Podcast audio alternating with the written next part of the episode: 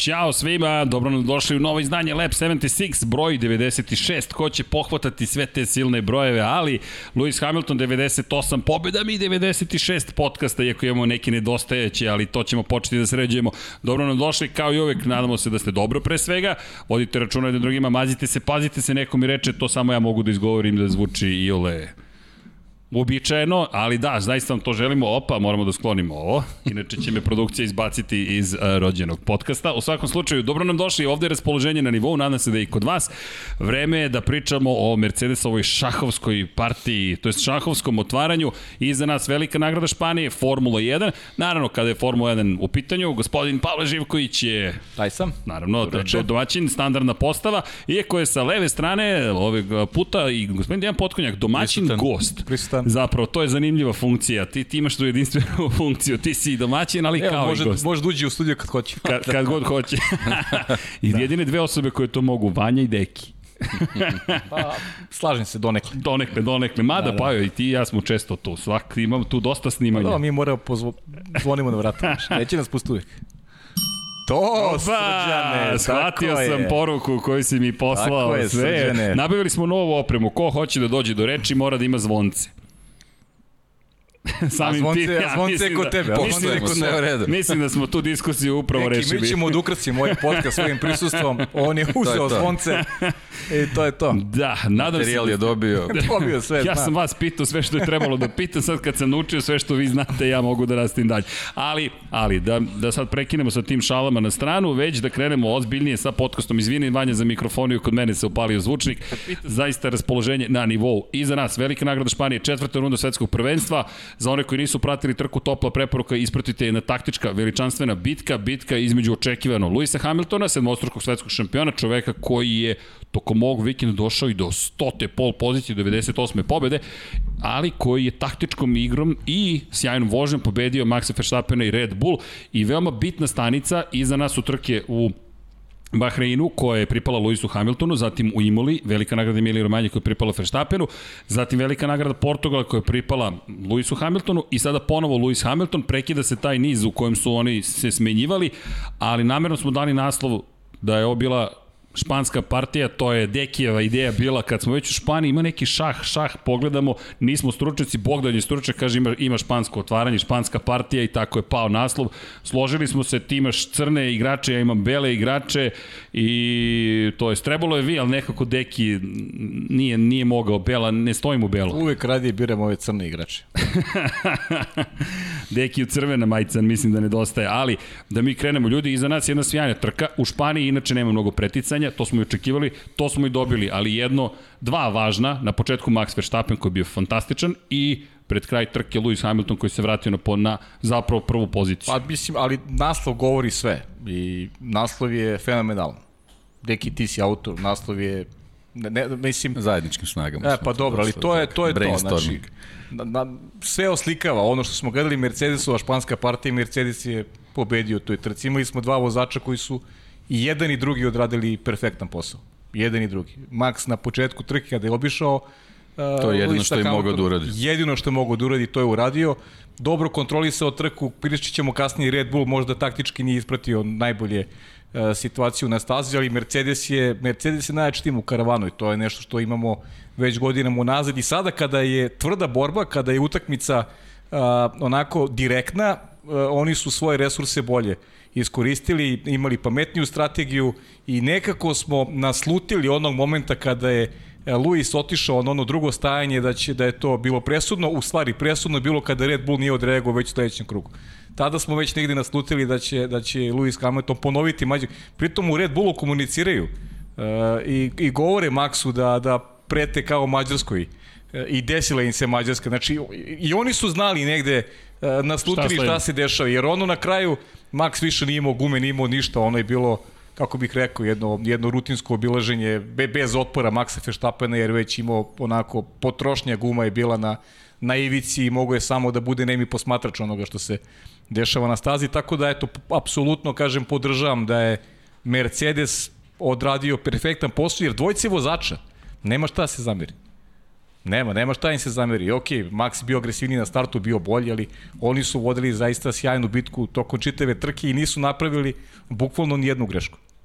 Bukvalno ni jednu Pa grešku. da, i što se tiče te prve krivine, možda i ni Luis nije morao da bude onoliko agresivniji koliko bi trebao da odbrani tu poziciju, ali generalno Barcelona je takva staza, tu generalno ta krivina, njena konfiguracija baš ne dozvoljava ne, neke preterane ovaj, hrabre manevre i, i, i poteze kao što si rekao, Max jednostavno ono, ono šta i treba da uradi na startu po, po verovatno i po nekom dogovoru i uradio, on, on je morao da bude taj uh, koji će biti agresivniji, Tako je. to je i prošlo, ali meni nekako jednostavno kompletan neki utisak i ono i, i posle trke ne, neke izjave koje su bile jednostavno činjenica je bila da je Red Bull bio svestan da je spori na ovoj stazi od, od, od uh, uh, Mercedesa i, i, i kao što si rekao korišćenje tih resursa oni jednostavno nisu imali nisu imali pravi odgovor na, na ono što je, što je Mercedes pu, pružio na, na, ovaj, na ovoj stazi i ono što smo se mi šalili dok smo smišljali naslov, pošto generalno oko tih nekih šahovskih otvaranja, i konkretno ovoga gde smo, gde smo izabrali o, o, ovaj naslov, lovci su u, u, u nekom prvom planu bili, a kod Mercedesa ovoga puta lovac je bio Bottas, Red Bull nažalost nije imao svog u ovoj Tako trci, je, tako je da to je nešto što je dozvolilo da se ta taktika i napravi tako kako su planirali. Jeste. Pa da, kada pričamo zapravo o, o, i o taktici, kada pričamo i o naslovu, kada pričamo o tome, imaš na polju više igrača. Kada je reč o Red Bullu i Maxu Verstappenu, mada ja, ću bih, ja bih se vratio posle kada budemo budemo bacili pogledi na strategiju koju su imali svi vozači i kada budemo videli ko je kada menjao pneumatike, zapravo ono što bih istakao jeste imaš jednog igrača u Red Bullu, to je Max Verstappen, imaš dva igrača zapravo u Mercedesu i to se ponavlja i kada, kada često kritikujemo Valterija Bottasa, ovoga puta bih ga zaista pohvalio, zašto? Iako je izgubio bitku na početku protiv Charlesa Leclerca. To sam teo da kažem, to je moglo da, da, da napravi mali problem, ali eto, nije zbog same performanse automobila. Mm. Pa da, kada pogledamo, evo, koliko je Butos izgubio iza Leklera, hvala inače Momčilu Vukić, imate pozdrav od Šejle, Šejle trenutno u nekim drugim poslovima, ali naravno da pozdravljamo Šejlu s obzirom na činjenicu da nas podržava od samog početka. Momčilo je napravio sjajan grafikon koji pokazuje upravo kako raste zapravo za ostatak iza Leklera i iz kruga u krug se vidi prosto koliko je Bottas jednostavno gubio kontakt sa vodećom dvojicom, vodeća dvojica koja su bila na jednoj sekundi. Max Verstappen je inače poveo posle sjajnog starta sa pozicije, startne pozicije broj 2, Lewis Hamilton je bio na pol poziciji, uleteo u prvu krivinu, ima tu čak i, ja mislim, lepih fotografija, ukoliko smo uspeli da ih pripremimo i prikažemo gde se vidi tačno taj ulaz u prvu krivinu, vidi se gužva, vidi se, ovo je već kasnije, ali Vanja, ne znam da li je ovo provokacija, ali šalu na stranu, ovo je moment kada je Lewis Hamilton već prešao na poziciju broj 1, Max Verstappen imao je tu jednu priliku u krivini broj 2 da ga malo isprati, to je to. Međutim, na početku trke, sjajan, agresivan start Maxa Verstappen i kao što ste rekli, ono što je mogao i morao da učini, to je i učinio. Međutim, Pa, mislim, morao, znaš, ono, to je protiv Luisa Hamiltona pobediti ga na na otvaranju trke je nešto što, znaš, moraš i što podrazumevaš. Uradio je sjajan posao, ali... Pa ne, ka, moraš, trebalo da, bi, to mislim, želiš. Da, priželjkuješ da bude tako, ali... Da, ali sa je- njegove strane jednostavno nedostaje još neki igrač da bi E, on uradio e, to to šta je- to je ima, suština a da onda gleda u retrovizor šta će to, da se to je desi. suština. Sad kad analiziramo Da. četiri ove trke, mi, mi se slažemo u tome da je Sergio Perez neko ko je onako, nije, nije rang, eh, kako bih rekao, Alex Albona svakako i nije, a, nije na početku karijere kao što to, to bio Pierre Gasly. Ali i dalje nema neophodne pomoći koju, koju Max prosto mora Da, da, mislim, ima u mislim da je neophodno vreme da, da, da on Slažem se, jednostavno slažem se, vidi se, vidi se da se još nije uigrao s Ali tim drugo pitanje, automobilom. da, da li će ga imati? Pa, eto, Znaš, vreme, to je- vreme će pokazati. to je da- veliko pitanje, to je da li će nešto ga imati. što, on, mislim, naravno, vreme curi, on ga ima sve manje, ali jednostavno mora ovaj, da... Pa, I vre, e, vremena, da. mislim, iz perspektive borbe za šampionsku titulu, to, ne naravno, samo Maxove borbe, nego, nego borbe Red Bulla sa Mercedesom. Znaš, vreme prolazi, a, Red, a Mercedes stiče sve veću prednost. U šampionatu da. konstruktora ona je sada već onako prilično lepa. znaš kako, Mercedes ima igranu ekipu u tom nezgodnom smo vremenu gde, gde pandemija gomilu stvari diktira između oslog jedna od bitnih stvari, to u Moto Grand Prix često spomenjemo, a, a slučaj sa Formulom 1, jednostavno nedos- nedostatak tih testiranja na početku sezone koji služe da se vozači uigraju i, i, i ovaj, naviknu na novu sredinu. Ali ako baciš pogled evo na, na ove kadrove, to je taj moment kada Max Verstappen sjajno napada za poziciju broj 1 sa unutrašnje strane krivine, vrlo agresivan napad, pre, dovoljno precizan napad, nije bilo nikakve ni diskusije, niko se nije ni bavio agresivnošću. Napada videli smo to i u Portugaliji, kada je je Hamilton uspeo da odbrani poziciju protiv Maxa Verstappena, ali gde je druga Honda? Ako Vanja možeš samo na trenutak vratiš kadar, eno je tamo nazire se sa desne strane, iza McLarena, u borbi sa Ferrari ima i to je taj problem s kojim se Perez susreo. U kvalifikacijama na ovoj stazi kada niste imaju na, u vodeće dva startna reda, šanse da vidite pobjedničko postolje, da, gotovo ne da ne postoje. Bukvalno da ne postoje. Inače, neko je našao to poređenje e, prvog kruga Fernanda Alonso iz 2013. čini mi se godine ili 12. kada je sa spontne 13. verovatno sa spoljne strane preticao i kaže ušao je duh Fernanda Alonso u Charles Leclerc. Charles Leclerc je zaista hrabro u toj trećoj krivini uzbrdo, fantastičan manevar, ali da se vratimo na ovu bitku i na šahovsku partiju. Odjednom, kada pogledaš lovac, mi smo ga nazvali pion tokom prenosa. Viš kako se slažu nekako priče, ali je u suštini, zaista jeste bila šahovska partija. Ako bacimo pogled na Pirelijeve zapravo grafikone zamene guma, kada je ko menjao gume, mislim da je ovo mnogo važno za diskusiju. Lewis Hamilton u 28. krugu i u 42. Pri čemu, ako pogledate isprekidana linija, to su korišćeni pneumatici. Nije imao nove gume na raspolaganju, imao je korišćene srednje tvrde gume na raspolaganju. Max Verstappen u 24. krugu, inače Red Bull je rekao da je krug ranije promenjen, da su promenjene gume greškom Maxa Verstappena, da nije dobro razumeo, da se oni inženjer nisu razumeli i da zato nije bilo sve spremno, nego kada su shvatili da ulazi zapravo u pit lane, su brže bolje izvukli da, gume. Odatle one 4,2 sekunde. Tako je. I to je ta jedna miskomunikacija koja ga nije toliko koštala, I onda do, do 60. Pa, kruga manje kako, više na... Ispostavilo se da ga nije koštala, zato što bi ga, možda bi imao još dva, tri kruga u finišu na liderskoj poziciji, ali svako bi bio uhvaćen po znacima navoda od Luisa Hamiltona, tako da to nije bila krucijalna greška po samu trku. Ali, ti u momentu kada ideš ili možeš da ideš na zameni guma, ako možemo bacimo pogled na onaj grafikom ponovo, gde je Valtteri Bottas u celoj ovoj priči. Valtteri Bottas u 23. krugu promenio i Bottas je taj koji je kritična figura. U tom momentu on pretiče Leclera. Lecler je zapravo time što je otišao među prvima na zamenu guma Bottas ima mnogo veću brzinu. Lecler je pet krugova kasnije promenio pneumatike, pao na četvrto mesto i sada Verstappen koji vodi, ukoliko menja pneumatike prvi, Hamiltonu prepušta vodeću poziciju, a Bottas je ispred njega. Bottas se neće skloniti Maxu Verstappenu, inače bilo tu kritika na račun Valterija Bottasa da se sklonio i navijača Luisa Hamiltona da se nije na vreme sklonio, sve stvar perspektive, ali i Sergio Perez se sklonio Maxu Verstappenu u momentu kada ga je preticao za poziciju broj 3. Ali ima još, još jedna bitna stavka. Bitna stavka je i sigurnosno vozilo takođe. Jer taj moment kada, recimo, koji je pomogao značajno Valteriju Bottasu, Maxi i Luis su napravili vrlo lepu prednost u, u startu trke. Vrlo lepu prednost, koja je već bila preko 10 sekundi. I onda dolazi, I onda dolazi sigurnosno Yuki, vozilo, Yuki Tsunoda dolazi sigurnosno vozilo, pritom, ajde, nije to bila velika razlika Max Luis, bilo je nešto oko 1.8, 2 sekunde, najveća razlika ima Max, da, znači to se nije odrazilo mnogo na tu bitku Maxa i Luis ali velika pomoć koju imao Valtteri Bottas i Mercedes generalno kao tim, što je Bottas dobio tako priliku da a, se uključi u neku ruku u tu bitku, u stvari da bude a, pomoć a, a, Lewisu Hamiltonu i da bude neka vrsta zaštite da Red Bull ne može da reaguje a, možda shodno nekoj svojoj potrebi kada je u pitanju Max Verstappen. Tako da jako, jako bitan moment je taj, je taj kvar uh, bolida Yuki Tsunoda. Malo pre smo gledali, na primjer, ovo od 11. kruga, kada je ponovo dozvoljeno da se trkaju. Dakle, u roku od 11 krugova, prednost je otišla na 8,7 sekundi. A ako uzmemo obzir da je otprilike ovako rasla prednost i u prvih 10 krugova, da kažemo da bismo negde bili na 16-17 sekundi razlike, još nekoliko krugova i ti si već na 22 sekunde razlike. Da, otvorio bi se jedan komotan prozor tako da, da možeš tako je. strategiju da izvedeš kako si možda planirao. Drugačija, da, drugačija da, perspektiva da. trke. Ali to ono što smo pričali, znači maksimum na početku samo mogu da uradi to da povede Jest. i da gleda šta će se dešava iza, eto, I, ponovo i, ovoga je. puta I gle, nije išlo na njihovu čuda, vodenicu. Gle čuda, samo je Luis mogao da prati da, taj tempo, da. naravno kao da. što bi Max mogao da prati isto samo on, da je Luis bio prvi.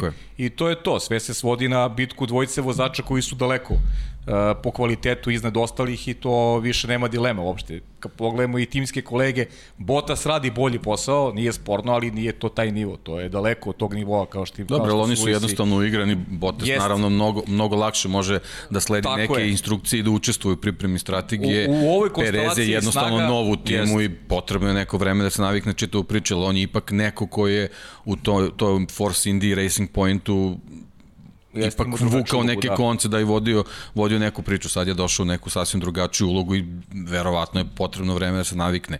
Bili su problemi sa, sa upravljačem u, u Imoli i sad, koliko čitam, vidim neko, neko, neki problem sa nekom povredom ramena. To su stalno neki problemi, ono okretanje u, u, u kvalifikacijama, to je sve nešto što, što mora da prođe, ali nažalost kad krene sezona, vremena je sve manje, zato što jednostavno konkurenti odmiču. Vidit ćemo kako će da reaguje dr. Helmut Evo, Marko. upravo, evo, ova Ukoliko grafika potriju- dosta ukoliko govori. potriju ti problemi, da. Evo pogleda na uzastopne trke sa oba vozača u bodovima. Dakle, kada govorimo o, o do to ovo je do do, do momenta kada je Imola bila. Jeste, kada je- kada je tako Bottas imao kada je incident. Bottas imao incident. I tu možemo vidjeti koliko su pouzdani, prilično su pouzdani. E sad, Re, Red Bull, Red Bull Renault, hm, Red Bull, čini mi se da ovo vuče a, U- u daleku da, prošlost. Da, iz neke daleke prošlosti je povuka baza podataka, rekao bih, ali ok, Red Bull Racing, Honda, ne zamerite na ovome, ali činjenice da kada gledamo ko... Mada ova prošlost, verovatno, uzastopne trke govore o tome koliko ih je bilo u ovoj dekadi, verovatno. Red Bull Renault, dakle Red Bull Moguće, Renault. da. Da, jer ovo je, evo, Vanja mi kaže da, da, hvala Vanja. Dakle, to je zapravo, gledam pogrešnu grafiku, mislim se da ovo u trenutnom stanju. Da, ovo je Red Bull Nije trenutno, da, period, ovo su, ovo Da, su da, neka da. ostvarenja iz istoriji. perioda. Da, Iz- da, iz da. tog isto je, perioda. Pa, Da. da je trenutno ne bi Mercedes, ne bi sad pričali o 22. Tako ovaj. je. Jer u To Imoli je- su imali je zustavljen taj niz. Ali ako pogledamo Red Bull Renault, Renault imao jednom periodu, pa Mercedes, pa McLaren, pa Red Bull Renault, ali opet pogledaš ko su velike ekipe. Pa dobro, kad U ovom pogled, a trenutku, mislim da mislite bolje fokus na ovu sezonu. Ove godine Slažem imamo se. samo McLaren, taj koji je završavao sve trke u poenima, jedan i drugi vozač. I, to I doći ćemo do njih, ali na, znate šta je meni zanimljivo? Ja bih se ipak malo vratio na, na strategiju i na taj šahovski potez zašto. Inače, Rui Lopez je čovek za koga smatruju da je prvi makar zabeležio ovo špansko takozvano otvaranje, zato se i zove inače po čoveku koji nam dolazi iz Španije. Pa eto, za one koji su poznavaci šaha, molimo za pomoć. Naravno, španski sveštenik, Rui Lopez de Segura. To smo pročitali, eto, toliko smo naučili, ali gde je ovde baš isto veliki šah. Dakle, kada govorimo o momentu u 42. krugu, Lewis Hamilton posle 14 krugova menja pneumatike. Ako pogledamo, nije bilo takvih strategija tu, kod drugih vozača. Kod Lensa Strola nešto slično tome posle 17 krugova. Relativno brza promjena pneumatika i prelazak na korišćenje srednje tvrde gume. Vanja, ako možeš da nam pustiš stanje guma pred početak trke, da vidimo ko je čime raspolagao kada je trka počinjala, I ako pogledamo sa leve strane Hamilton, Bottas, svi imaju inače nove tvrde gume. Niko nije koristio tvrde gume u samoj trci. Međutim, Hamilton, jedna nova srednje tvrda, Bottas jedna nova srednje tvrda, s druge strane jedna korišćena kod Luisa Hamiltona i jedna korišćena kod Valterija Bottasa. Max Verstappen nema na raspolaganju još jedan set srednje tvrdih guma. Jedina opcija koju je imao zapravo za odgovor potencijalni Mercedesu je prelazak na nove gume. Dakle, na meke gume. Ako se vratimo na prethodnu grafiku, zapamtimo ovo stanje. Dakle, Mercedesi imaju već sada u pripremi partije imaju jedan set srednje tvrdih guma više. Mislio sam da, da nisu imali, da je imao i Max nije. Max uopšte imao, nije imao na raspolaganju jedan set srednje tvrdih guma dodatni i da je u 42. prešao na meke gume, dolazio u jednu zanimljivu situaciju. Re, riskantniju, ali sad opet, to je uvek lutrija. Da li bi mogao u 43. da je zamenio gume, da vozi 5 do 6 do 7 krugova koji su toliko brzi da stičeš ogromnu prednost i kasnije da se braniš, ili bi te gume zaista prestale da funkcioniš? Ja mislim da, da je to baš bio onako ozbiljan mač sa dve oštrice, da o, e, nije poenta samo razmišljati o pobedi u ovom njihovom duelu, nego i kako završiti trku. Onda je stavio te gume da su one potpuno ovaj, ostale bez života, pitanje da bi završio drugi. To, to je neka stvar koja, s kojom ne smije da se igraju u ovakvim situacijama, posebno ako se uh, toliko krugova pre kraja to uradi, uvek može da se desi neka nepredviđena situacija da izgubiš Pa, A posebno, mnogo, posebno mnogo. što rival to zna. Da, ovo je, ovo je jednostavno bilo da, da ideš na sigurno da ono što si već na početku trke znao da je tvoje, vezano za performanse, da, da to i održiš do kraja, a ako se nešto baš nepredviđeno desi, što kažeš neka lutrija, onda možda u- izvučemo nešto više, ali Meni evo delo- kako, kako ide da. sezona, Mercedes ima i dalje više sreće u toj lutriji vezano za te... Pa Ovaj, to je sad već pitanje da Pa ne, sreće, znaš, kako, imamo ono izletanje Hamiltonu imali, To je šta sreća. se desi, to, To je je sreća, onda ovaj trenutak, baš kad si rekao, uh, kad se pravi razlika između Bottasa, desao se Cunodin kvar, Tako je. to, to su eto neke stvari koje idu sad trenutno na, na stranu Mercedesa, ne mora znači da će tako da ostane, ali jednostavno Red Bull ide da uh, uh, pripremi trku tako da, da zna šta sigurno može da uzme. Ako nešto uzme preko, mislim, nažalost moraju tako da, da razmišljaju, jer čini mi se po performansama da je Mercedes u ovom trenutku dosta brži. Pa da, sve je bolje. Ali da. ako pogledamo ovo, meni i dalje fascinantno kako se Mercedes pripremio za ovu trku. Ako se vratimo na, na stanje koliko guma imaš pred početak trke i ako pogledamo tu grafiku, mi ovde vidimo opet e, Mercedes koji se pripremio od vodećih, jedini se ovako pripremio. Ali to ono što si ti pa spomenuo, na primjer, ovo su gume i pretpostavljamo, naša pretpostavka je da je ovo iz Q1 dela kvalifikacije zapravo. I da su oni, ako se setimo u Q1, u Q2 prošli na srednje tvrdim gumama. Pa smo i ti ja mislili, aha, čekaj, da li ovo sad znači da ćeš krenuti na mekim, a da će Red Bull krenuti na srednje tvrdim e, gumama. E, to sam bravo, to, to je ono što smo polemisali, znaš, to sam, mo, možda se dalo negde očekivati, mada vidimo da niko to nije probao u suštini, znači svi su bili na mekim gumama, da, da možda Sergio Perez proba ili, ili da proba Red Bull s odvojenim strategijama, da ne budu istoj strategiji kao, ako su već znali, a Christian Horner je rekao, mislim, ok, to su one izjave za medije, uh, on je rekao da ne vide na, način na koji mogu da povede Mercedes, da nemaju taj tempo koji na ovoj stazi, oni su to pričali konstantno, ok, Ako je taj stav, pa zašto onda, a, mislim da smo u Q2 svi naslutili šta je, u stvari u Q1 šta je strategija Mercedesa za Q2. Potrošili su srednje tvrde gume i negde je bilo za očekivati da na mekima možda drugačija strategija. Da li bi im nešto donela Problem je što njihov lovac, pitanje. Sergio Perez u ovom trenutku e, to nema problem. brzinu to je i nema konstantnost. Više ti, ti bez konstantnosti ne da. možeš da. da računaš na neku strategiju na, na duži broj krugova za njega u ovom trenutku. Jest, jest. I Mercedes, to je ono na, na čemu moraju da rade. može bolje da kombinuje, da. Mercedes ima dva u posljednje dve trke dva jaka aduta, Botas obavlja posao kako pa, treba. Upravo to, ako, ako je uopšte upitan bio u nekom prethodnom periodu, koliko smo puta spominjali na taj način, da. ovoga puta pokazuje šta znači kad je neki vozač u ekipi konstantno dug period i koliko to znači jest, za, jest. za pripremu trke same, bilo I, koje. Ima još jedna tu stvar, Mercedes jeste značajno stabilniji. Ako pričamo o brzini, ono što je meni to bilo zanimljivo, taj, ja bih više volio, moram da vam priznam, razumem da je ogroman rizik, ali deluje mi kao da Red Bull dolazi polako u situaciju da će morati ozbiljno da rizikuje. Ide staza u Monaku, za 10 dana ćemo biti, zapravo za 9 dana smo u Monte Carlo, tamo su obično Red Bullovi bolidi bili bolji.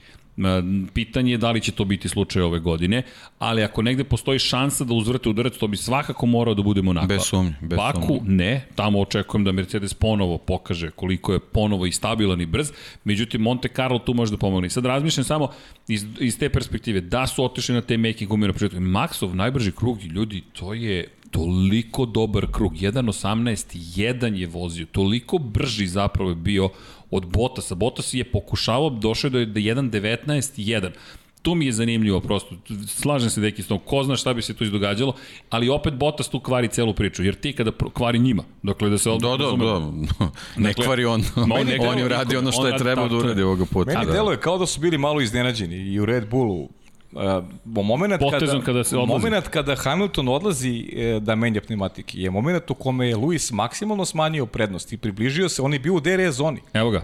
On je bio u DRS zoni i odlazi onako jedan manevar koji je, ja sam ga bar tako doživio, bio pomalo iznenađujući za sve nas koji smo gledali. A, a čini mi se da i Red Bull nije a, u tom momentu da nisu bili dovoljno svesni šta, šta u tom momentu radi Mercedes. 14 krugova je proveo na tim pneumaticima, I kada se približio Maxu, on je odmah otišao na zamenu guma. I mislim da je tu Red Bull, e, meni je žao što Red Bull nije reagovao. Apsolutno. Jer bismo onda dobili, mi bi ostali u trci, u pravoj trci. I videli bi šta onda mogu njih dvojica opet jedan protiv drugog u tom direktnom duelu. Ovako, ovako se videlo iz kruga u krug, jer procena Red Bulla je bila, Max će, stići ćete Luis u posljednjem krugu. Međutim, bilo je evidentno da Luis smanjuje mnogo većom brzinom razliku i da a, da će se približiti 59 i 60 što je on uradio i lako poslobio je taj manevar i došao. Ali, da se vratim na špansku partiju. Ti sada imaš, promeniš gume. Ja sam bio skroz za to da promeni gume. Zašto? Zato što bih više volao da ima... Zato što je sa, sa pozicije gledalaca. Da, pa, pa zato je pa ta. I da. televizije. Da, da. Znaš, kao šta će se desiti. Ali, ima, ima još jedan tu moment. Na primjer, ono što sam rekao na početku, sedam krugova, na primjer, voziš. Spektakularno brzih. Povećavaš prednost i onda pokušaš da išta. Međutim, ima tu dodatni problem Da li ti imaš toliko slobode? Zašto? Ti promeniš gume, posle Hamiltona. Ti si sada na poziciji, ako sve prođe kako treba, poziciji broj 2. Verstappen je dakle drugi sada, Hamilton je treći. Ti sad juriš, ali do koga dolaziš na poziciji broj 1? Do Valterija Bottasa. I vratimo se onda na Moncu 2018. godine, Kimi Raikkonen koji sedi iza Bottasa u Monci i ne može ništa. Hamilton se samo približava, približava, približava, približava i to je to. I ti si opet A u ovo je sedmičku. takva staza. Tako je, ali to je Mercedes koji opet da. ima mogućnost da to uradi i uvek nekako onoj drugoj ekipi nedostaje još jedan vozač. I onda da se vratimo zapravo na priču o tome ko je najbolji drugi vozač svih vremena, polako ali sigurno to postaje Valtteri Bottas. Ima tih diskusija da li je Felipe Massa, da li je Rubens Barrichello, da li je neko treći, Da, da. ali ovaj čovek, ljudi, on Mercedesu omogućava, ne Pa kažem ne, da ako, Hamilton ne bi ako se pobedio. gleda broj titula koje je osvajao vozač kome je on ovaj timski Broj dva, kolega, onda može tako da se da se priča, ali generalno po nekom vozačkom kvalitetu vozačkom mislim da kvalitetu. ne ne može. Ne, ne, može. samo po učinku. Posebno recimo eto konkretno Rubens Barrichello. Ili Massa koji je bio da. Da. potencijalni šampion sveta. Ali, Tako e, je. govorim Imamo samo i ako učinku. ako već pričamo u toj toj nekoj Ferrari liniji imamo Eddie Irvine koji se borio jednom trenutku za titulu. U trenutku kad, Nije- kad Schumacher više nije, Kad nije Schumacher bio na stazi, Nije htio da ga podrži. Ovaj, u borbi. kad Schumacher nije bio ovaj, na stazi, on je automatski uskočio u tu priču. Jeste, pa imao je posljednju trku koju je Tako mogao da titul. Tako je. Ali- da, sad Ali da, samo da ne širimo pričamo. tu priču. Ali Ne, ne, ne da- pričamo o a, kvalitetima. Tako Samo o učinku Valterija Bottasa. Njegov učinak na ekipu za koju vozi. tako je. Da, učinak je više nego zadovoljavajući. Kupuje mesto polako za sledeću godinu. I rekao je, mada su opet te izjave nekako gotovo nepotrebne, rekao je da on zapravo nije hteo odmah da nije ni pustio Hamiltona, nego se on borio za svoju poziciju. Ma dobro, to je- to, to, to Pa, gubi mislim. smisao. Pa Te dobro, izjave šta da kažem, smisao. šta da kažem. mislim. Pa ništa, kaže, pustio sam. Pa dobro. Pa ne, ali to je okej, mislim. Pa to ti tu deo posla, ne vidim tako je. problem. Znaš šta je najgore? Što nije ni delovalo da ga pusti odmah. Toliko se tih, Ajde, nekih, Zadržao da, ga je malo. da budemo iskreni do sličnih kraja. stvari u istoriji dešavalo, tako da ovo je Se, seti potpuno se to nesporno. kruga, seti se to kruga. Da. On je, ha, uh, Max je povećao prednost u odnosu na, na Luisa u momentu kada je kada je Luis bio iza Bottasa. Mi stvarno i delovalo da ga nije pustio da. odmah. Možda je mogao da se skloni ranije. Pa da, mislim, ta situacija kroz dve, tri krivine, to je od, odmah par desetinki. To Kako je, ne? To je odmah bilo evidentno na, na semaforu, ali lako je Luis Ka, kako vratio pušta posle, timski da. kolega uh, da. svog uh, partnera u ekipi? Kao što se Lando sklonio Ricardo. Znači direktno, direktno mislim, da. McLaren Pa to se radi. sklonio. Direktno se Lando sklonio Ricardo bez ikakvih problema. Znači, čim je vidio da nailazi njegov kolega, on se sklonio i to je to.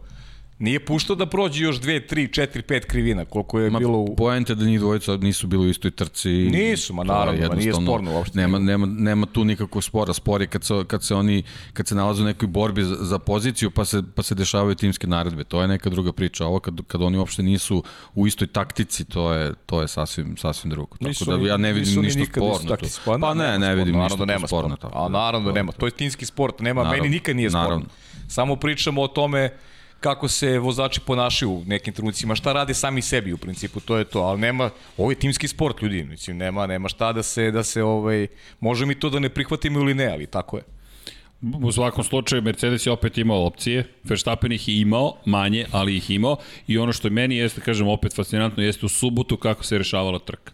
Mercedes je pripremio jedan ekstra set srednjih tvrdih guma. Inače, Mercedes je oglasio, ako pogledate prema pisanju autosporta, oglasili su se i rekli da što se njih tiče, najveća slabost koju posjeduje Red Bull nije nužno brzina, pogotovo ne u jednom krugu, to smo mogli da vidimo, već kontrola potrošnje zadnjih pneumatika. I to je nešto što sa čime čini se da se Red Bull zaista muči, muči uslovno rečeno u odnosu na Mercedes. Mercedes koji po tom pitanju smatra da je na boljoj poziciji. Sam Mercedes je rekao, obično za protivnički, protivnički tim kada povede nije dobra vest kada možete celu trku da ih pratite i sedite manje više u menjaču i da ste konstantno tu negde.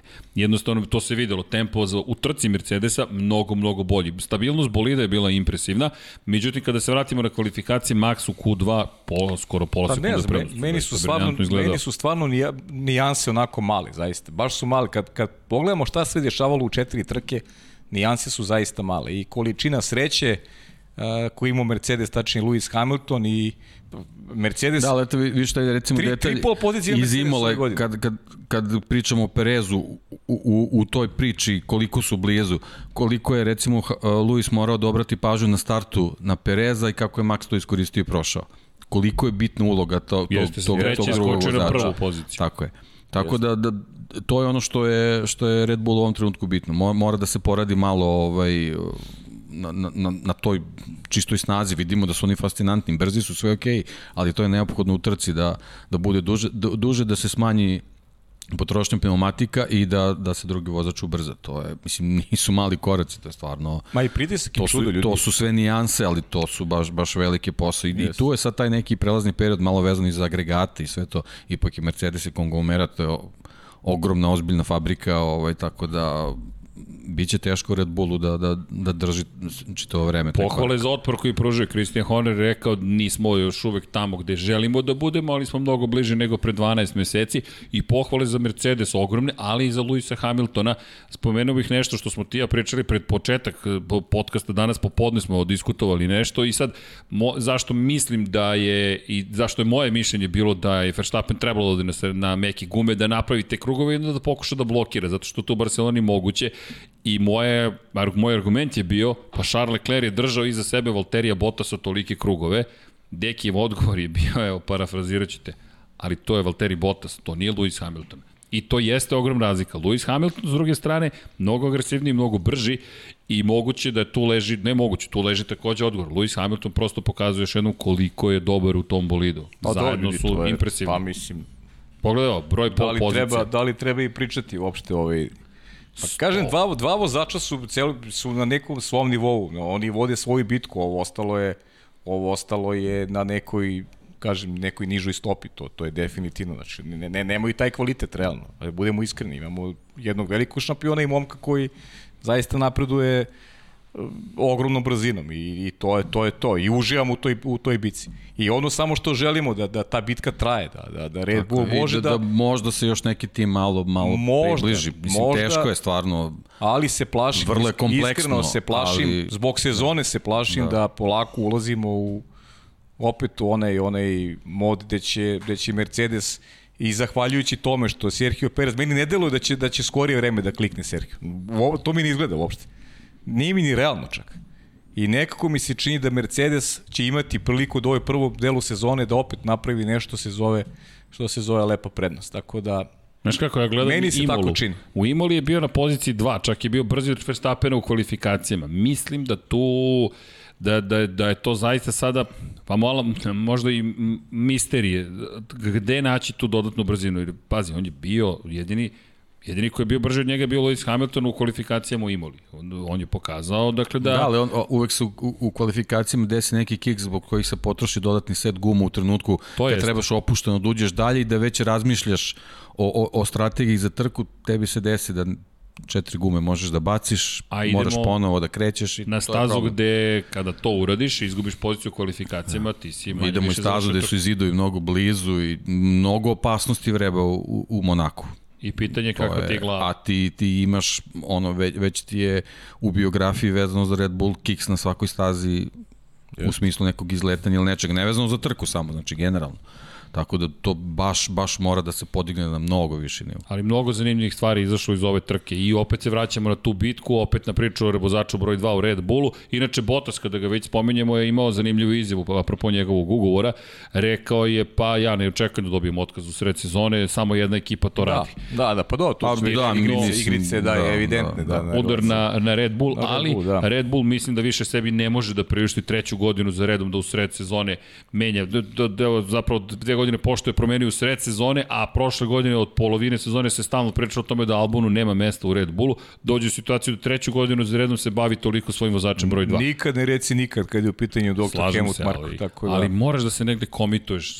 Šta ćeš sad, uvedeš još jednog vozača u Red Bullu u sred sezone? Kako će to da pomogne ekipi? Mislim da bi... Nikad nije bio dobar recept da se vozači menjaju na, tako na, na, na tako kratak period. Ja mislim period. da bi Red Bullu pomogao manji uticaj Helmuta Marka na, na ekipu. Red Bullu bi u ovom trenutku najviše pomoglo da je Pierre Gasly ostao samog početka. To zamislite da sad imaju Pierre Gasly sa, sa nekoliko sezona. Slažem se, slažem se. Pogledajte kako izvezao ovu trku, momak. Jeste. Sa, sa onim sa, čime raspolagao i sa, i sa kompletnom suludom situacijom. Naravno, sami kriv, znači on ne, mora, sporno, mora da radi sporno, ali... takve žute minute u smislu tog Jeste, jeste, to je, to je velika greška, da. Promašivanja startne pozicije, to je ono stvarno 5 sekundi novoj bez veze, da, ali on ih je anulirao. Tako da... I osvojio poene na kraju. Tako da i sve kreće od tog njegovog otkaza. Ali... Svi, svi ovi problemi sa Red Bullom i, i tim nesigurnostima vezano za drugog vozača kreću od tog njegovog e, pa otkaza. To, ali to dolazimo do nekog nestrpljenja, do, Tako do je. situacije koje, koja nije Ti si već baš... treću sezonu mogu da imaš stabilan vozački par, dvojicu momaka, Jest. na kraju kraja Per Ga- Gasly čovjek koji je pobedio trku pod ozbiljnim pritiskom i izdržao i izvezao svoju najbolju trku, to jest najvažniju trku karijere. Tako Dobro, da, i, i Sergio je, tako Helmut da malo da, strpljenja. Je. ali- da, ne, ne, ne, sve je ali čekaj. sve okej, nego samo pričamo o, o nekom razvoju Pjera Gaslija i nestrpljenju koje se pokazalo prema njemu. A, ali to, samo, to je aj- samo, znači da uopšte ne, ne stavljam Pereza u ovu priču. Da, da nego prevedemo sada pritisak Gasliju. koji osjeća Perez sada. Perez koji je, ok, došao je na godinu dana, ima ugovor na godinu dana, ali došao sa, sa spoznajom šta se dešavalo u Red Bullu prethodnih godina. I ti si neko treba da bude podrška timu, ti te sad imaš najveće moguće očekivanja. Jer si neko sa iskustvo, neko ko je bio išao na podijum, neko ko je bio i u McLarenu, treba da bude i u Ferrariju, neko ko dolazi sa pedigreom ozbiljnog vozača. Ali opet ima ozbiljan pritisak. Ozbiljan pritisak koji se zove borba za titulu. A, a iza sebe, šta imaš iza sebe? Imaš iza sebe situaciju koju su dve godine za redom uh, suvozači, tačnije uh, vozači u ekipi Maxa Verstappena da. dobijali otkaz. I ono što je pričao Jenson Button, Max Verstappen jede uh, svoje kolege u timu. Jede ih, bukvalno. Ali oglasio se i ovog puta za Pereza, rekao je Perez mora da vozi bolje od ovog. Mora se pojavi Pa u borbi mora. za Red Bull. Da, on je, on, je, 100% mora. da, on je rekao, ja sam u ovoj borbi bukvalno sam. To je baš Jeste teška sam. rečenica. Pa da, ali I Ali ko, kogod da je teška, da, to je, to mora, je realno. moraš, moraš da, da podneseš to na sebe. Mora, okej, mora, ali opet s druge, mislim, volo bi onda ima tu podršku, ali kažem ti, nisam Naravno. siguran ali da će to je do skoro... tima, nije, nije to Jeste, samo do njega. nisam siguran da će to skoro se je, da. A, to. s druge strane, iz Španije dolazi informacija da je Lewis Hamilton rekao da želi da završi novi ugovor s Mercedesom pre letnjeg odmora. I sad odjednom, ne da se ne priča o penzionisanju, nego u ovom momentu posle tri pobjede iz četiri trke se priča o nastavku. Kao što Pa smo negde i Srđane, ko je, ko je priča o penzionisanju, znaš, Pa ko je... to je bila priča, kao Znaš. planira na kraju ove godine da napusti Mercedes. Zašto bi? Zašto bi napustio Pobedničku Ekipu formulu. koja mu je- to je zašto bi, zašto bi karijeru, napustio život. situaciju da dobiješ motiv da u nekoj novoj eri ti budeš taj koji će započeti tu čitavu priču. Mislim, pritom Čekaj, nije on u nekim granica? penzionerskim godinama daleko od toga. 100 tako pol da- pozicija, 98 Jedina pobjeda. motivacija da ostane u Formuli 1 je ta nova era koja stiže. Tako da ne, nema, on će ove Slažem godine sve te brojeve ovaj, Pa, dostići, tako da tu, tu nema više motivacije. Motivacije su, su novi bolidi, naravno, i zašto bi on to propustio u ovom trenutku. Pričali smo, izvini, čak u jednom momentu o Formuli E. Dotaći ćemo se malo Formule E na kraju. Nećemo Zašto? ovaj- Zato što je bila spektak, ej, spektakularna bila trka. Kad ih kritikujemo, kad da zasluže... tad, kad se on bude, kad on bude dotakao Ja ću formule. sam, Vidi, ja sam da svoj vidite. doprinos dao samo to je. Samo vi Tako, meni da, dajte vidi, dovoljno, samo Da. mi dajte dovoljno Dobro. struje za to i bit će sve okej. Pritisni zvonce, pa je u određenom Bang. trenutku samo. Svi da su u Meksiku otkazali, o, restrikcija struje, nema, nema. da, inače, kada pričamo o otkazivanjima, nažalost, ali kako sada stvari stoje, imaćemo jedno otkazivanje i to je E, da. malo prijatno, da. Da. Pa klima ova je Ali situacija znaš- prilično. Da. znaš ti da je ta trka, gledao sam, u Istanbulu, trebala da bude naša 200. trka. Zaista. Istanbul, da. I to da se poklopi da sa se poklopi prvom sa trkom prvom u koju smo radili na Istanbul parku. Eto. Pa ništa, moraju da je vrate u kalendar. E, pa moraju zbog ja ne, nas. Ja ne vidim kako. Pisat ćemo, pisat ćemo. mail jedan, da, naravno. jedan mail mora pošaljemo, da. Ali da, Da nas ispoštuju. kada već spominjem e, informacija, dakle kada pričamo o tome, turski mediji su to javili, dakle da, da, da će biti otkazana velika nagrada Turske, to je informacija koja dolazi zapravo iz Turske prema onome što smo što je bio što su preneli GP blog i tako dalje, veliki broj medija. S Sport je zapravo prvi i, i javio to s obzirom na činjenicu da je zapravo na crvenoj listi i to smo se uplašili kada je britanska vlada stavila zapravo Tursku na crvenu listu, kako će timovi koji su većinom bazirani u Velikoj Britaniji moći da otputuju da se vrate, tako da kako sada stvari stoje, Turs, trke u Turskoj neće biti. Mi čekamo još uvek naravno sve moguće informacije, ali eto čisto da znate da su to najnovije vesti, držimo palčeve da neko čudo može negde da se desi, ali zaista ne vidim da, da će to biti moguće. Previše stvari nekako protiv tog održavanja te trke u Istanbulu, šteta, ogromna šteta. Ali okej, to za sada još uvijek nije zvanično potvrđeno, ovo su samo informacije koje stižu iz Turske, međutim velike su šanse da, da se te trke, da te trke neće biti, mada pa kada čuju ovo sada, posle ovog izdanja Lab 76, Pa šta ti je? Pa da, ja mislim da smo da nam svi mirni. pokore, da nam pokore da, zabavu. Pa nema, nema razloga. da nam se vraća zapravo Turska nazad u kalendar. Da. Kada reč o ugovorima, ne znamo šta će biti s ugovorom Valterija Bottasa, ali deluje da je i njegov sve, u sve boljem stanju. Otvorit će se ta To priča pitajte od Toto Georgea Wolffa, Russella, da. da, ali to On će vam reći. Koji zna. Zvaćemo Da, ga tamo jednostavno nema u, u, u, ovaj, u malim krugovima se to sve rešava, ne ide to široko. Tako da ovaj, brzo će oni to da izdefinišu, nije problem. Pa kako sada vozi, nema razloga da, da, da menjaju dobitnu kombinaciju. Naravno, to su samo spekulacije s naše strane, no, spominjao si malo pre da bi bilo dobro da se pojavi jedan tim u celoj ovoj priči novi, Ferrari, ljudi, četvrta pozicija, Charles Leclerc bio je na trećem mestu dosta dugo, sjajno vozio, držao Bottasa iza sebe i Matija Binotto, šef Ferrari, rekao da po njegovom mišljenju trka u Španiji potvrđuje da su slabosti na, za tempo u trci pre, iza njih, da je to sada stvar prošlosti. Pa dobro, ali, ali mislim da su, da su i lepo, da su lepo vodili trku. Mislim, Leclerc, eh, vo, bila je ta bitka sa Bottasom, onako zamene pneumatika, mislim da su vrlo jasno uh, znali da, da je to četvrto mesto realna opcija i mislim da nije bilo mnogo ni, ni forsiranja. Pa to, Leclerc, je, to, je, to, je generalno poenta. Tako Pre je. trke jednostavno shvatiti šta ti je realna opcija Bukvalno, bukvalno. i onda samo napraviti strategiju za nešto u nekoj situaciji da se uradi korak više. Pokazuje zube Eto, to na to, početku, da, da. uspio je da ukuči Bottasa koliko je mogao, kasnije nakon zamene pneumatika mislim da je Leclerc odvezao ono najbolje što je mogao da odveze i zaista i njemu kapa dole jedan od oni koji ovu trku obeležio zaista onako jednim pozitivnim primjerom, stavom i možda bude izuzetno zadovoljan uh, kako to izgleda iz trenutne, iz trenutne prizme, pogotovo su smanjili te ostatak odnosno na McLaren i deluje da, ću, da, se te, da će te dve ekipe da se bore za Plus idem za u domaća mesto. trka. idemo u domaća da, trka, tako je.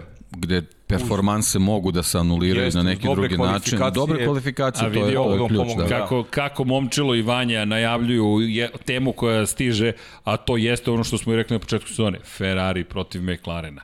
I kada pogledamo tempo... Istorijski duel. Istorijski duel, pa da, i to je fenomenalno vidjeti da mi ponovo spomenjamo McLaren u tom kontekstu, kao i da se Ferrari polako vraća na pozicije koje će ih dovesti, nadamo se, do pobjedničkog postolja. Ako pogledamo tempo Daniela Ricardo, inače pohvale za Daniela Ricardo, bio je bolji od Mekla, u McLarenu, uh -huh. pobedio je Landa Norrisa i u kvalifikacijama, pobedio ga i u trci. Inače, McLaren se oglasio, McLaren je rekao, po, po, lekcija, ne lekcija, zadatak broj 1 je popraviti tempo u kvalifikacijama i to im je dosta smetalo u Španiji, tek će im smetati u Monaku, na, na stazi gde je preticanje manje više svedeno na sreću ili grešku drugog vozača ili start trke, ali opet to je greška ili sreća i strategiju. Međutim, I McLaren... da, izvini, samo ne samo vezano za, za Monako, to, to je, to je sve stvar, će, naravno, stvar neke naravno. najave. Jako važna stvar je e, ti veliki bolidi u poslednjim sezonama. Znači, to Ogromni nije bolidi. onaj Monako od nekad. To je znači zaista ovaj jako važna priča i koliko je sad još važnija priča o dobrim kvalifikacijama. Tako to sam samo hteo.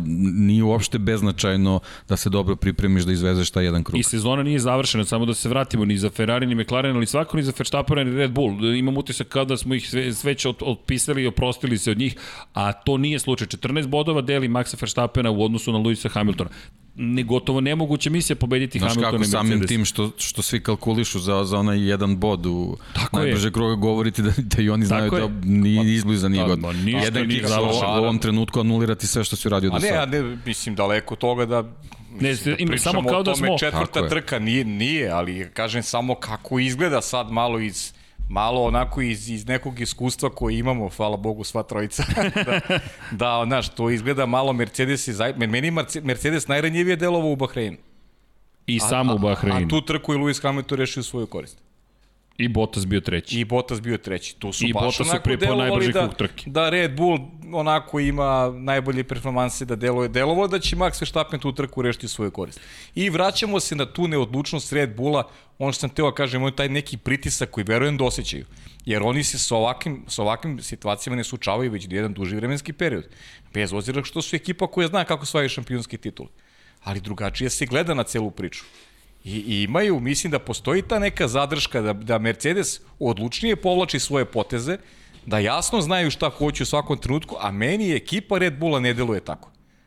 E, Znači, nije samo Sergio Perez, nego ceo tim, rekao bih da mora bude mnogo odlučniji u tome e, kako, kako pobediti Luisa Hamiltona u trci. Pa vidi, E, James... to, to nismo dobili za sad. Izvini, ali James Walls, koji je glavni strateg zapravo Mercedesa, je dobio i tu čast u krajnjem slučaju da se javi tokom po, počasnog kruga Lewisu Hamiltonu i da se istakne zapravo to ono što je lepo Mercedes učinio, ko je tu odigrao jednu od najvažnijih uloga. Mi odavno nismo čuli nekog glavnog stratega Red Bulla da kaže svaka čast na tome kako smo izveli o, o, ovu priču.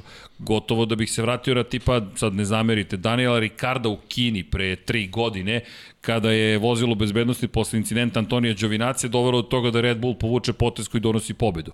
E, Na tom nivou, dakle, Pa- možda mi sećanje sad slabije Spazi, služi. da, Ali imali su kikseve tipa Monte Carlo, isto sa Danijem Ricardo. je- Jesu. To je, Kad to je to problem. bilo? da, To- to je da. davno. Pazi, ta izjava Maxa Verstappena sam sam. Znaš ti Možda, kad možda pogledaš- se tumači na više načina. Tako i malo kad, kad vratiš onako na pamet priču nazad vezano za Mercedes, kiksevi vezani za strategiju, nije ih baš bilo nešto pretredno mnogo. Kiksevi su vezani za neke neposlušnosti vozača i, i tako jeste. dalje. Ja kažem ti, A- izjava Maxa Znaš- sam sam. Možeš da je tumačiš Da, da. ne samo kroz Pereza, jer nećeš ti da kažeš otvoreno u vetar e, ekipa mora bolje. To je nešto se razgovara. Pa, Sećaš se između komunikaciju. Silverstone na početku trke prošle godine. Kako Tako je, bilo? tako je, bravo, Čekaj šta pričate, bravo, tako je. to je onako baš, baš teška Jeste, poruka. Jeste. A, do, U trenutku dok se trka odvije. Ne, Znaš šta to meni govori? Sledeći ugovor koji će potpisati Red Bull je James Walls. A, znaš kako, da, da, da, Pa vidi, da. realno, kako sada Da. stvari svoje ljudi idu i kupuju zapravo članove Mercedesovog Pa tima. ajmo ceo Mercedes. Da, ajmo ceo Mercedes. Celu fabriku iz Stuttgarta ćemo Pa prebacimo kod nas. pokupovali su još pet ljudi. Znaš, činjenica da. da je, da je Max Verstappen bez obzira kako ljudi gledali na njega i to što on još uvek nije materializovao taj talent koji ima, on je jednostavno sebe zacementirao u ulozi zvezde u, u, Jeste. u najbržem cirkusu i on očigledno sa nekim svojim uticajima može da formira ekipu oko sebe. I to je sad možda nešto što Red Bull nije do sad imao, ali u principu ljudi koji su tu su vojnici. Mm. Videli smo kako sve funkcioniše sa, sa, sa određenim brojem vozača, uključujući Sebastiana Vetela.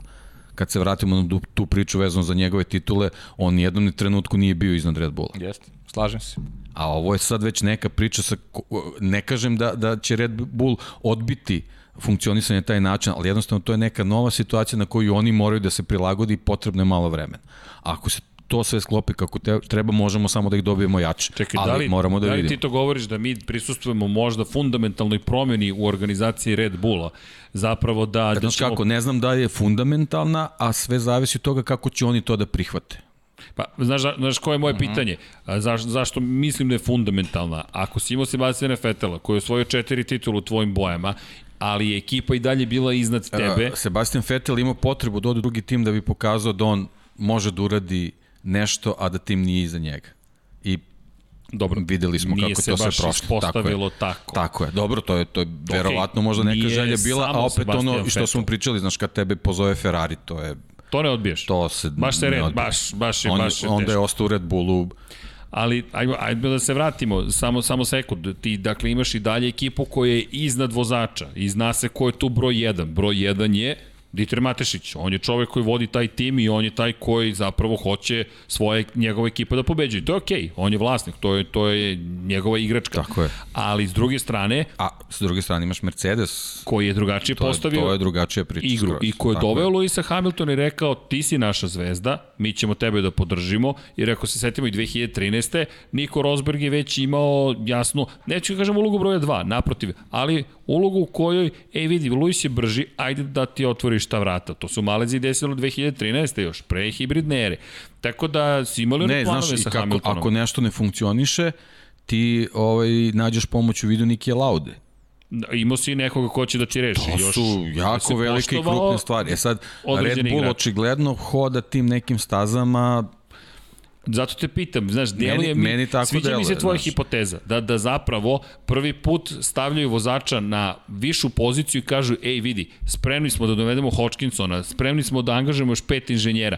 To je ono što si ti Pajo govorio. Koju poruku će Red Bull da pošalje Maxu Verstappenu kao jednoj od zvezda nove generacije vozača? Jer ako pogledaš, on čovjek je bio drugi, Znaš kako, prvi, da li je, drugi da li je drugi. zvezda, kao ako, ako se neko postoji pitanje, pa Holandija je odlučila se vrati u šampionat Formula 1 zbog jednog čoveka. A, ad acta stavljena pri, o pitanju da li je Mi smo zvezda. prošle godine trebalo da imamo gde bi velike nagrade Izvini. Holandije posle ne A znam pazi, koliko ja, godina. Ja, ja mislim da Red Da. Bull nema drugu opciju nego, nego da, da Maxa promovišu ono što je Luis u Mercedesu, da nema druge opcije. Da, da je svima jasno da je, da je on taj Tako je. pritom. Pritom, uh, uh, Lewis Hamilton je mega zvezda. Lewis Hamilton je veliki šampion. Ali budućnost pripada Maxu. Apsolutno. Budućnost pripada. Maxu, zato što je Max je, je mlad momak, neko ko će u budućnosti da a, bude e, sigurno kandidat da možda jednog dana i sustigne ove rekorde. Ko zna? Pokazuje da je ekstremno brz. Ekstremno brzo, Čak i na neke, ogroman nekim talent. sitnim stvarima kao što je ovaj krug u, u Barceloni Tako, koji su ljudi, spomenuo. ja sam i dalje impresioniran Red tim Bull sa Maxom može da pozicionira sebe kao To je ekipu koja igra će u budućnosti na duge staze. Na duge staze. Na duge Baš- Tu je staze. sad samo možda bio problem što Honda to nije opet na neke njihove Pa. filozofije se oslanjamo, nije, nije prepoznao na taj način. Sad je Red Bull je problem, oni su sad sami u toj priči. Mislim, Red Bull koliki, go- koliko god da je velik, on nije Mercedes. A, a na šta još sad? I to je sad Nema taj taj problem. iskustvo. Zašto, zašto to je Red Bull vuče malo i neke ekstremne poteze i, i onako vadi ljude iz, iz Mercedesove kuhinje i tako dalje. Pa upravo iz tog razloga oni moraju Maxu da obezbede uh, da bi ga zadržali uh, taj status privilegovani da ima da Tako pokušava je. sebi da izgradi veliku karijeru kroz Red Bull. U protivnom izgubit će ga. Tako je. I znaš šta Jer, je sad jer tu Max možda... je najtraženija roba, svi ga žele. šta tu možda sad ide ovaj, e, na njihovu vodenicu će da priča. Znači Red Bull, što se tiče financija, verovatno nije u problemu. Znači ako Dietrich Matešić poželi, Kupit će. Kupit će sve što treba. sada A sad sa druge strane, budžeta- ti imaš momke u timu Mercedesa koji zbog svog posla, zbog prirode svog posla, traže nove izazove. Mašinerija u Mercedesu već funkcioniše i to Vidi, ali, to je, ali Znaš. mnogo mi se dopada tvoja hipoteza. Zašto? Ti sada sve ovo se otvara. E, Kada je reč o budžetima, ljudi, budžet je tri puta manji nego što je bio prošle godine zvanično. Matešić već ima višak novca, ne samo on, svi imaju višak novca. Nažalost, mnogo ljudi je ostalo bez posla ove godine u Formuli 1. O tome se uopšte ne piše i ne priča. Mnogo ljudi nema više posao. To nije dobro. Dakle, ograničenje budžeta zvuči sjajno s jedne perspektive. S druge perspektive, mnogo ljudi je ostalo bez posla. Da na ljudskom nivou to je krajnje problematično. To je bez veze. Da se, da se izrazim vrlo jasno.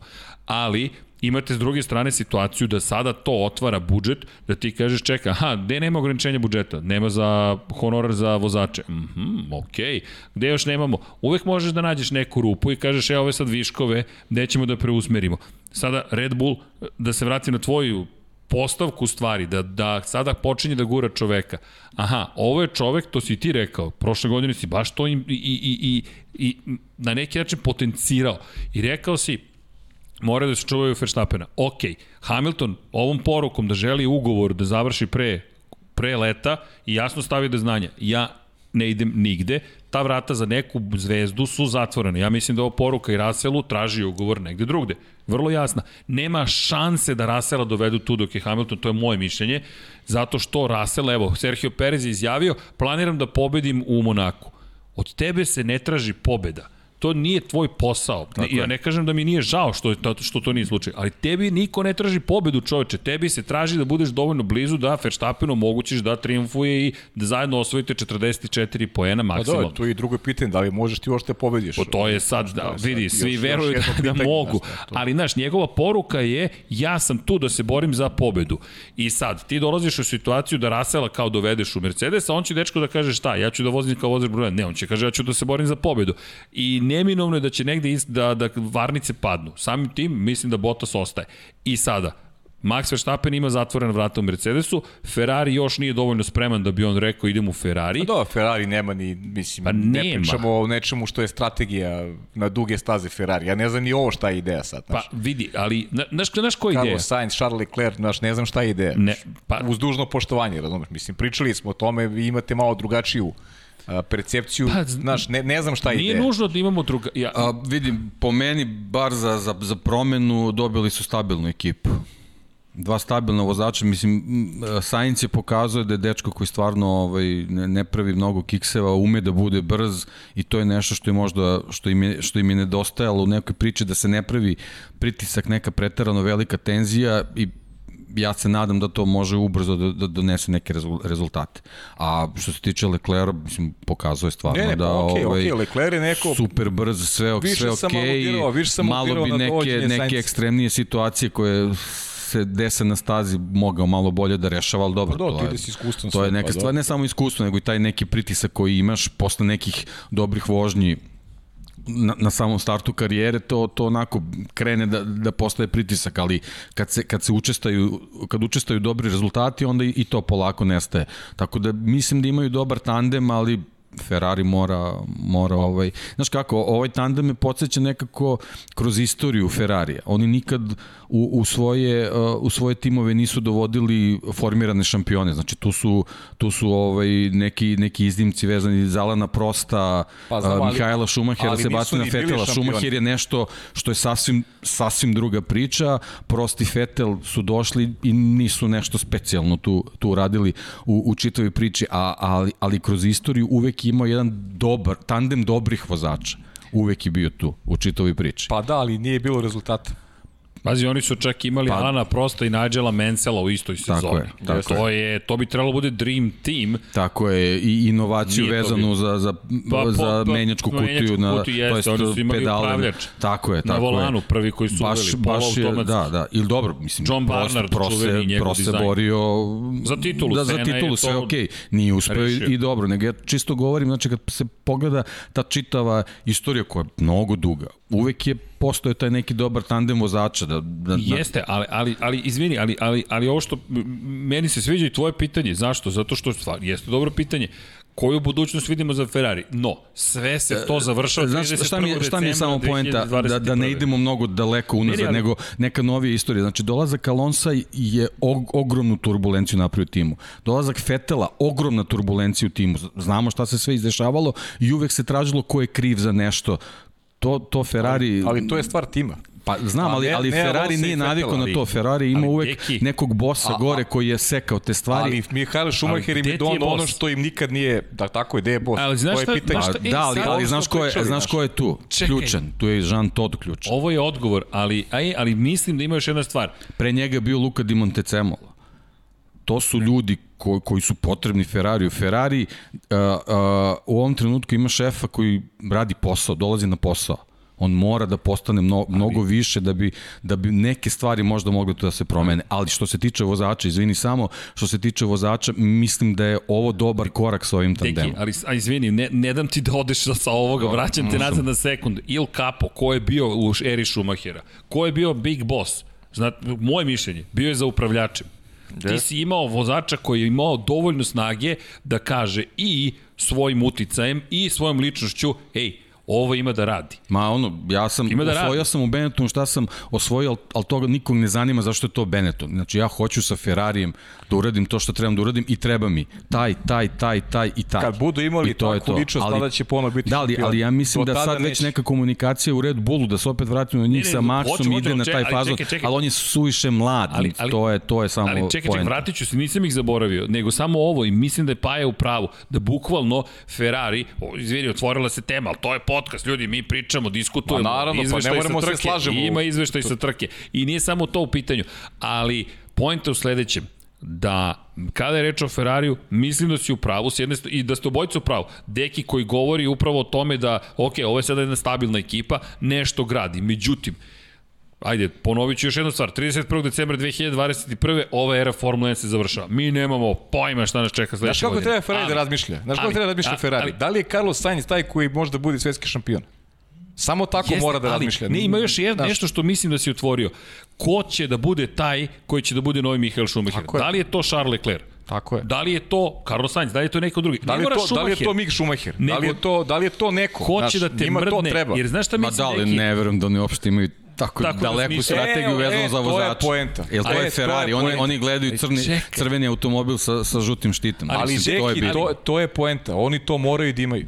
A, oni to jedini nemaju. I Oni to jedini nemaju. I to je super. Zna, ali evo, ti si sad rekao, sad smo pričali, mi se vraćamo na, na tragove, na obrise 2018. 19. Mi pričamo o odlukama koje Red Bull povlači dve godine unapred, koje danas imaju neke posledice. To je kao kamenčić, baciš ga u jezero, taka, taka, taka, talasi gde, gde da...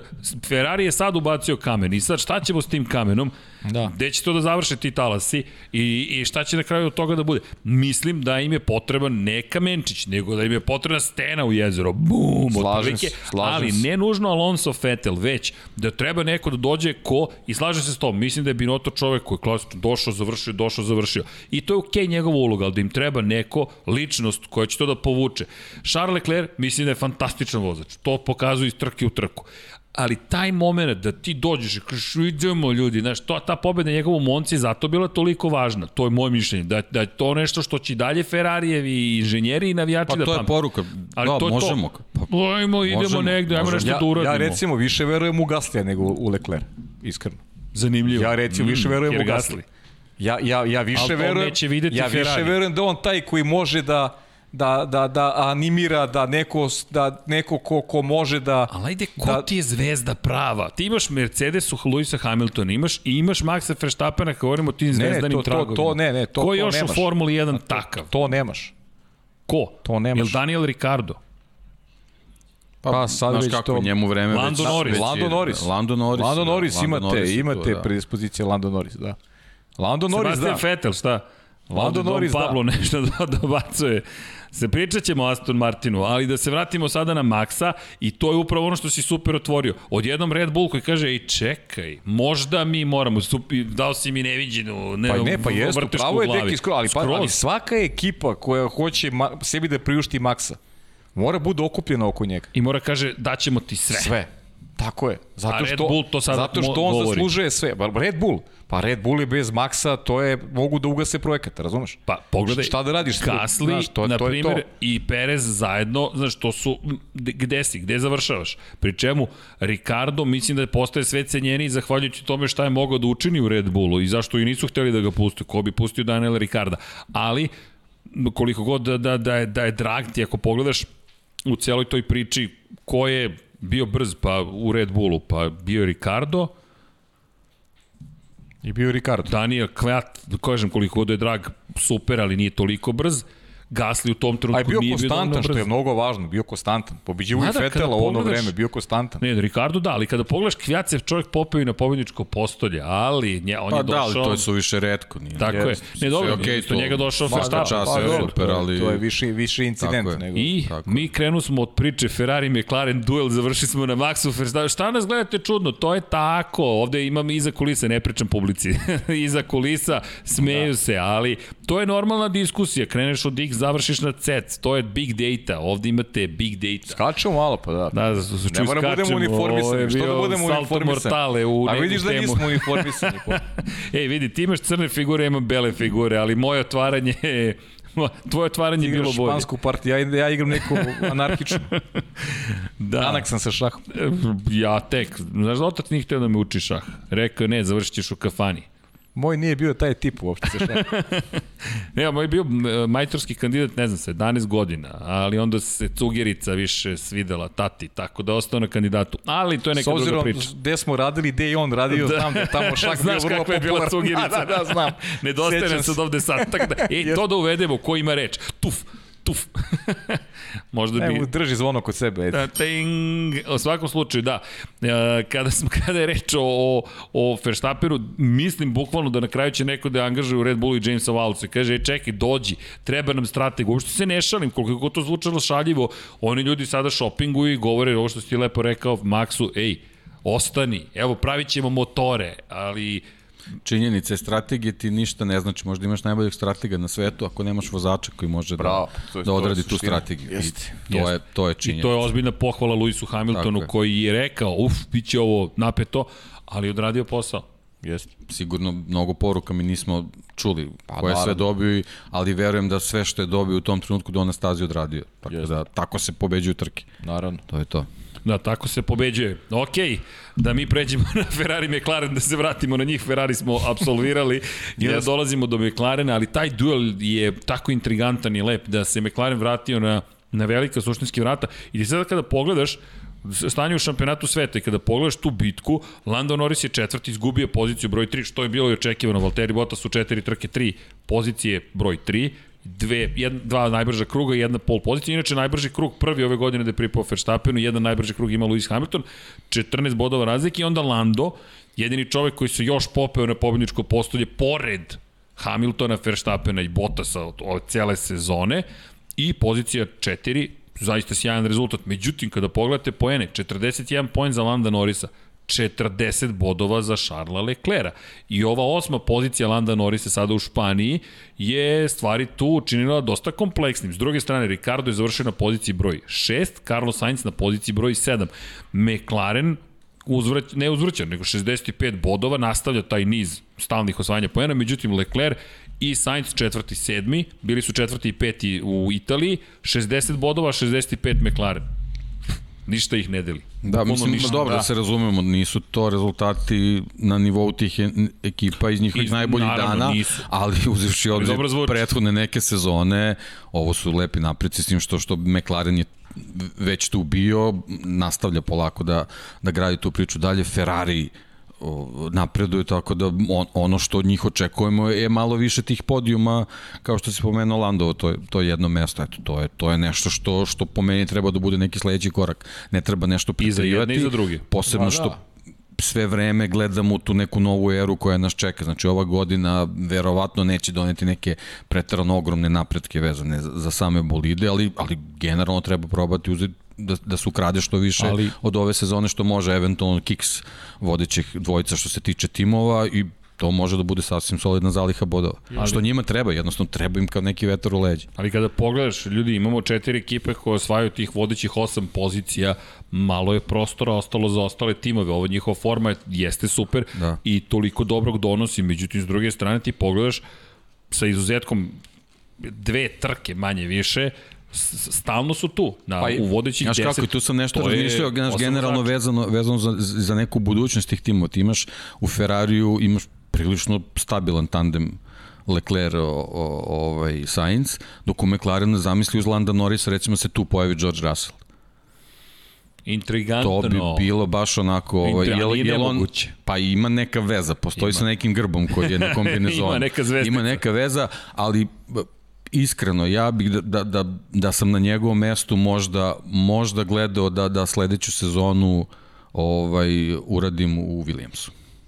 Slažem se. Kod Josta Kapita... Uh, preko noći može svašta se desi sa, sa ovim agregatima s kojima sad raspoložu, a videli smo u, u Barceloni da, da, da Russell ume da, ume da koristi potencijale ovaj, agregata, mislim da, da, da da sam na njegovom mestu zbog svega ovoga što se već već dešavalo i sa tom nek, sa tim nekim nestrpljenjem da se pređe u neki ovaj uh, veći tim što se nije do sad desilo, ovaj ja bih pokušao da sledeće sezone ovaj ostanem Ostaješ na mestu koje poznaješ, pri čemu poznaješ, poznaješ strukturu, ne znaš šta te čeka u 2022. možda ti se otvore neke neka vrata koje mislim da, da, da ti da u timu već gledaju nekim drugim očima zahvaljujući nam izletu u Bahreinu. I još jedna stvar, ti malo pre smo pričali ti ćeš dati sve za Maxa Verstappena. A što ne bi dao sve za Georgea Russella ako si investicioni fond iz Sjedinjenih američkih država koji je kupio legendarnu ekipu Formule 1, u momentu kada se pravila menjaju imaš najbolji motor, hibridni I, sistem I Volkswagen grupa se ovaj, premiše kako bi mogla da uđe da uđe, priču. Tako. Pa i on mora da ima jasan definisan stav, da, je on, da on želi da, da prosto njemu ekipa da sve. Zato, da on, zato i kažem, mislim, da, eto da sam njegovom mestu, ljubav, znaš, da, da. ta neka razmišljenja bih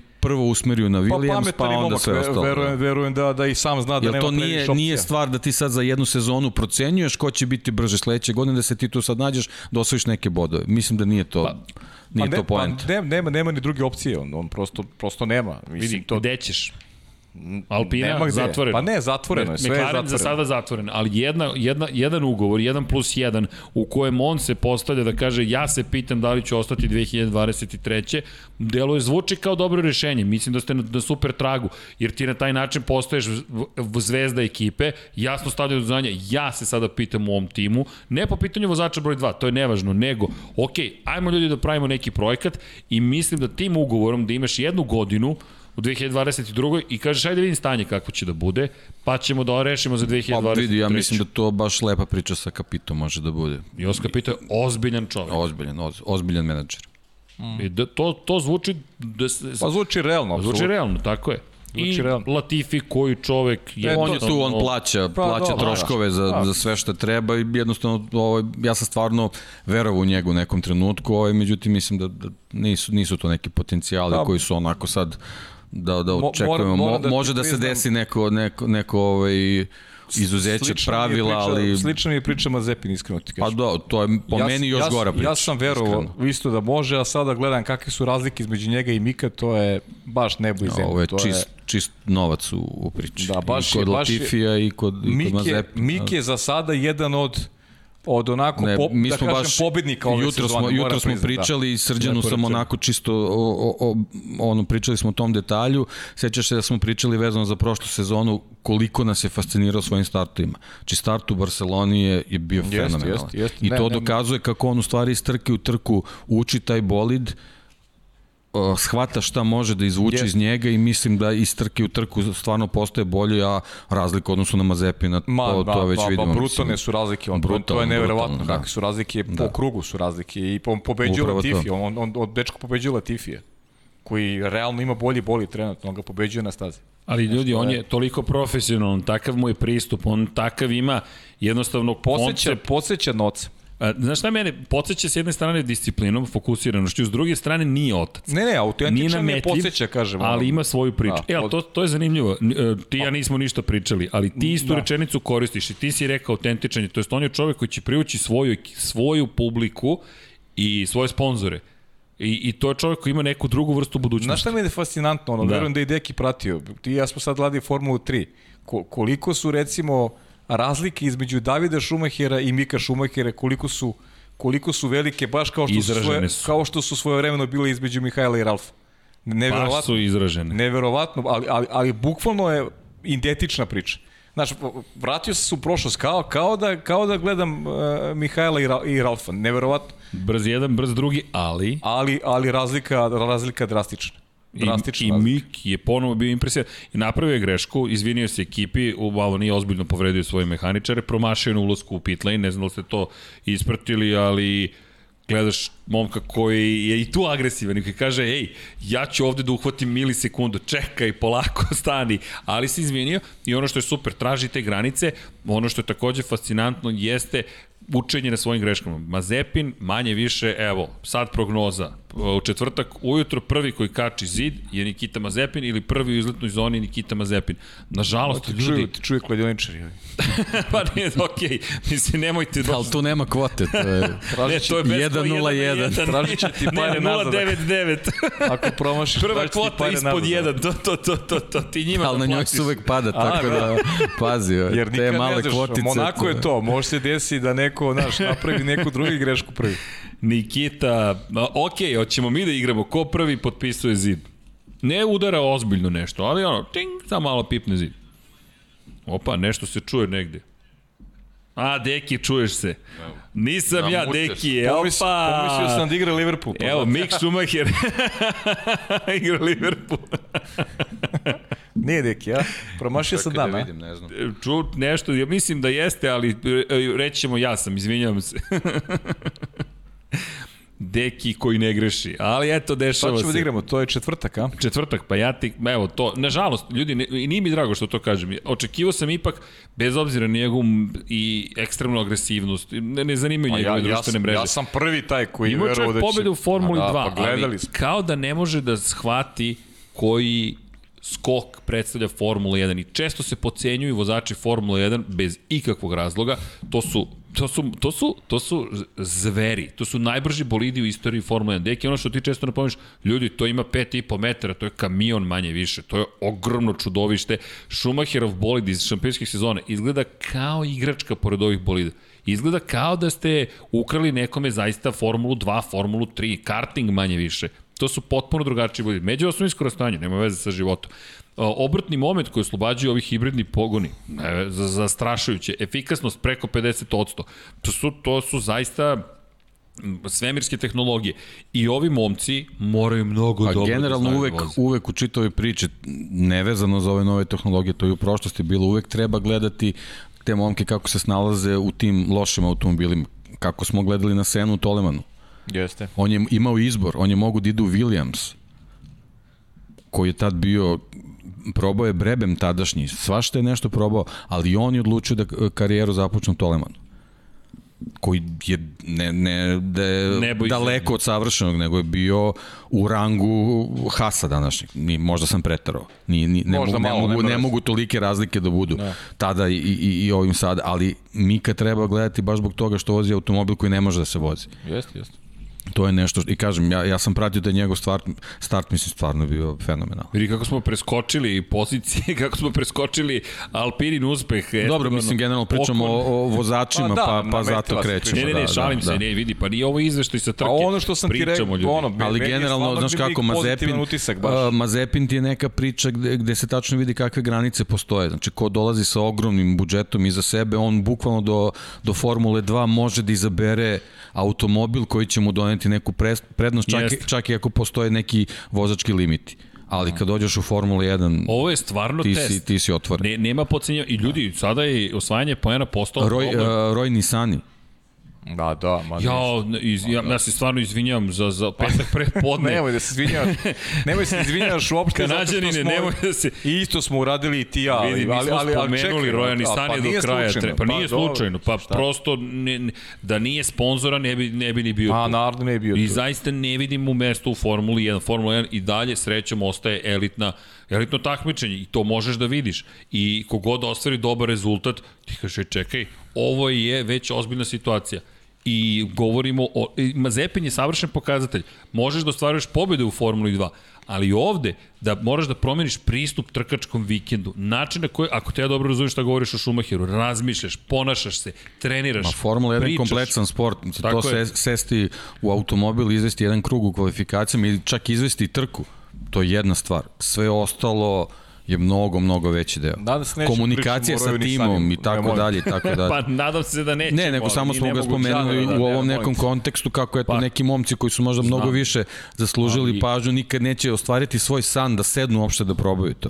A on, on jednostavno njemu je to na, na ono daily basis da, da se plati, da se sedne, da se vozi, koristeći ovu sadašnju situaciju jednostavno da ekipe moraju da razmišljaju o svojim budžetima i da angažuju takve vozače, progutaju knedlu i nadaju se da neće biti veća šteta nego korist. Williams je trenutno u toj problem. situaciji i, i Ali i to mislim da neće još dugo. Da. E, inače, Tako, zato, zato mislim da se otvara to Latifijevo mesto. Na, nažalost, mislim, eto, da li je... možeš da odgovoriš na jedno pitanje? To smo imali tokom prenosa, mislim da je i ne znam tačno ko odgovorio na pitanje, pošto se ne pojavlja ruska zastava u Formuli 1, ali se pojavlja u Formuli 3 i bilo je pitanje kako je to moguće s obzirom na, na činjenicu da je zabranjeno da se koristi ruska zastava u svetskim takmičenjima. E sad, ono što je možda u pitanju, ovo je svetsko prvenstvo Formula 1. Formula 3 mislim da se nominativno ne zove svetskim prvenstvom tako je. i to je odgovor gledalca bio tako da ukoliko se pitate kako je moguće da vidite rusku zastavu i čujete rusku čujete himnu rusku himnu u čast Aleksandra. Smoljera, da. Da, Aleksandar Smoljer koji zabeležio pobedu, inače tri trke smo imali ovog vikenda, malo ćemo i to samo proći kasnije, ali eto, to je odgovor, nije naš odgovor, ja se izvinjam, zaboravio sam kako se zove čovjek, ali do sledeće emisije danas ću pripremiti ime, jer je i sam postavio pitanje i odgovorio pre nego što smo i stigli da saznamo. Deluje mi da bi to imalo smisla. Pa da to jedino ima da, ne, neke logike da, da ne spada u to takmičenje koje je pod tom nekom vrstom organizacije koje poštuje tu, tu neku suludu odluku. Da. Ne ulazimo sad. u Da, ne to. ulazim, da, nema veze. pa mislim, je, da. Ali, ali i to, to nam pokazuje, eto recimo kakva je moć Mazepinovog oca da, da američki automobil ofarba ruske boje upravo ovaj, I kaže zbog, sve zbog te odluke i kaže da je sve u redu. Znači, to su ogromne, ogromne cifre koje eto, njegov sin jednostavno ne opravdava, pa odma je dobar link da, da nastavimo priču vezano za, za Lansa Strola koji stvarno pokazuje da je dobar vozač bez obzira na, na, na očeve milijarde.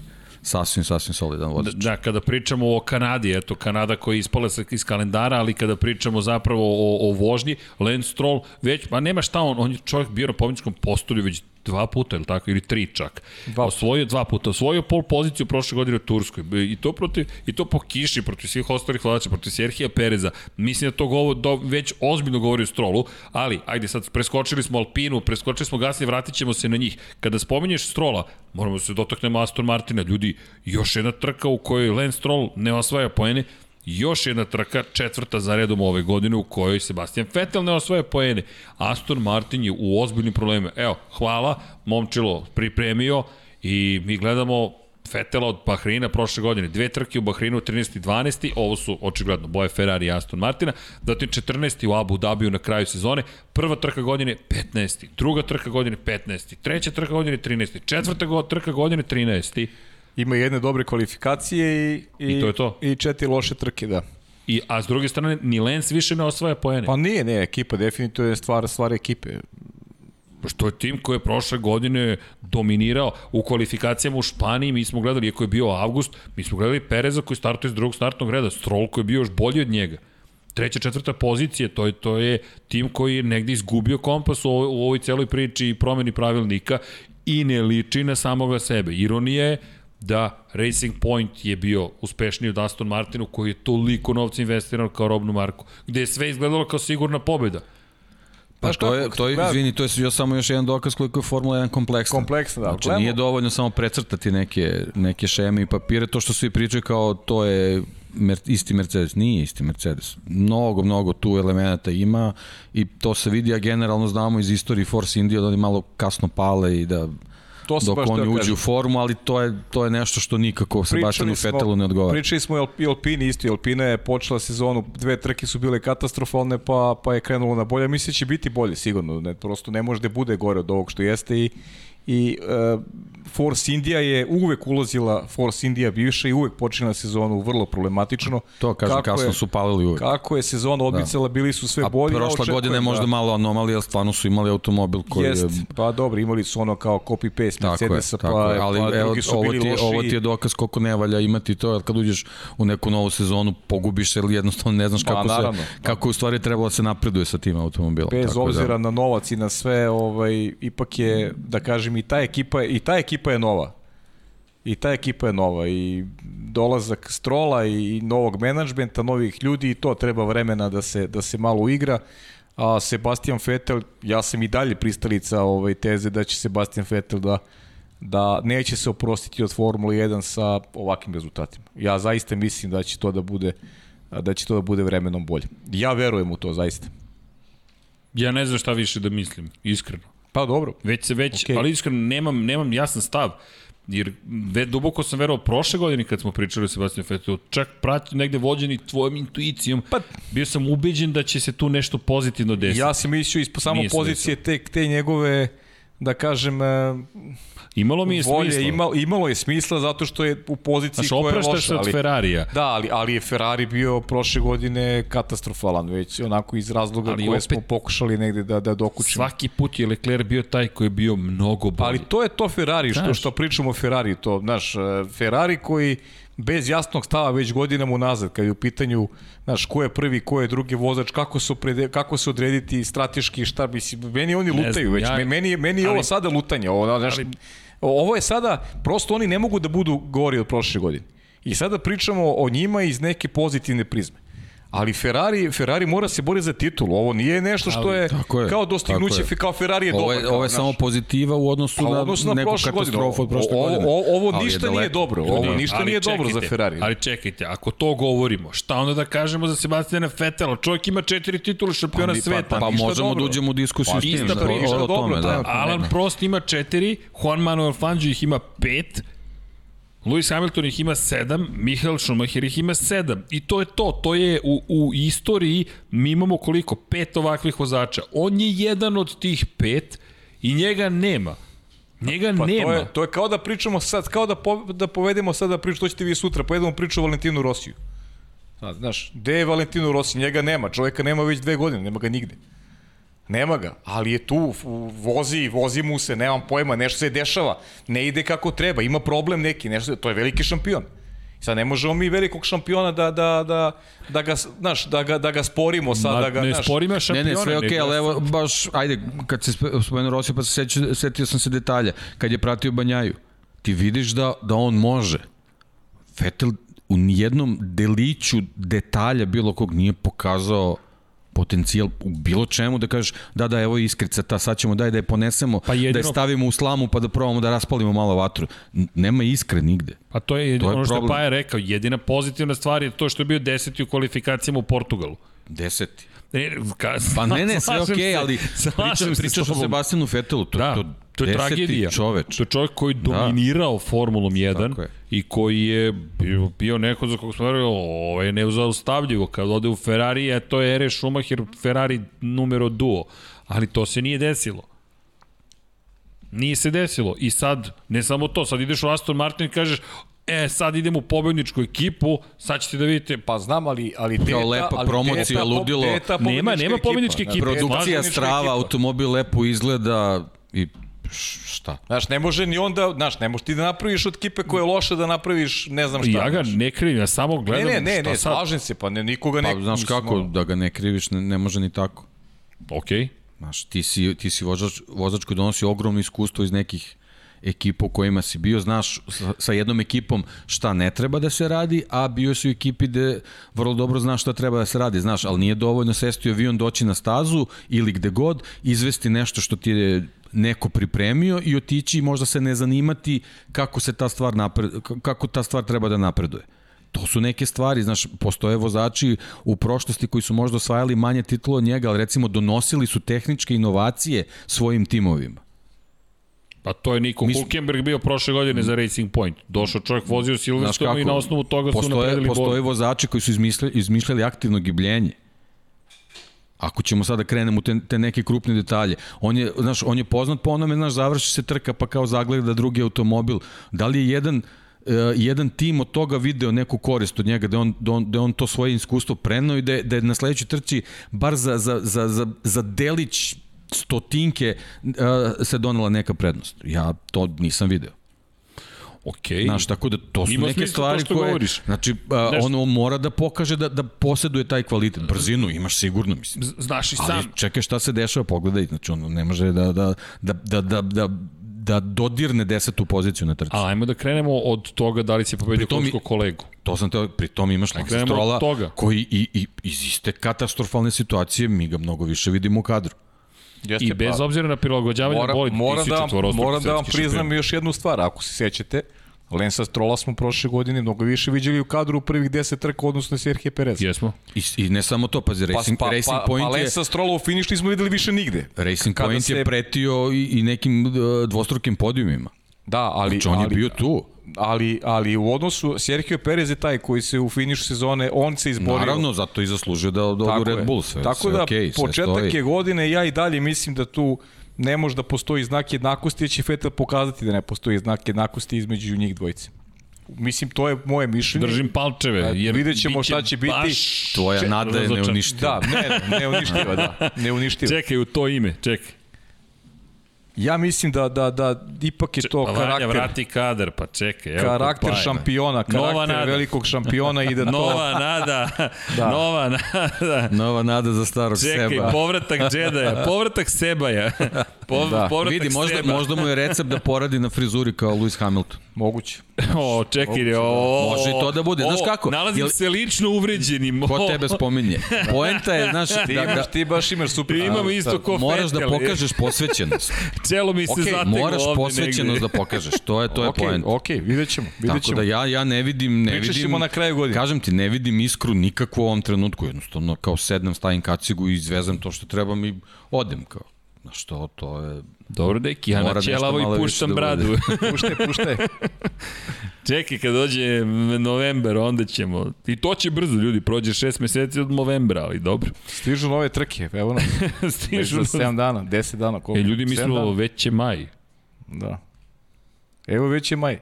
Evo, ej, sad će nam cela godina od kada smo prvi put snimali u studiju. To me je podsjetila ovaj gospođici iza paravan. Godinu u studiju, 200 Da, imamo Grand i Prix, gošću čoveče, večeras. vi ste, da. Imamo i gošću, da. Pozdrav za gošće. Imamo gošću, da. Da, prođe cela godina. Wow. E, samo da znaš, neko te je citirao na YouTube-u, reče Paja, nećemo da trajimo duže od jednog i po sata da ne postanemo dosadni. 11 meseci kasnije, bez 3 i po sata ne palimo kamere. Na vanjinu radost. Mi zbog vanje. pa, da zbog mu vanje, pa da, da mu bude, da lakše bude switching, montaža, uvod, razrada i tako dalje. Ok, da na mladima sve ostaje. Reče je. Fernando Alonso i izgubi još jednu bitku protiv Estebana Okona i reče, dvostruki svetski šampion, mojih 100% trenutnih nije dovoljno za neverovatnog Estebana Okona. Kad te Fernando Alonso pohvali, ne znam da li da slaviš ili da se plašiš, ali činjenica da Esteban Okon pokazao dosta i u kvalifikacijama i u samoj trci. Okon još jednom osvaja poene. Pa, iskreno, Deveto mesto. Nije neko iznenađenje, moram ti priznati, znaš, da ali opet ne zbog toga, mislim, Fernando koji se vratio u formulu, pričali smo, ima i godina i on uh, radi posao, zaista, zaista dobar posao radi, svaka čast.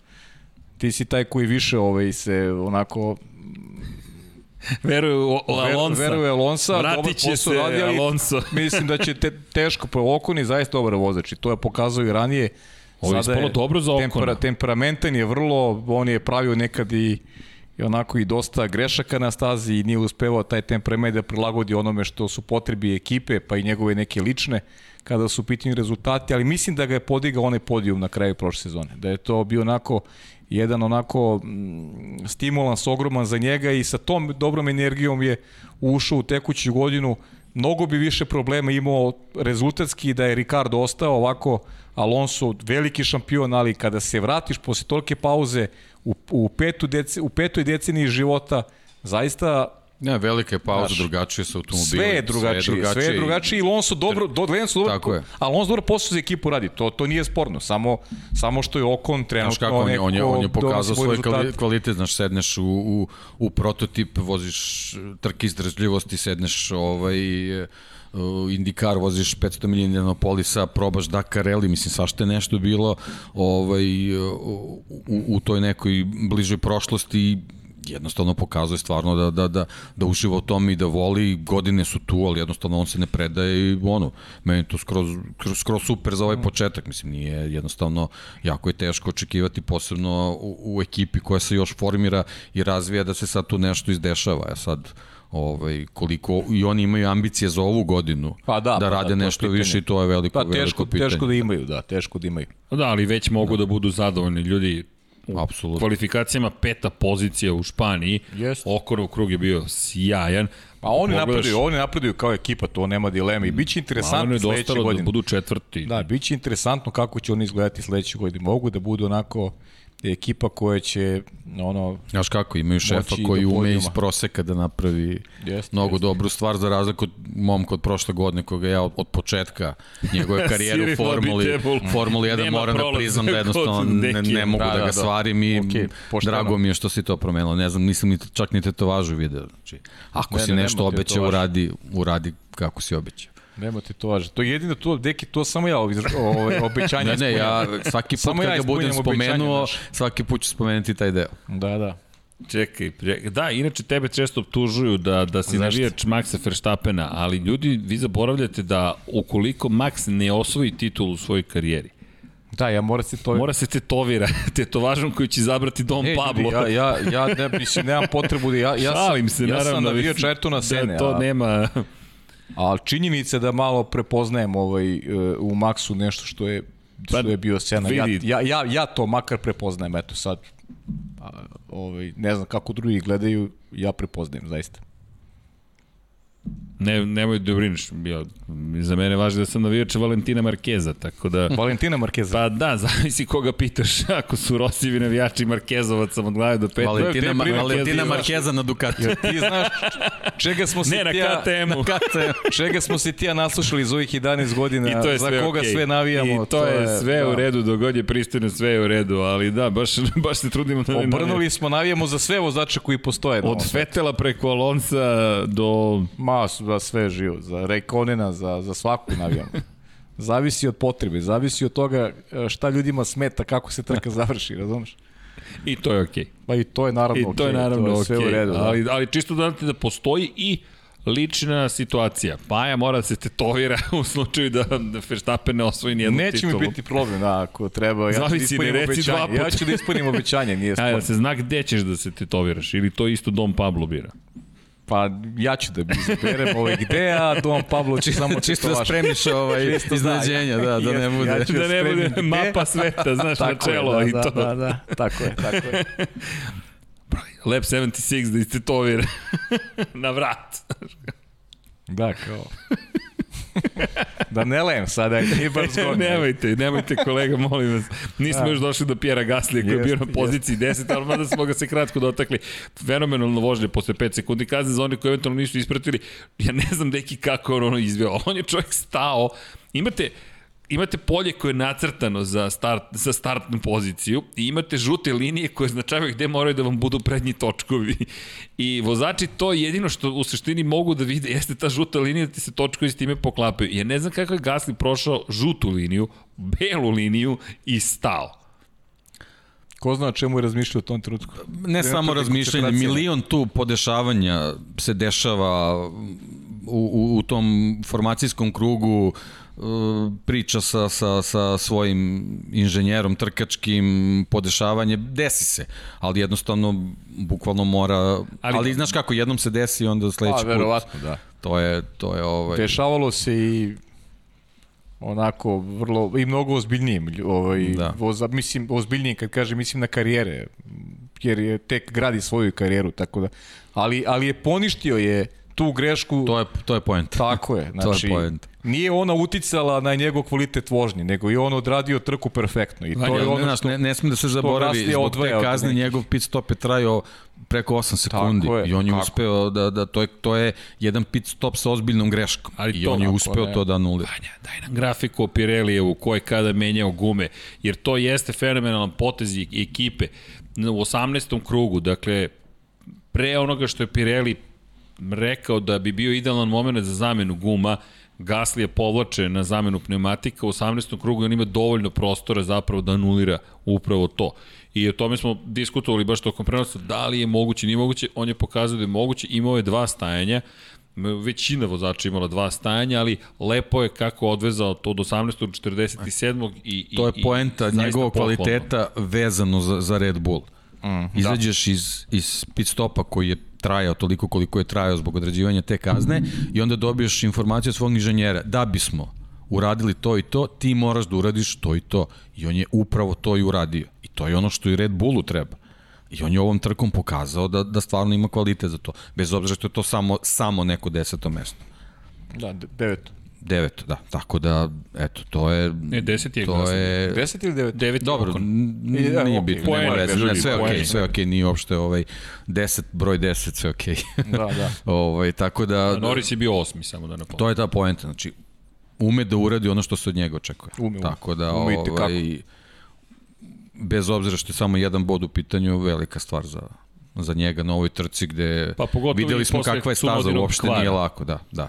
Alfa da. Tauri koji nije iskoristio. Pa, pa dobro, Alfa, njima se de, ove, ove godine dešavaju zaista, pogotovo Pierre Gasly, četiri trke, mi u tri imamo problematične situacije. Prvo, onaj prednji kraj koji mu je u Bahreinu, koji mu je propastio trku, pa imamo onu pogrešnu reakciju tima kada je vozio na gumama za kišu u u Imoli, dakle, ovo je sada već treća situacija za Gaslija koja nije U tipična. trke. Da, nije što, tipična što znači i- mnogo, mnogo veću količinu bodova u, u nekom e, razvoju. Što da. znači ima prostora da se stvari promene je. i to vrlo brzo jer oni imaju dobar bolid i Pierre Gasly je odličan vozač, on može da izvuče iz tog bolida mnogo više i očekujemo da se to dogodi, da malo poreme... E, na šta ja očekujem? Da, e, to je to. Pierre Gasly može da bude ozbiljan faktor u toj borbi Ferrarija i, i, i, i McLarena. Mislim da najviše može da utiče e, da utiče Da, mi u na- stvari na još, rasplet još te ne znamo njihov potencijal. Ne znam. Još Zato što nema, je ne, tako je, nemamo haotične trke su bile. Jeste. Kad ćemo ga znati, ljudi dolazi na Monako. Pa ne, samo treba a da bude čista trka. Pa imamo treba, vremena, Treba čista trka. Monako, Imamo i to što Dobit kažeš, ćemo 19 sigurno. trka,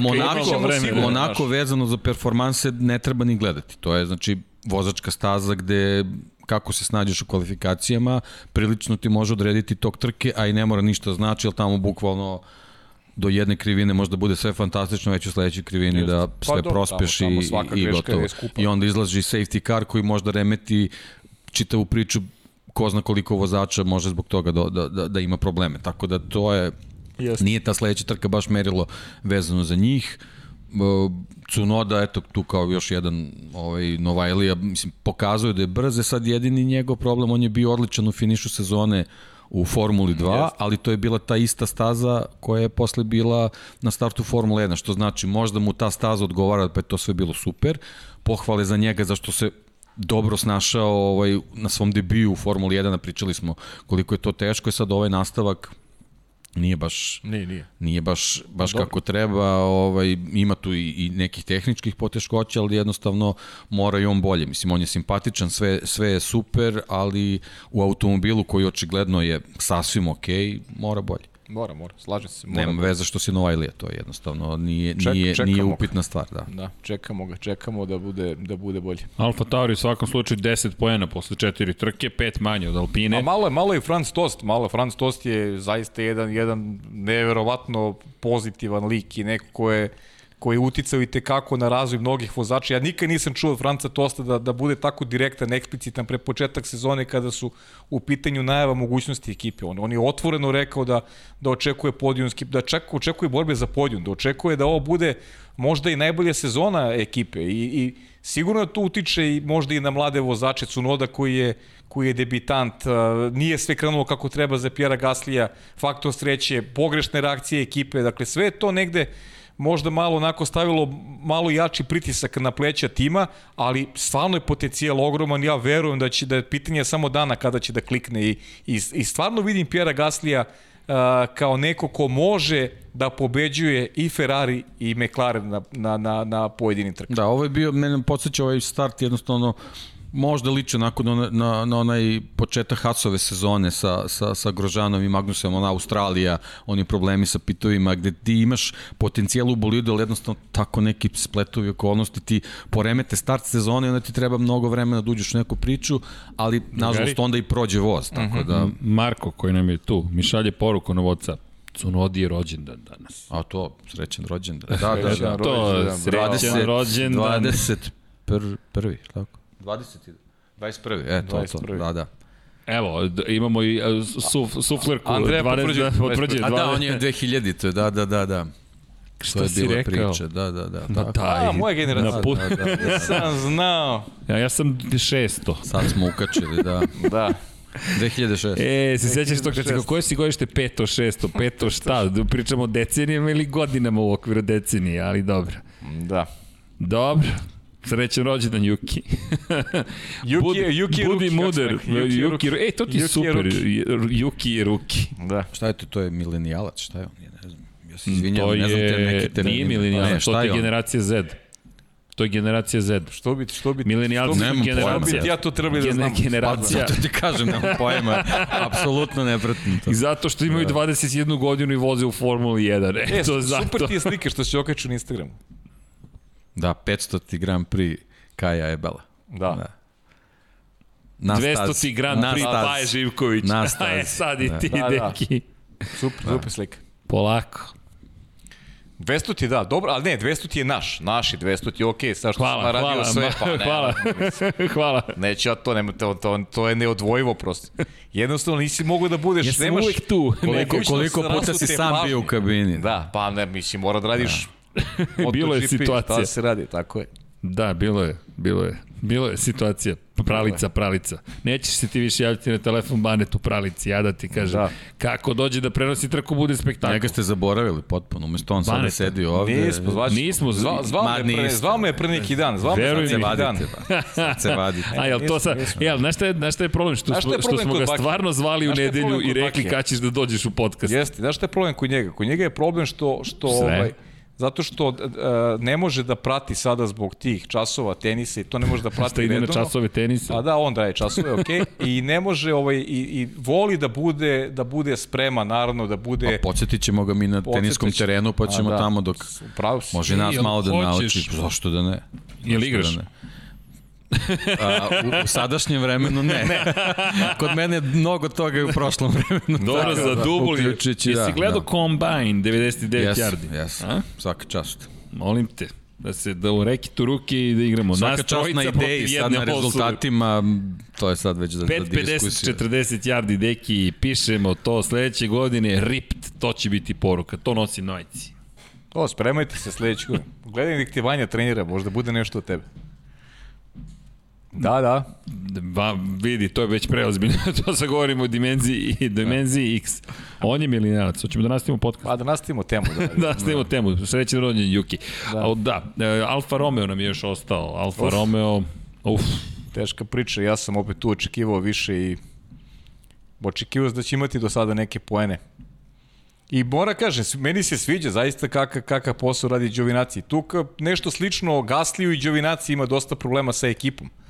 Dva loša stajanja, ne znam, svašta je tu nešto bilo ove sezone i mislim da je propuštena prilika za neke poene. Kimi je recimo oduzeto mu je to, to deveto mesto koje imao. što je, dakle, što je veoma skupo. Jeste, veoma je skupo. Nije, mislim, bile su kvalif... E, trenizi su bili dobri Kimi. Očekivali smo da čak može da se bori Oć, za Q3. najbrži sektor Da, broj on je 1. pobedio na dve staz, na dva puta je pobedio na ovoj stazi. Očigledno da, da Kimi jako dobra, jako dobra vlada stazom, ali taj bolid očigledno da, da ne može baš... Zaglavio u Q1 na kraju. Da, zaglavio u Q1. Evo, da, gledamo je pobede na ovaj- stazi Katalunja, Mihael Schumacher 6, Lewis Hamilton 6, Mika Hakkinen, jao, Mika. računamo mu 4. Mika. Zapravo, ali onda bismo Schumacheru morali da oduzmemo jednu, šalim se. E, kad bi tako računali, Da, da, da, ali čekaj, taj poslednji krug i evo ovde navijači Mihaela Schumachera da- me gledaju popreko. Da računamo, da računamo onda i Seni, on je Monako čuveni. ok, ok, čekajte polako, to je trebalo bude šala. Ispalo je je očigledno da nameštao su ovde strasni ljudi. zid, Ne, ne smemo da govorim više, ali Mika Hakinen tri pobede imao je praktično pobedu u rukama i još jednu, ali u poslednjem krugu otkazuje McLaren. Schumacher slavi pobedu, šest ukupno, Lewis Hamilton svaka čast, šest pobjeda čovjek ima. Inače, zaboravili smo tokom prenosa još jednu bitnu stvar da napomenemo. Posle Ayrtona moguće. Sene, moguće, posle Ayrtona Sene, je postao prvi vozač, dakle samo dvojica u istoriji, ukoliko sam dobro zapamtio, koji su slavili pet puta za redom na istoj stazi. I to je velika stvar. Bez obzira na dominaciju, ne dominaciju, to treba postići. I svaka čast Hamilton baš pa, se po- namerio da pazi, obara. Po, po ovoj rekord. listi se vidi da uopšte nije lako pobediti ovde više puta.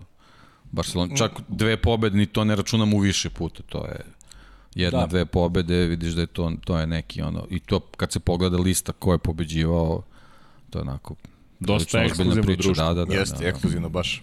Dosta ekskluzivno Baš društvo kao, i kao ovde za stolom baš. naravno, nema, nema, teš, teško je doći. Ali vidiš, ali ne znam kako, Alonso uvek nađe svoje mesto za stolom.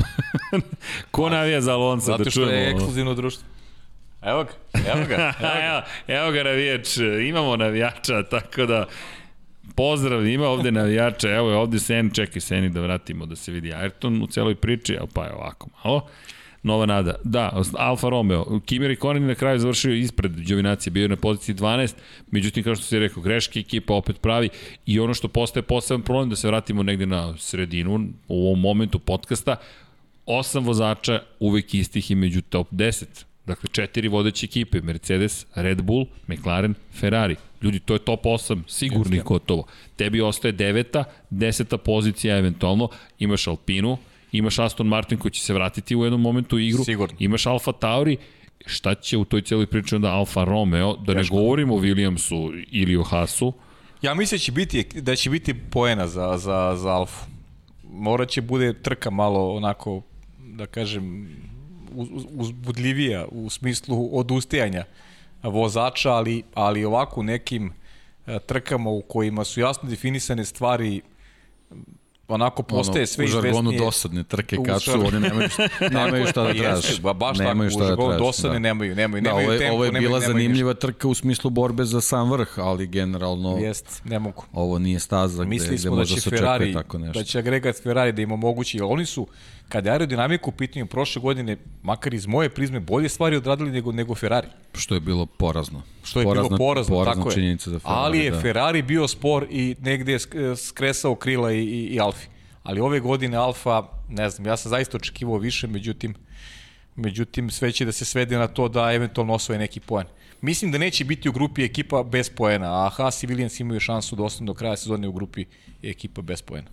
Da, čeka nas zanimljiva trka tamo naredne nedelje. Monako će biti spektakular. Nešto nam pokazuje ovde. A, ako misliš da ja to mogu da pročitam, ti, ti zaista verujete u duboko moj vid. Hvala vam na tome.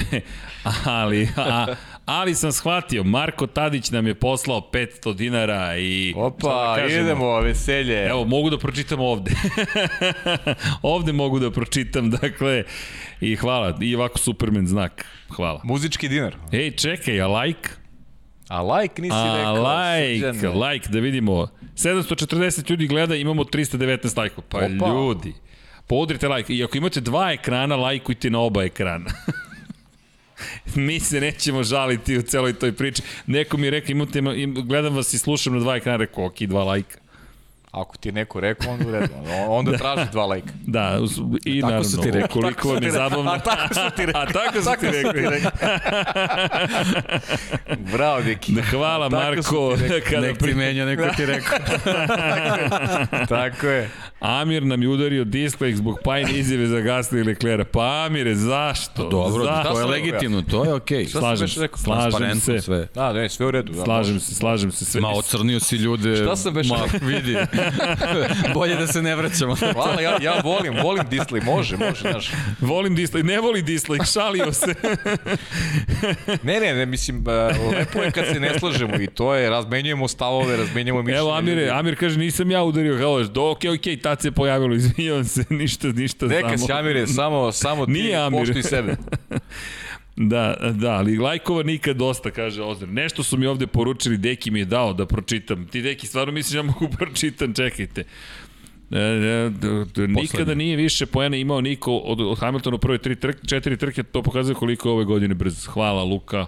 Da, jedno, još jedan od pokazatelja. Pa to je zapravo koliko je lepo vidjeti to takmičenje među Verstappena i Hamiltona. Mislim da izlače najbolji jedan iz drugog. Imate jedno koje je tri pobjede zabeleži bio jednom drugi i drugog koji je bio jedan prvi i tri puta drugi. Fantastično. E, znaš šta ima još jedan lep podatak koji sad mi je, naš ovaj, Igor nam je poslao Marković, pozdravlja celu ekipu, 750 trka je za Williams u Monaku. Lepo. Da, najavili su to. Da, Lepo, baš, baš Da. O, veliki jubilej. A kaj je baš bil veliki. izaštavao sa 500. Da. Tako je. Dobro, Deki, Ne, ne, mi hoću samo da kažem ali- u poslednje vreme koliko mnogo trka se Jest, održava. jest. Dobro, ima između To je ostalog. onako baš... Ima i toga, da.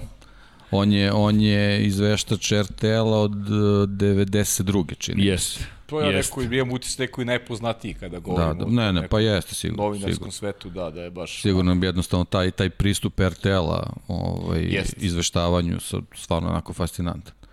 Ono, poželiš da znaš nemački. Dobro, Kai Ebel koji Da, da, da, svojim oblačenjem i stavnim Pa dobro, to je onako informacijama i bilo malo- nastupom da, da. skrenuo mnogo pažnje na sebe. U, u cirkusu Formula Ali- 1 je jako bitno da, da brzo budeš primećen. ali, to je- ali, to je glavna Ali stvar. on je veliki profesionalac. Jeste, jeste. Koliko god je ta šminka bila tako možda opuštenija, Kai Ebel je čovek koga ja smatram da moramo poštovati. I, I neko ko je i promenio u krajnjem slučaju način na koji se posmatra Formula 1 za sve one koji su pratili RTL konkretno. Tako da neko koga volimo da pratimo. Pa da. znaš kako, i ne, neke, neke druge televizije su krenule zbog njegovog pristupa izveštavanja Jeste. sa grida samog Jeste, pred start jeste. trke i neke druge televizije su malo promenile ovaj pristup tom. Izvini, resničanin RSD 100, rehidratacija u studiju. Evo, odmah, ako vi kažete, mo- čekajte, može kafa, evo, nije. Može, može. To je, to je, mada, ovo Kafa, je kafa, diuretik, može, tako može da kafa. zadržava vodu. U svakom slučaju, hvala, da. E, samo, evo, podsjeća me, naša gošća i, i Maxu najbolji start sa 80 poena u četiri trke i njegov najbolji start. Navija predaju za se, Leclerc, da, sigurno sam. Pa za Leclerc. 100%. Evidentno se, ne Leclerc. Evidentno za navija za Leclerc, da. Ovi, nadam se da nisam propustio još neku pomoć, donaciju i tako dalje, s obzirom na činjenicu. Da, je slobodno pored lajka udrite i ovaj znak dolar, mi se nećemo žaliti uopšte. Komercijalni direktor sam ja nezvanično, tako da, da, pozdrav za resničanina. Eto, Saša kaže, Resnik City. I pitanje je, Srki izgleda da reaguje samo na donacije. Pa kako, Boško? Pa Boško, tebe čeka poklon ovde, ja, ja koliko se sećam, ali dobro, neka, neka. Evo, Flavio Briatore mi je prepustio tu palicu, ali Što, činjenica... što me zoveš Flaviju? ti, pa ti si prvi spomenuo komercijalizaciju. A, dobro, to je redu. Ja sam shvatio bukvalno. Da, inače pozdrav za sve koji nas prate, ima tu, ima, ima, ima još priča, ima, imamo, imamo priču iz Formule, evo neko prokomentarisao trku u Monaku. Ako smo ih kritikovali u Valenciji, pohvale za Monako. Spektakularna trka Formule E u Monaku. Možda nije grmelo, možda nije tutnjalo, ali ljudi, ja to posmatram ovako, to i dalje trkanje, da mi ugasite ton, opet gledaš veštinu nekih ljudi koji se i dalje trkaju. Oni se trkaju, meni je trkanje i, i daj, daj se trkamo, daj da se trkamo, čime god daj da se trkamo. I to mi je bilo fenomenalno zaista lepo je bilo vidjeti prvo da koriste stazu Formula 1, to su promenili najzad, ranije to nije bio nužno Pa, zbog kapaciteta. Tako je. I ri, bili su uplašeni, da li će tih, da li će biti ismejani posle toga. Ne, ne, ne, ne, ne. Ovo je najbolja trka koja je ikada bila Formule E i, i zaista imaju razloga da budu zadovoljni što su postigli. Pohvale, Antonio Felix da Costa na kraju na poziciji broj 1 ispred Robina Frinsa i Mitcha Evansa I, i Mitch Evans. Mitch Evans, pa reci, eto, Mitch Evans, blast from the past, što kažu amerikanci, da. ali što se mene tiče, trka koju svaki ljubitelj trkanja zaista treba da pogleda. Verujte, treba da je pogledate, jer u Valenciji kada njih pola ostalo bez, bez, bez baterije, ok, smejte se vas dvojica, ja ću da je pogledam ponovo. Ma ne, šalimo se, ma naravno, naravno da, naravno da treba pa, naravno. da svako ima, znaš, sve ima svoju sve priču. Sve ima, naravno. Ali ljudi. izuzetna trka, mnogo njihova, Nažalost, njihova priča je vezana samo za ulične staze. Nažalost. Bilo gde, Nažalost. van, van ovaj, uskih barijera na ulici, jednostavno ne, ne, ne mogu da budu atraktivni, to je šteta. Za razliku Jest. recimo od Moto E, ovaj, ja sam baš ovaj, sa Srđanom pričao u prošlom Moto Grand Prix podcastu, trka u Jerezu je stvarno bila, Moto E fenomenalna. Jeste. Jeste, i Moto E i Formula E ovoga vikenda pokazali da električni e, motori opet ti stavljaš isti da... koša, ja kažem da nije isti. Da, nema veze, ali, ali, ali čekaj, čekaj, sve govorimo okay. o uzbuđenjima koje su doneli ne, ovoga ne, ne, vikenda. Ne, ne, sve okej, okay. ja samo pričam, šta je, pošto... pričam samo o konceptu električne formule, okay. ona nema, nema prođu na, na stazama koje ne, nisu da, ulične. To ljudi, je, mi, mi se neka malo šalimo da. poštovanje za sve svako. Nama, ne, ne, to uopšte, nije sporno. svoju zabavu i to je samo to. Samo pričamo o, o, o nekom razvoju i konceptu koji uz Formulu 1 i, i prateće šampionate Formula E teško, teško da tu može da, da, ovaj, da, da nekako u budućnosti... Pa ja se ovaj, deki, nabacuješ mi, je, znaš, ali, okay. ali deki mi nabacuje volej ovde, prateće šampionate. Formula 3 se desila takođe u Španiji, videli smo novi vikend, novi pa, format takmičenja. Ali to je, to, je, to je za šampionat koji mora se gleda. I Formula 2 je Formula Slažem 3, to je Slažem nešto. se to je neko nevezivno tkivo znaš, za Formulu 1 i to mora se, mora se prati. Svako I... prati Formulu 1, makar pogleda rezultate u Formuli 2, Formuli 3. Treba, to su imena i prezimena koje vredi naučiti već sad. Kako Doći će u Formulu 1. Pritom, to su Formula 3 i Formula 2 su šampionati gde možemo da tražimo budućnost Formula 1. Yes. Formula E i ako se prebaci na staze Formula 1, e, ne, neće moći da razvija buduće šampionu Formula 1. Jednostavno nije, nije isti koncept. Nije. I ove godine smo videli tu promenu, ali... To su, nažalost, izvinim, evo i pobednik Antonio Felix da Costa čovjek koji po meni bio viđen u Formuli 1. I, Red Bull vozač. Mi smo navijali da, da se jedno, pojavi. Pa ja, mi, isto, mi, iskreno, isto, nama je bio isto najveći priča. favorit da. za, za, za Red Bull u to vreme. Meni, meni bio šok o, da Red Bull on je, on je bio Red Bullov vozač u trenutku kad je Carlos Sainz bio s njim u ekipi. Ali, znaš šta se meni kod njega dopalo? Koja je razlika u, u karijerama? Jest, ali, ali šta se meni dopalo kod njega?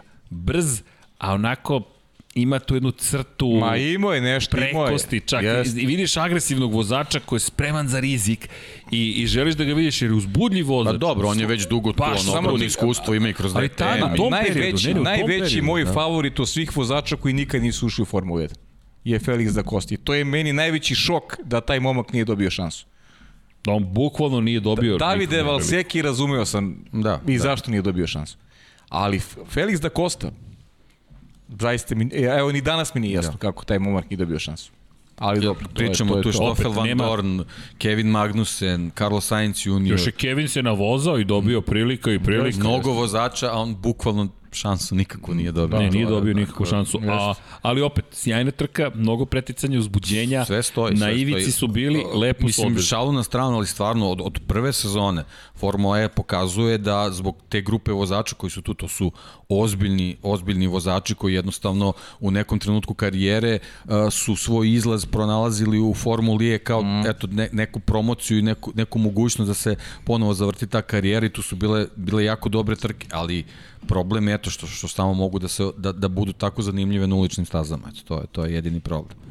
Zbog Ima, tog kapaciteta, ima mnogo baterije, interesantnih komentara, ne bih da, ih čitam ovo stvarno. Ako čujete moj, moj smeh, to je Čuje se Paja stvarno...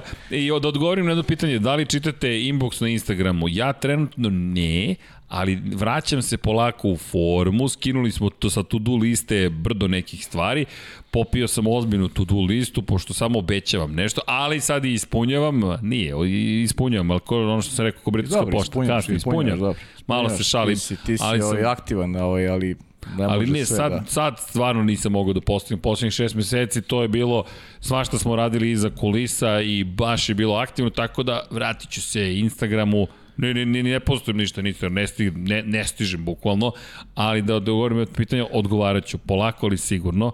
I ovdje ima jedna konstatacija da, da uspeh u Formuli 2 ne garantuje uspeh u Formuli 1. To je ono što smo Pa mi rekli za da Nikitu garantuje. Mazepina. Ogromna je razlika među Formule 3 i Formule 2, ali ta imena i prezimena imaju mnogo čistiji put ka tome da dođe u Formulu samo 1. da kažemo, kad pogledate, znači nije teško, može da se pronađe, iz Google se prosto i šampioni Formule 2 su imali lepe karijere u Formuli 1. Redki su oni poput malo, malo pre navedenog Davida Valsekija koji nisu dobili šansu iako su bili šampioni Formule 2.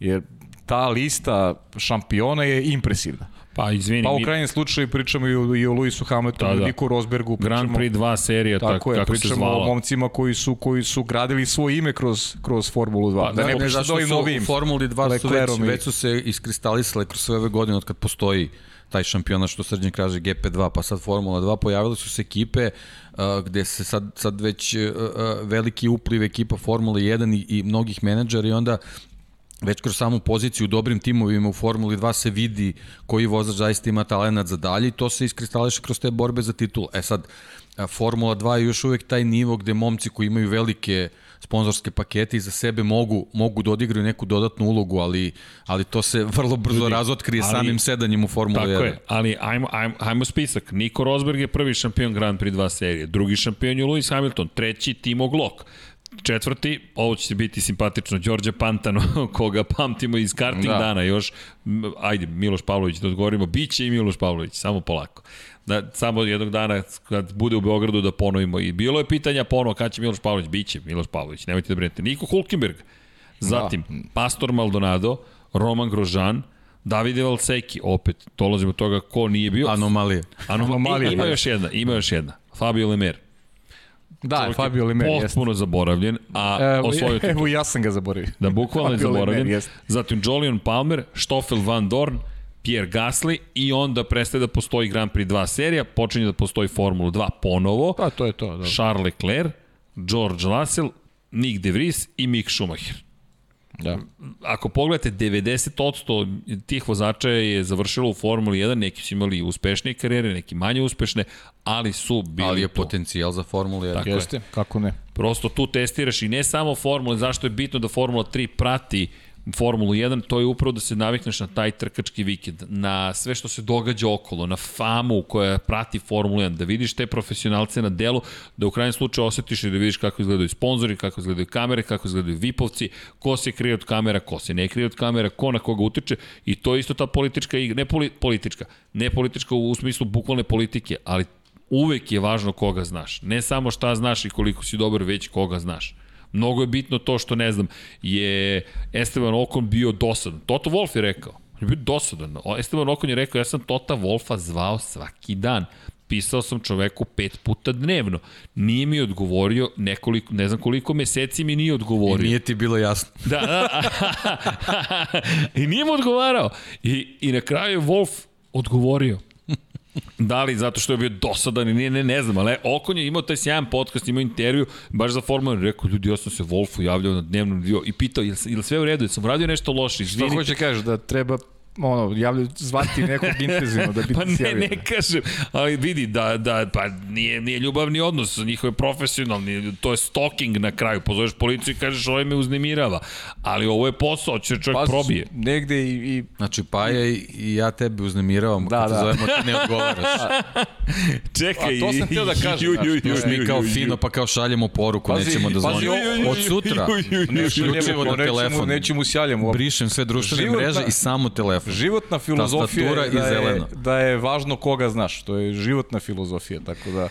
Znaš, ne samo u slučaju Esteban Okona, a poruke, više mu nešto sam poruke započeo temu? Vidi, da. ja nisam znao da kopam sebi rupu, ali... Ja ne odgovaram na ovo, ne odgovaram na ono. Ali imam ovde asistenciju, n- mogu da skrenem pažnju zato što je pala donacija. A kad me već Opa. prozirate sam komercijalni, ko- koliko zaustavljanja očekujete u Monaku, pita Aleksić 989, mislite li da je realno da se vrati točenje goriva, pozdrav svima. Pozdrav, Točnije evo, goriva nije realno. da se vrati. 4,99 dolara. Mi ćemo da točimo večeras gorivo, tako da šalam Da, na pa. stranu, ali hvala zaista za podršku. Kada da odgovorimo pitanje koliko zaustavljanja očekujete u Monaku, Pa ja očekujem iskreno jedno zaustavljanje. Ne, ne, Potpisujem isto. ne vidim potrebu za dva. Poslednji put zaista da pamtim da je neko otišao na dva zaustavljanja i to planski nadigrao konkurenciju je bilo tipa, ne, je imao jedno zaustavljanje i nadigrao Damona Hilla tipa 1995. Mihael Schumacher. To je poslednji put da se sećam da je neko imao veću brzinu, pobedio u kvalifikacijama i izgubio u trci. Zapravo je Benetton zajedno sa, sa Schumacherom dobio tu trku. Ako se ja dobro sećam, to je jedno stajanje, Hill je imao pol poziciju i prednost u samoj trci, otišli su brzo na, na promenu guma, Schumacher to nije ispratio, čekao polovinu trke, zamenio jednu gumu i to je bilo to. Tako da Ta očekujem jedno. konfiguracija staze ne, ne, ne, ne dozvoljava da se, da se radi strategija na više, jednostavno teško je napraviti prozor da možda izađeš na čistu stazu i to je, to je baš nezgodno. Ne verujem da iko ide na, na, na taj rizik, da tako kažem, da, da, da pravi strategiju posebno što je ono velika Pa pa, verovatnoća safety kara. I, Eto, i složi smo se. Pa da, ali setite, pa setite Pa se i dobro, Monaka. sad je ovako, da treba možda malo nešto izanalizirati sad, ali realno A, realno jedno. mislim da je to to. Da. Pa ne, ako, Da. ali ako se vratimo... Ja, znaš šta je lepota cijele priče? Da idemo u Monaku posle dve godine. Da, to sam, e, to sam htio da kažem, Znaš, dve ti- godine nismo bili tamo. Izvini. Ništa šta? Ima- Šta se izvinjavaš? Pa, po defaultu. Daj, Prekinuo sam te. Ali šalu na stranu, kada pogledamo, eto opet, nemoj da se smete, hidrate... Cheers. Cheers, okej, okej. Aj, malo kafice. Pro, prozivka je pala. Da, kada govorimo o Monaku iz 2019. godine, setite se koliko problema bilo u toj trci. I niko nije mogao na kraju da, da, da pretekne Luisa Hamiltona. I setite se Daniela Ricarda, na primjer, koji imao kvar na bolidu, pa je opet zabeležio pobedu. Čovjek je pobedio iako je bolid polako ali sigurno umirao. Pa, mislim, u Monaku smo svašta mi viđali tokom istorije, tako da... San Devoti, svašta video tu. Jeste. Jeste. Sređa pa je daleko na crkvicu. Da. Je, da li, I lepo su, lepo su ogradili to. Jeste. Pa ja mislim da će ove godine tu, to biti ovako jedno interesantno mesto. Biće sigurno. Evo, šaljem Vanji grafiku iz 2019. godine u kojoj se u kojoj se zapravo vidi vidi koje su strategije ko, koristili koji vozači. To je najbliže što možemo se pri, pri, približimo Ali tome. nemoj da najavljamo Monako danas. Nećemo. Da, to ćemo okej. sledeće nedelje. Okej, okej. Evo, okej. Pa da, mislim, imamo vremena. Hvala pa. Je tako? Imamo Da. kako nemamo vremena. Utorak sledeći najavljamo Monako. Dogovoreno. Pa dobro, to je Sa neki teniskog terena. plan. Sa teniskog terena, da. Što mi se smete večeras? Ovde u pozadini publika je potpuno nekrajnje neozbiljna.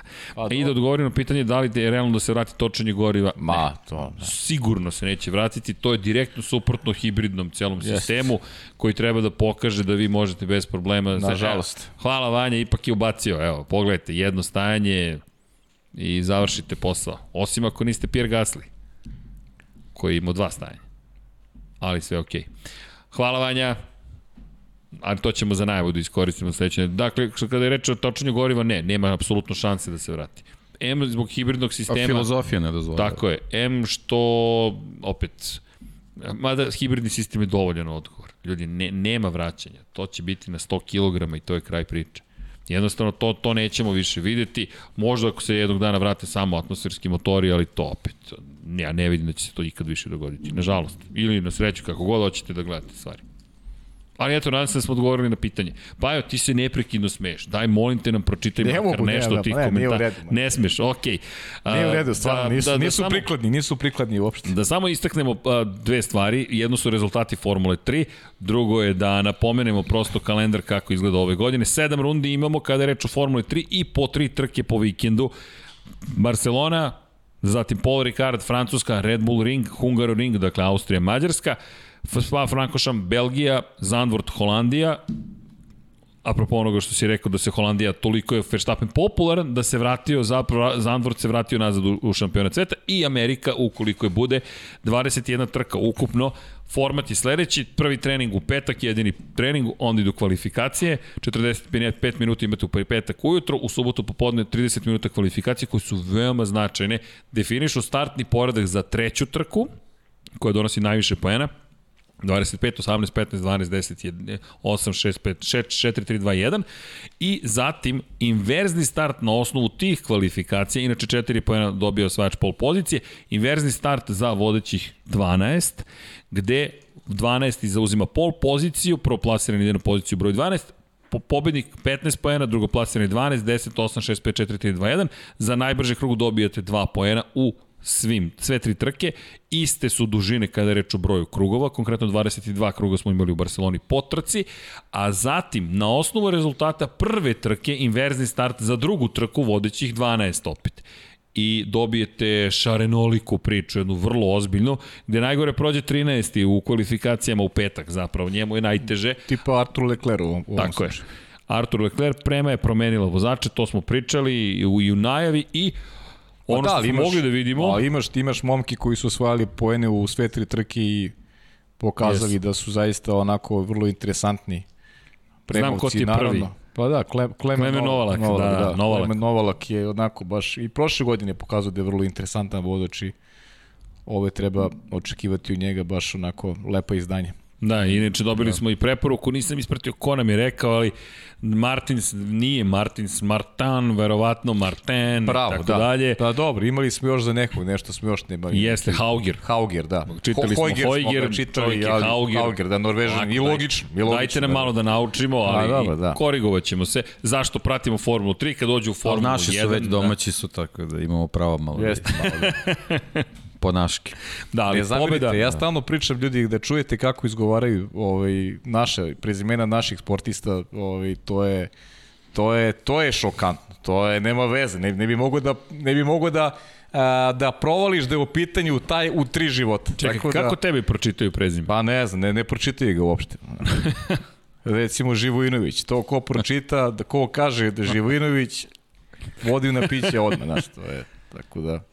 Malo više patimo malo od tih Čekaj, stvari, moram priznati. Potkonjak, naš... dobro je da nemaš puno suglasnika. Da, ovaj čak za divno čudo ovaj, prilično tačno izgovara. Stvarno? Da. Potkonjak, a? Da, ali sam pa, Dežan, ali sam Dežan. Dežan, da. Dežan. Ili Dehan ovam. Dehan.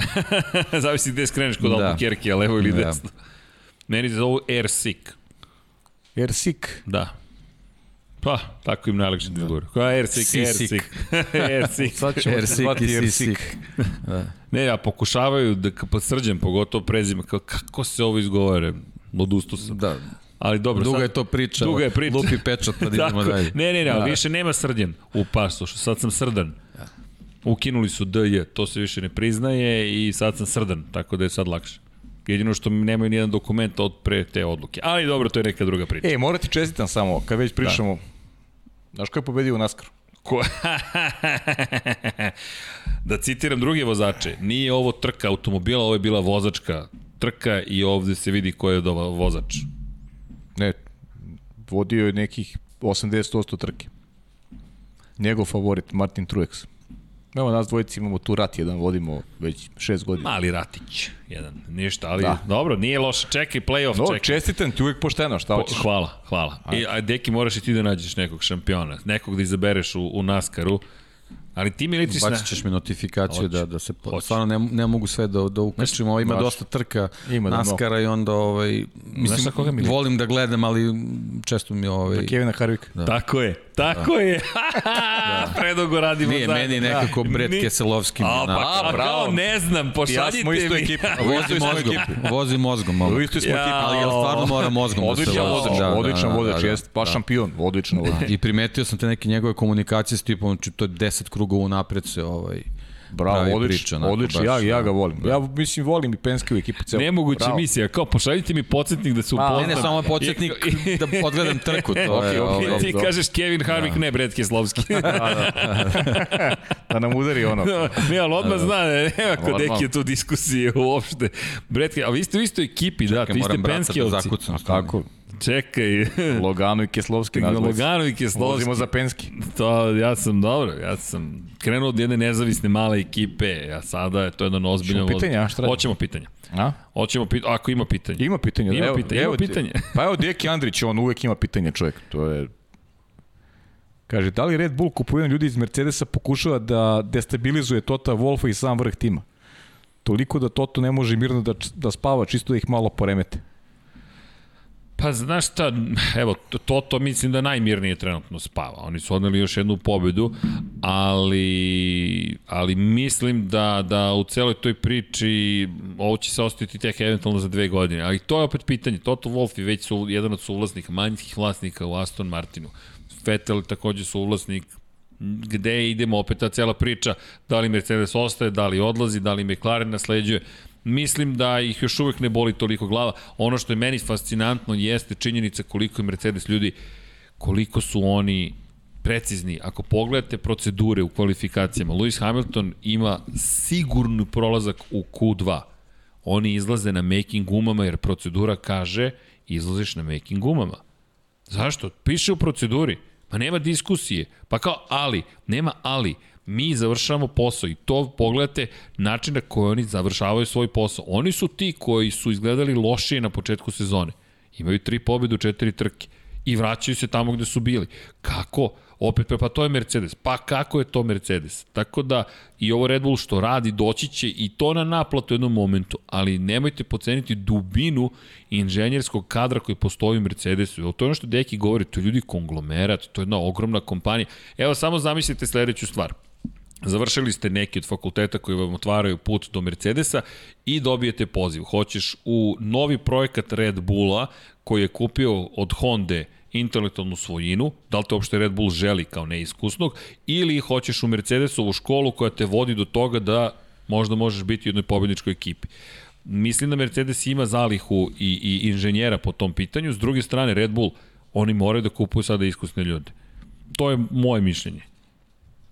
Inače, pozdrav, Marko pa, Pavić. U, u nekim segmentima treba im know-how čisto da bi Treba skratili im. vreme. Tako je. To je samo zbog toga. Ali mislim, to opet ne, ne sada sad, angažeš ljude. Izvedi... Ali problem je što nema mnogo ljudi na, na tržištu koji su toliko kvalitetni i znaš gde moraš da tražiš. Ali ja duboko verujem da Mercedes ima strukturu koja će dovesti do toga da ti možeš da povučeš ljude koji, koji će zauzeti svoje pozicije. Mislim da oni pametno grade naslednike, ali to ćemo videti. To je samo moja pretpostavka, jer jedno od najvećih zapravo... Znaš kako, oni imaju ekipu u Formuli E. Tamo se grade neki ljudi koji mogu da koji, da dođu. Znaš, za, za neke određene ovaj, sisteme u tim bolidima, tamo se već Odlika razvijaju ljudi. velikih vođa bi trebalo da bude da li stvaraju naslednike. E to će biti test Tako za Tota Wolfa i za ceo njegov tim. Da li možeš da stvoriš naslednike i da li njegovi inženjeri vodeći mogu da stvore naslednike. To često ne bude slučaj. E, pa je sad ovaj Krakić Osip, izvini, izvini. nadovezuje se lepo pitanje. Da. E, kako komentarište obraćanje Tota Wolfa Mihajlu e, tokom trke za plave zastave A, Michael Masiju. Michael, da, Michael Masiju, da, Michael Masiju, da, pa, tokom je... trke za plave zastave Mazepinu. Pa, meni je tu više, znate šta, često mi svi zajedno upadnemo u zamku toga šta nam je režija pustilo da čujemo. To je reality. To je mm. reality, bukvalno. Lepo si rekao, Deki. Jer u tom momentu mi smo dobili samo jednu poruku koju uputio je šef ekipe Michaelu Masiju. Svi, ja mislim da svi tokom trke Svi imaju direktan šalju, kontakt da, sa da. Masijem, direktorom trke. Ako se vratimo na Bahrein i ne branim nikoga, samo da budemo vrlo precizni, Christian Horner je imao komunikaciju sa Michaelom Masijem, ali je neko iz Formula 1 management, to jest Liberty Medije, rešio da rešila da kaže, e pa ovo ne ide u etar, ali ovo ide u etar. Tako da je nemam problem sa time. To je jednako onim, onim Hamiltonovim porukama ekipi da su gume u lošem stanju i tako dalje. To je reality. Izvini, to je, isto kao mm. Sebastian Fetela. mora na neki način se podigne neka ovaj, dramatika pa, gde da. je nema. Ali Fetela, na primjer, mogli su da zaštite u jednom momentu kada je psovao Charlie'a Whitinga. Ja verujem da njemu i dan danas Meksiko taj ostao u glavi gde ti psuješ, psuješ čoveka koji takvo poštovanje uživao i uživa. Ja zaista mislim da njemu dan, da njega samog sramota dan danas. Nisi morao to da pustiš. Mogu si da ga pozoveš na razgovor iz zatvorenih vrata i kažeš, ej, vidi, to se ne radi. To, to, to je nepristojno. Ali to je baš nepristojno. To je Charlie Whiting. O čemu pričaš? Kako možeš njega da psuješ? To je, to je to, ali neko nam je to pustio. To, to u NFL-u ima. Ne, ne znam, Sam Darnold, bivši quarterback New York Jetsa, je, nosi mikrofon, Mike Tapije i u jednom momentu kaže ja vidim duhove, jer je tolik tako je odbrana igrala New England Patriots i on čovjek priviđali su mu se ljudi koji mu dolaze sa strane gde, gde ih nema zapravo, neko je u režiji izabrao da to pusti. Ko zna koliko Čisto da se podsjetimo. ok, hvala Vanja. Bliži se novembar. Bliži se novembar, ok, to se ne radi Vanja, ali dobro. I tako. Dakle, Marko Pavić, 20 kuna, 25 kuna, hvala. Šta mislite o Švarcamu i kako sam promenio temu? I šansama za Formulu 1, kao i na Niniju koji u F2 već ima bodove za najgoru ekipu, a u F3 mu praktički oduzeta pobjeda u trci broj 2. Mm, Švarcman, Ćemo Švarcmana. Pa ne znam kako Hvala su mu inače, šanse. Marko. Kakve su mu šanse. Nisu mi tako, ne deluju mi tako veliki kao što je bio slučaj prošle godine. Mislim da je ovo on je sam kriv za to u suštini. Druga polovina prošle sezone je bila katastrofalna za njega. A na Nini mi se baš dopao u Formuli 3, ove prve tri trke. Mislim, oduzeta mu je pobeda. Ok, to je bio trkački incident. Mnogo je tako oduzetih pobeda ali je, ali je vozio sjajno. Prvo kvalifikacije su bile odlične, četvrto mesto je sjajno i, i dve naredne trke koje je odradio baš kako treba. Pa, ajde da, da se nadovežem na to, da ne pričam konkretno o vozačima, pa smo, prešli smo brzo, pa sam to i zaboravio da kažem, generalno format Formule 3 E, mi se ima- ima sviđa, pitanje, ima pitanje a, za sviđa format. mi se zato što onako može prilično da ohladi usijane glave. Mm. Ovaj, I da, da više istera ono vozačko i taktičko iz, iz, iz momaka nego, nego da vidimo neku čistu brzinu koja dovodi do tih nekih stvari gde vidimo da je vozač očigledno dobar i onda tako jed- jedna situacija poremeti čitav plan i oduzme bodove i tako dalje, a ovde će možda moći malo brže da sazriju, da, da shvate da nije sve u jednoj trci, u jednoj krivini, nego da tu postoji jedan trkački vikend gde moraš baš dobro da odmeriš ovaj, uh, svoj nastup, što je u, principu jako bitan kvalitet za kasnije. Znaš što je za, dobro za Formulu 3? Što Formula 3, evo recimo Hauger, Hauger, eto, pošto Hojger neće više biti da, Hojger, zaboravi. Hauger je, zaboravili smo da je Hojger. E. Hauger je prošle godine osvojio 14 poena za celu sezonu i to svih 14 u, u Budimpešti. Vozi jednu malu ekipu, ali očigledno da a, je primećeno da on dobro vlada tim bolidom koji je bio slabiji u odnosu na Premovce, u odnosu na, na, na, na neke druge ekipe i dobio šansu u jednom da kažem, velikom sistemu, velikom sistemu za Formulu 2, Formula 3. I pokazao je pokazao je da je kvalitet. I sad u Formuli 3 nije nužno šampion taj koji će se pojaviti Apsolutno u Formuli ne. 2, već vozač koji se najbolje snađe u postojećim najbolje okolnostima. snađe i jako bitna stvar, uh, sponzorski paket. Tako, i kao- A on s obzirom da dolazi iz zemlje gde nema mnogo dobrih vozača, Pa dobro, mislim, mislim za Formulu da. 2, za, za, spo, za, za ulazak u Formulu 2 nije toliko presudno. Nije ni presudno, ali, ali paket. moraš, moraš da ga imaš Mora, u sebi, a- a, ali- on može ali da nije- ima. da, Hoće mi- da kažem, on, on je Može. tu obezbeđen, znači nije... Može da ima. A, nije ali mi ovaj- se sviđa, za, da. zašto mi sviđa Formula 3? Upravo iz tih razloga što, što a, ipak dobijaš kao konačan proizvod talentovanog vozača. Apsolutno. I to je to. Zato je Formula 3 super interesantna jer tu možemo da, da, da vidimo neki talent i slažem se s tobom. Za nas je ovo novi format i dopada se i meni, zaista je super. Ono što mi se ne dopada, što imamo sledeće trke za mesec dana. To je, Zaboravit ćemo da. šta smo gledali u, da. u roku od mesec dana. Da, ali- I to je nešto što, što mi se ne sviđa uopšte. Ali izvini, je- ovo je, ovo je opet kada pričamo o Mateo Naniniju, pošto je konkretno bilo i pitanje za Matea Naninija, kada pričamo o, o, o, o ajde, njegovim mogućnostima, on je momak koga vidimo i u Formuli 2 i u Formuli 3. Na Nini je možda pokazatelj kako možeš neke stvari, da to je gotovo sad nemoguća misija, ti skačeš iz Formule 3 u Formulu 2, ali te duge pauze eventualno tako da se kompenzuju i samo bih se dotakao Roberta Švarcmana još na jedan način, a to je nemojmo zaboraviti, izvinjam se, da je, nažalost, on izgubio oca prošle godine u sred pandemije, COVID, jedna od prvih žrtava COVID-19, njegov otac je bio ključna osoba u razvoju njegove karijere. Švarcman je prošle godine imao najviše pobjeda u Formuli 2, ali od, evo i on je nedavno je objavio ponovo post na Instagramu gde se seća svog oca.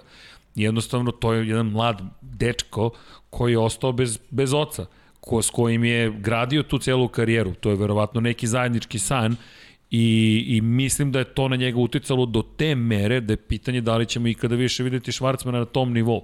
Ko, I on, on je rekao, on, njegova aktivnost na društvenim mrežama je vrlo ozbiljna i on je izjavio, dečko, da jednostavno smatra da je njegov sada zadatak u životu koji je dosta drugačiji i da Woody je napisala lep tekst u, u Formuli Scout, gde, gde je rekao da kao član Ferrarijeve akademije on ima vrlo ozbiljnu potencijalnu budućnost, ali je rekao koristim društvene mreže sada da pove, po, po, podignem svest o tome da o lepoti života, pokušava da širi osmehe, ali meni to ne deluje kao neko čiji fokus agresivna, sebična, vožnja do uspeha i odlaska u Formulu 1. Mislim da se on susreo sa nekim aspektima života s kojima ne bi trebalo tako mlad čovek da se susretne. Nažalost, mnogo ljudi je tako prošlo, konkretno on je javna ličnost, pa o tome više pričamo, ali mislim da zato Švarcman teško da može, makar ove godine da doći do toga. Možda sledeće godine zrelosti, ukoliko još bude imao šansu, jer šanse brzo prolaze, u ovom svetu generalno često se desi da, da nemate previše prilika, tako da mislim da za Švarcmana je ovo poslednja sezona, ali bojim se da neke druge ideje su trenutno Pa evo samo da se nadovežem vezano za tu pauzu. Jedina po meni pozitivna stvar iz tih velikih pauza u tom šampionatu je a, možda i neki povratak u prošlost gde smo imali prilike da vozači koji, koji mogu ozbiljnije da grade karijeru o, mogu da nastupaju drugim serijama u nekim GT mhm. šampionatima, prototipovima da, da, da. i tako dalje, onda mogu možda i na taj način da, da, da sagledaju svoje mogućnosti i onda da, da tako i pogledaju ovaj, koje su im sve, sve opcije, nevezano samo za Formulu 1, jer naravno tamo, tamo je ograničeni broj mesta i, i ne mogu svi i ni da završe tu, a kad imaš neki, e, neki šampionat koji je, koji je zgusnut u kalendaru, ti jednostavno nemaš prilike da, da, da se isprobaš u nekim drugim segmentima, tako da eto, ako postoji neka, neki pozitivan bitan deo u toj priči, to je onda ta, ta, ta mogućnost da se vozi ne, neki drugi šampionati. Prosto se snalaze. Snalaze se na Nini, to pokazao. Na Nini koja je to lepo osvojio i ono što je, što je Marko lepo rekao, jednostavno dečko osvojio po Eni u Formuli 2. To, to su ozbiljni rezultati. Mi pričamo sad, eto, ali možda i Alonso preteča tih nekih novih situacija tim svojim šetanjem kroz Pa ne, to je taj serije. neki povratak kako se to nekad radilo na kraju krajeva Niko Hulkenberg je to pokazao kako to može da bude onako da je moguće. A, a stvar koja ovaj ti ozbiljno izgradi reputaciju. 24 časa Lemana kad do, do te sebi... pobede to je bila jedna priča Niku Hulkenbergu. Posle te pobede mnogi su poželili da se nađu u njegovom kokpitu i u njegovoj koži. Jer on već, već u, za, za svojim pojasom ima jednu ozbiljnu titulu. 24 časa Lemana. To ne osvaja svako. Pogotovo ne u toj kategoriji. Mi pričamo o najjačoj kategoriji.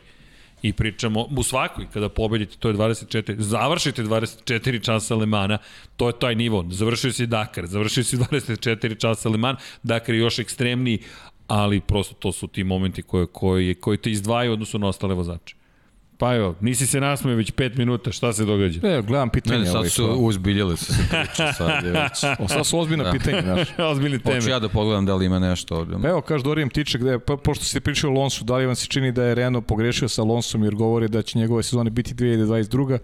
A šta će biti posle toga, ne verujem da će Alonso da vozi još 5 godina, možda bi bolje bilo da su uzeli nekog iz akademije i dali mu vreme da su hodava i sprema za novu eru, pa sa Okonom da krenu u borbu za nešto više. Pozdrav Dorijane. Pa niko ne pravi strategiju sa dvojicom vozača, to smo već pričali, tako da Alonso je tu ovaj, zato što, što on ima svoj, svoj neki program, a s druge strane mi ne pričamo o Alpini, pričamo o Renault kao, kao nekom globalnom brendu koji ima razlog zašto je angažovao Alonso kao vozača na kraju krajeva bilo je upitno zašto je Mercedes povukao Mihajla Šumahera iz, iz penzije, pa smo posle par sezona videli zašto se to radi. Znači nije, nije to slučajna priča I, i nije priča koja je, je eksplicitno vezana za osvajanje bodova na stazi. To je moje mišljenje. Pa... Niko nije doveo Fernando Alonso da bude svetski šampion u Alpini. Nego da, da se ta priča postavi na prave noge i da, da, da onda krene sa, sa sa nekom strategijom angažovanja vozača. Pa i to vozača. je, izvini, iznuđeno rešenje. Daniel Ricardo je da. bio predodređen da vodi taj tim. Daniel Ricardo se povukao posle jedne sezone manje više i prihvatio ugovor McLarena i to je dovelo Cyril Abitebola u tom momentu u situaciju da kaže šta sada. Šta, ok, ali bukvalno bi čovjek bio u situaciji šta sada. Otišla je zvezda u koju sam, na koju sam se ja kladio, a mislim da je Ricardo njega koštao posla. Bukvalno da je Ricardo direktno doveo do, do, do otkaza. Zašto? pa u, korp, u svim krugovima, ali pogotovo za korporativnim stolom, dođeš i kažeš ja verujem u ovaj projekat. Ja stojim iza ove priče. Tako je, ja stojim iza toga da je ovo put kojim ćemo doći do toga da ponovo budemo relevantni, brzi, uspešni i šampioni, šta god da pričaš, u šta god da veruješ. I put do toga je Daniel Ricardo. Mi ćemo sada da ceo tim okupimo oko Daniela Ricarda, dovešćemo ga u fabriku, Ricardo će da podigne moral, Ricardo će da bude naša zvezda, Ricardo Renault bit će jedno I Daniel Ricardo ti pred početak sezone, koja je već problematična, kaže, e, ja sam rešio da oduz... Ja sam malo šalio. Ja ipak, ipak idem u McLaren s kojim sam isto pregovarao kad i sa vama, pa sam prihvatio vašu ponudu, ću sada ipak njihovu ponudu. I ti sad kao Cyril Abiteboul treba da staneš pred taj isti upravni odbor i kažeš, e, drugari, što sad imam, imam rešenje. Ti nemaš više rešenje. Ti se sada vadiš i ti sad izmišljaš nešto. Fernando Alonso ti tu dođe kao rešenje. Zašto? Pa, odjednom pričaš o novoj zvezdi koja je sertifikovana zvezda Renaulta bez obzira na činjenicu da postoji pitanje koliko su koliko je, je ceo Renault, to je Alpina iza Alonsa, ali ti si dobio nekoga koga ljudi vole, ko će privući pažnju, zadržat će sponzore, neki će da dovede nove. Ma neki tu si formila novi brend, radi se promocija brenda, njima je možda potrebno špansko tržište. Ko ne, to ne znamo mi. Globalno, ali, mislim, ali Alonso, je, Alonso je globalna plan. zvezda na, na, na španskom zvezda. govornom području. Znači, svi znamo da Renault ima ozbiljnu priču u Južnoj Americi. Ne Jest. možemo mi da uđemo u sve detalje koje su tu, pre svega zato što to se ne radi o osvajanju tri ili četiri boda na stazi. To apsolutno nije, nije ta priča. Jednostavno priča pa, je takva da su se interesi deki. složili Alonsa, njegovog menadžmenta i menadžmenta Renault. Evo, da sad pričamo o Alpini, da, smo, da je neki drugi vozač u pitanju. Neki manje poznat. Da li bismo mi pričali o tome? Apsolutno ne. Istina. Istina. Opa, istina. istina. Uh! Živel. Da. Vanja je uspeo da skloni kadar u poslednjem trenutku. Hvala Vanja. To je taj brzi switching. To se samo da proverim da li spavaju tamo. Iz... Ali... Znaš kako vezano, vezano za Dakar, Toyota je mogla isto da dovede nekog drugog vozača i to je da ne da mesto Fernando Alonso u toj ekipi za Dakar. Ali Previše se smeju deki, nešto spremaju, neku pakost A ne, sprema već je opuštena atmosfera. Montaža sprema. Čekamo novu godinu. A, da, da. Čekamo novu godinu. Ubila ih voda. Nazdravlje, hvala. Da, eto. Uh, ništa ljudi, dajte da se mi ispričamo. Evo, Umesto sad, nazdravlja udarite like jedan. Verovatno Kad propuštam. Srđan kine, udarite like. Može, čekaj, e. čekaj, e. izgleda da sam propustio neka pitanja. Ne stižem sve. Da li od 2022. možemo očekivati novu vrstu motora, odnosno kraj turbo hibridere? Ne, ne, ne, ne, ne. Šećerov, to, to, ne, to je pravilo, kaže vrlo jasno, s ovim motorima nastavljaju motore koje danas već vidite, oni razvijaju za 2022. Tako da to se neće dogoditi, kao što su rekli da će nastaviti 2026. sa hibridnim motorima, eventualno ćemo ostati bez nekih dijelova tih hibridnih motora, pred svega se govori o ERS-u, kao nečemu što jednostavno smatraju da nije potrebno, to je sistem koji stoji inače na turbo kompresoru i gde vi generišete električnu energiju opet iz kinetičke energije. Tu nema toplotne, raz, toplote pretvaranje u, u električnu, to se samo tako zove zato što je vreo gas koji izlazi iz izduvnog sistema, ali on vrti lopatice što je opet kinetičko, to je nekretanje, pretvarite da, ali da ne komplikujem ERS, dakle je pod znakom pitanja. E, Nikola Mogu ja da se nadovežem ovde samo s jednim pitanjem. Ovo, ovaj, samo da vidim. Dejan Krstić, Uh -huh. uh, ovo je ono, pričali smo pa ja o tome, mislim da smo ti ja isto govorili, a čisto da, da li je moguće da Bottas možda u svakoj trci pred kraj nema uopšte punu snagu bolida kao što imaju Max i Hamilton, da li će zbog toga možda Bottasov bolid biti pouzdaniji u ostatku sezone? Eto, to je, to je pitanje. Pa, ja, generalno jedina stvar koja mi ozbiljno smeta je ta kontrola snage mm. bolide i to smo pričali o tome. Ja bih zaista volao da se recimo ta, ta odluka promeni, da jednostavno Slažem znamo to smo, sa kolikom snagom raspolažu, baš, to jest sa maksimalnom snagom da raspolažu svakom Sa Zoranom Živkovim da. diskutovali da. prošli, prošlog puta, o čemu je tu, zašto mislim da ima, ima osnova ova priča, zato što je Valtteri Bottas rekao, a ako ništa drugo, bar nam daje dovoljno informacija sada da znamo da, da možemo da protumačimo te reči na, na, na jasan, jasni način. Rekao je posle trke da je bio čudan taj moment kada je ostao bez snage. Pričali su o senzoru na izduvnom sistemu, ali Bottas je bio vrlo, vrlo jasan kada je rekao moramo da proverimo šta se dogodilo da je da ostanem tako bez snage. E, uvek će postojati sumnja dokle god postoji mogućnost da Tako da ekipa je. to uradi želim da se ukine mogućnost da ekipa to može da radi, da to samo vozač može da uradi i... Formula 1 je perjanica automobilizma. I Formula 1 služi da se razvijaju nove tehnologije koje se kasnije koriste u proizvodnji serijskih automobila. I to je taj neki napred ko, koji je neophodan da bi Formula 1 automobilizam funkcionisao. Ovo pravilo apsolutno nema veze ni sa čim. Ja jednostavno u čitavoj toj komunikaciji koja postoji danas, ja bih jednostavno tu mogućnost ukinu. Eto, to je, to je nešto što, što mi smeta i što možda od, određuje neke ovaj, uh, situacije vezane za, za sam ishod na trkama, a to nažalost mi nikad nećemo moći da znamo i to je ono što mi, što mi stvarno smeta. Pa, Eto, to lepo je, to si rekao, ako je ovo taj vrhunski sport, onda taj vrhunski sport mora da bude zaista broj 1. Inače, ima, ima pitanja, kad bi Red Bull otpustio Pereza, koga bi doveli? Ljudi, ne, of, mislim da to, to sad to, to ne, sad bukvalno čak ni na nivou nema razloga da se spekulacije, ne, ne vidim da, da, da, da, koga bi doveli. Pa upravo, upravo je to problem. Potpuno je sve jedno. Mogu upravo je da to problem, zato što Gaslija oni ne više mogu. nemaju nikoga da dovedu. U tome Šta će radi. Cunodu da stave u taj bolid? Pa ne, to, to dovođenje Kvijata. ti ništa ne garantuje. Taj vozač može da bude tri puta bolji od Pereza, može da bude i tri puta Pa ne, loše, ali... ali- to nije situacija koja je njima potrebna u ovom trenutku, tako da ne, ne vidim. Pri Ne, tom, ma ne. Perez je donao neke sponzore koji je su ušli čitavu priču Ali i, je pitanje, zato što je- raskidanje tog ugovora sa Perezom. E, Perez nije Red Bullov vozač i i to ni, nije on vojnik na taj način da on može preko noći Pa da... da, ali novac nije, nije problem Red Bullu. Pa Znaš, to- to nije, je- ali, ali u priči Ali- da ti, ti razvijaš priču za sledeću Ali ljudi, godinu Oni su stekli ulogu. takav imiš, pa s tim u Ali- vezi pitanje je, znaš, i nije loše uopšte, ali, A- ali ne verujem da će to dogoditi pre svega, pre svega iz tog razloga što što oni nemaju koga da dovedu. Znaš, nema, nemaš opciju uopšte da nešto napraviš. Ti imaš svoju sestrinsku ekipu koja i, ima vozače, imaš Cunodu koji prosto, prosto nije zreo za tako nešto. Drugo, imaš Pjera Gaslija koji se već je onako odvojio od tog sistema. On, on dečko već u svojoj glavi gradi svoju neku karijeru. Zašto bi se vraćao na, na, na staro? Ne, mislim, nema ljudi, Ne, potrebe nema razloga da se vraća da bude drugi vozač. Pa nema, nema potrebe. Postoji malo drugačija situacija. Hajde da postavimo stvari iz druge perspektive. Otpustiš francuskog vozača u sred sezone, nećeš ti pretrpeti tako mnogo u Francuskoj kada je reč o tržištu. Otpustiš Meksikanca, to ti, Pa, ti, to- ti to ulaziš, pričam, to to je pričam, da. da, stvar Da, je. nacionalnog ponosa. Ljudi, setite se prošle godine kad smo pričali o Sergio Perezu i njegovoj pobedi. To je pitanje nacionalnog ponosa, to se ne dešava svaki dan. Francuzi to ne posmatraju na tako, tako emotivan način, tako ličan gotovo način. Ti si sada komitovani prema jednom celom tržištu, jedno, ne samo prema sponzorima. Tako da mislim da je to nemoguće, ali se slažem Pa s tobom ne, da evo je samo zamislite, zamislite situaciju iz- otvorene, otvorene priče recimo na velikoj nagradi Meksika ove godine.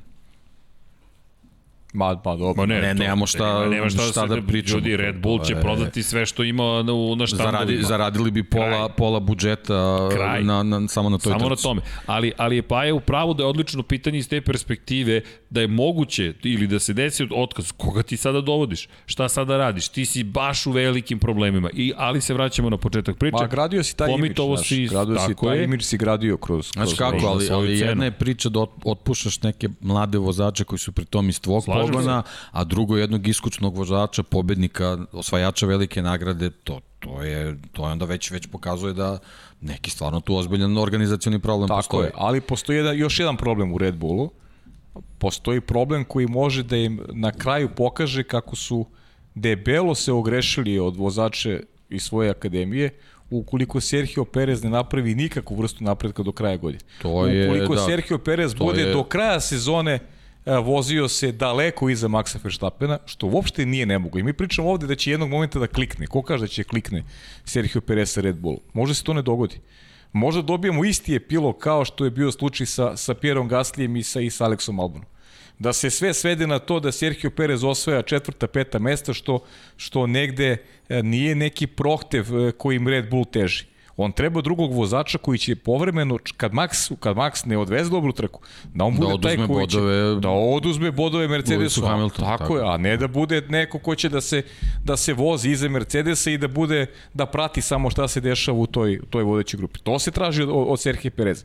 I iskustvo njegovo, kvalitet, prosto to mora da donese. Za sada mi smo daleko od, od te situacije, pa samim, samim tim i Red Bull ulazi u neku drugu vrstu problema kada govorimo o pripremi za za 2022. godinu i ono što, što ih čeka u eri Maxa Verstappena, jer ja verujem da će ta era trajati, da će Max ostati u Red Bullu i narednih godina. Da li mislite da je ključno da Red Bull, to jest Max, pobedi u Monaku za njegove šanse u borbu za tituli? Pa ja se slažem da jeste. Pa veoma je važno. Got, kritično je. Ja, ja, mislim, da je ja mislim da je već kritično. Da, jer Jer i, i ima tu par, par stvari. Ukoliko tu izgubiš još jednu bitku i dođeš u Baku, gde su male šanse da ćeš odneti pobedu, ti si već na trećini sezone, a treba da paralelno pripremaš bolid za ovu godinu i bolid za 2022. I ne zaboravimo onu priču, pričamo je konstantno Red Bull i šta se već dešava sa, sa, sa korisnicima ovog Hondinog agregata, da je već se menjaju i baterije, Cunoda promenio kompletan agregat, pouzdanije je mnogo Mercedes u tom pogledu, tako da ja iskreno sam video da Red Bull i Max Verstappen da će biti pozicionirani kao pre svega Max kao vozač koji će da vuče karavan u smislu prednosti koju će imati s početka godine. Da će Lewis Hamilton biti taj koji će juriti prednost. A mislim ova, ova uloga sada meni onako, više sam sada skeptičan kada pričamo o toj borbi, jer i ta pouzdanost Mercedesa u krajnjem slučaju čini mi se da će doći do izražaja kako sezona bude odmicala, jer, e, jer to će igrati vrlo važnu ulogu kada, kada uđemo u drugi deo sezone. A, a Honda, Honda je već sada pokazala e, pokazala slabost, evo, govorimo iz percepcije ove trojice vozača, mada opet ima i, ta, ima i taj drugi pogled da su, da su njih trojicu u stvari u službi onog prvog. Pa... Da, uz detalj da ovo nije u potpunosti Honda. Uz, što je isto uz, uz ogroman naravno nešto što je što naravno. može da se da se ukalkuliše kao minus Red Bull ove sezone. Definitivno. A inače Ognjen, to je više za MotoGP. Sutra MotoGP. A, moćemo da najavimo. Jel sutra MotoGP? Jel sutra Jel MotoGP? Da nije danas. Sutra. A nije, nije, da. sutra nije još, nije još danas, nije još, još danas, još malo. Hoćemo da najavimo. Vadi da, na, uh, da, na, najzad je došlo vreme za jedan specijal. Jeste da stiže Le Mans, ali ćemo sutra mi da to spojimo sa imate neki komentar uh, da, da požurimo, nećemo požuriti sigurno. Sutra nam je specijal, posvetit ćemo ga, pošto broj 93 smo propustili, Marku Markezu i najavi trke za Le Mans, tako da ko želi da sluša i taj deo priče, to ćemo sutra, a Ja obožavam. Obožavam. Marko Markezu. Evo ga, najveći navijač. Marko jedan Markeza, like jedan like, jedan ja, like. Javite mi kad se završi. jedan like imamo, ali, ali Ognjen samo je konstatovao, kaže Pedro Acosta i Lewis Hamilton, to je to, tri pobede, jedno drugo mesto. Malo je drugačije, ali nije daleko. O tome ćete sutra, da, ajde. O tome ćemo sutra. Dobro. Idemo dalje. Mogu samo nešto pročitam, ne zaboravim. Možeš, naravno. Podsjetnik za Srđana. Da. Slovke čini mi se, izvinjavam se ako nisam dobro pročitao. Dobro. Onaj klip poređenja četiri proizvođača motora sa Twittera. Samo sam pročitao, ne znam, ne znam tačno o čemu se radi. Možda ti znaš o čemu se radi. Da, da, znam o čemu se radi, ali ajmo da iskoristimo, čekaj sad, možda da iskoristimo za, za narednu nedelju, koliko se gospodin slaže, jer mislim da bi to bilo zgodno, ali jeste dobra stvar, zaboravio sam, nisam, nisam vanji poslao i čim ne pošaljem vanji odmah, to onda završi negde ovako u komentarima, podsjetnicima. Hvala. Evo, gledam. Da ne zaboravim. Vanja, iako te ne vidim, ali samo, samo upiši u tu do listu čuvenu. I da vidimo, ima još ovde pitanja. Da li, ali, da, da li možemo, to ovo smo odgovorili. Šta, Monako, to ćemo da najavimo. Da li je, eh, ovo je zanimljivo. Pita Dejan, kad je specijal sigurno mi VRC Hrvatska? E, pripremamo. Pripremamo. Da li mislite da je Hamilton direktno uticao na Albonovu karijeru? Brazil 19 i Austrija 2020. Kako, da li je? Da li je Hamilton direktno uticao na Albonovu karijeru? Brazil 2019 i Austrija 2020. To ima logike. Pa Yes. Sam razvoj događaja da. indirektno da, ali tu je Red Bull morao ovaj, više da... Pa dobro da ima sluha, da. da. zaštiti i da pruži podršku svom vozaču. Jeste. To je. Pa baš zbog toga što Ali Albon Hamilton nije... indirektno da, naravno, Jeste, da. čim, je, čim je bio u obe situacije. Da Tako. se tu drugačije izdešavalo, verovatno bi Albona možda i danas imali u ekipi. Da, ali lepo si rekao, Red Bull je morao da vidi to što, što smo svi videli.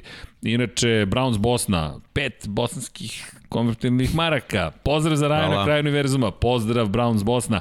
Srki, zamoli Pavla da mi pohvali Leklera. Pohvaljujem Leklera. Jel to, jel to plaćeno ili... da, da. Plaćeno. e, čekaj, ima, ima gratis Bosna. Gratis ima, ima e, jedna. Samo, samo još jedno, izvini. I PS Srki povredio se Zach Wilson. Čekaj, čekaj, ti kaže, ima Ma Mario Vidović, ima za mene poruku. Kaže, Pavle, može broj žiro računova od Infinity Lighthouse-a da uplatim neku kintu da bi bili još više nezavisniji pa da možeš još iskrenije da pričaš o Formuli E. pa nemamo sponzora iz Formule E, tako da, ali rado, ja pričam rado iskreno, ćemo vam poslati žiro račun. Ali posliju, da, i onako to je u pričam iskreno, ali sektoru. ne znam da li mogu iskrenije, ali ajde. Možda kad uplatiš nešto, možda bude iskrenije. Čekaj, kad stavimo oznaku 18+, plus, onda, onda posle ponoći kad počne studio, ali hvala. E, imamo spamovanje ovde. Boško, nećemo ti odgovoriti dok god spamuješ, tako da znaš. ali, ali, ali pripremamo. Neću, Marina, da vam odgovorim, pošto igrate tu igru, ali hajde da poštujemo drugi. Nemojte da spamujete, nema potrebe za time, jer ne, zaista nema, ne, nema potrebe, baš nema nikakvog smisla. Pa pojente je valjda da se, pa ajde razumite i nas. Ima mnogo pitanja sa svih strana, trudimo se sve da ispoštujemo. I ok u jednom momentu, ali... Probat ćemo da budemo brži, ajde. Pa da, ali p- humor, znate, doza, kad je dozirano, onda sve ima smisla. Ovako, kada krenete da spamujete, onda to nije, nije, nije lepo prema i ostalima. Ali, hajmo da budemo drugari svi zajedno. Ajmo da budemo opušteni. Pa to, šta vam je? Saša Talpes, odlog da spavam. Pozdrav Saša, želimo laku noć. Gubim se već u temama pa me zbunjujete. A, to je, to je samo noć. Ali evo, završamo mi još malo. A, e, sad nema spama, sad ću da odgovorim. Može odgovor, naravno. E, ali pitanje za Pajo, ako se nastavi dodat, a, do, do, dosadna dominacija Mercedesa u narednih godina imali šanse da se pozabaviš više MotoGP-em, Petar Lukić. Nema šanse. Mm, Teško. Kratko i jasno, Šta kratko ću i ja jasno. pored vas dvojice sa, sa MotoGP-em? Srđan Bumer.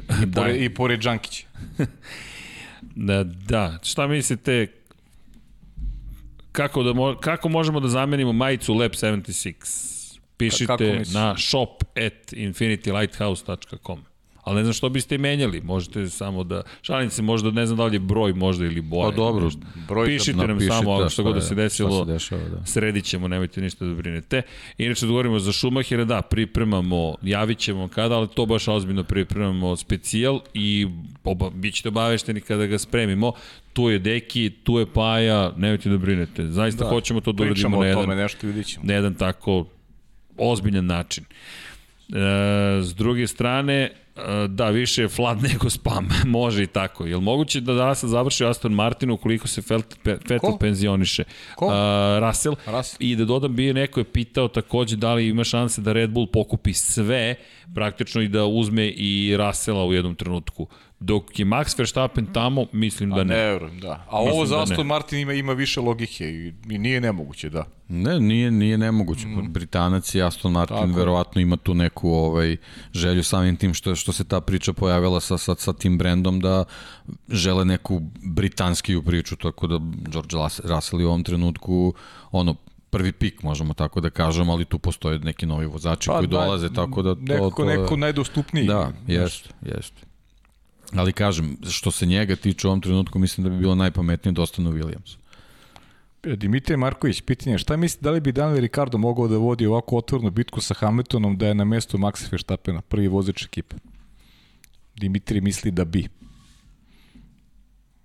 Ja sad baš nisam Pa siguran nisam da bi. se, ne, ne znam, uh, Ricardo još uvijek, mislim da se to slikava i kroz karijeru, kao da mu nedostaje ta konstantnost iz vikenda u Nedostaje mu vikend. ta, ta neka To. lidersko ovaj, u, u, u čitavoj priči. On ni na nebu, ni na zemlji. Slažem se isto, nema, nema to što, Nije, što nije, nije se izdif, izdefinisao kao, kao vozač u, u smislu te neke uh, njegove ideje šta je šta je poenta njegov u Formuli 1. To je ono, kao brsi vozač i i to je to, ni, jednostavno ni, nismo videli neku ambiciju osim te promene ekipa da bi zabeležio neku pobedu još. To, to nije onako, ok, super zabavljač, sve, sve super, takvi vozači trebaju Formuli 1, ali... ali A on je dobar vozač, nije ne, ne, sve, samo, sve, samo da. sve stoji samo ta neka potrebna doza posvećenosti u, u, u, u, ovaj, u nekom većem procentu ja, ja nisam video, tako da, da ne znam da li bi to sve tako funkcionisalo.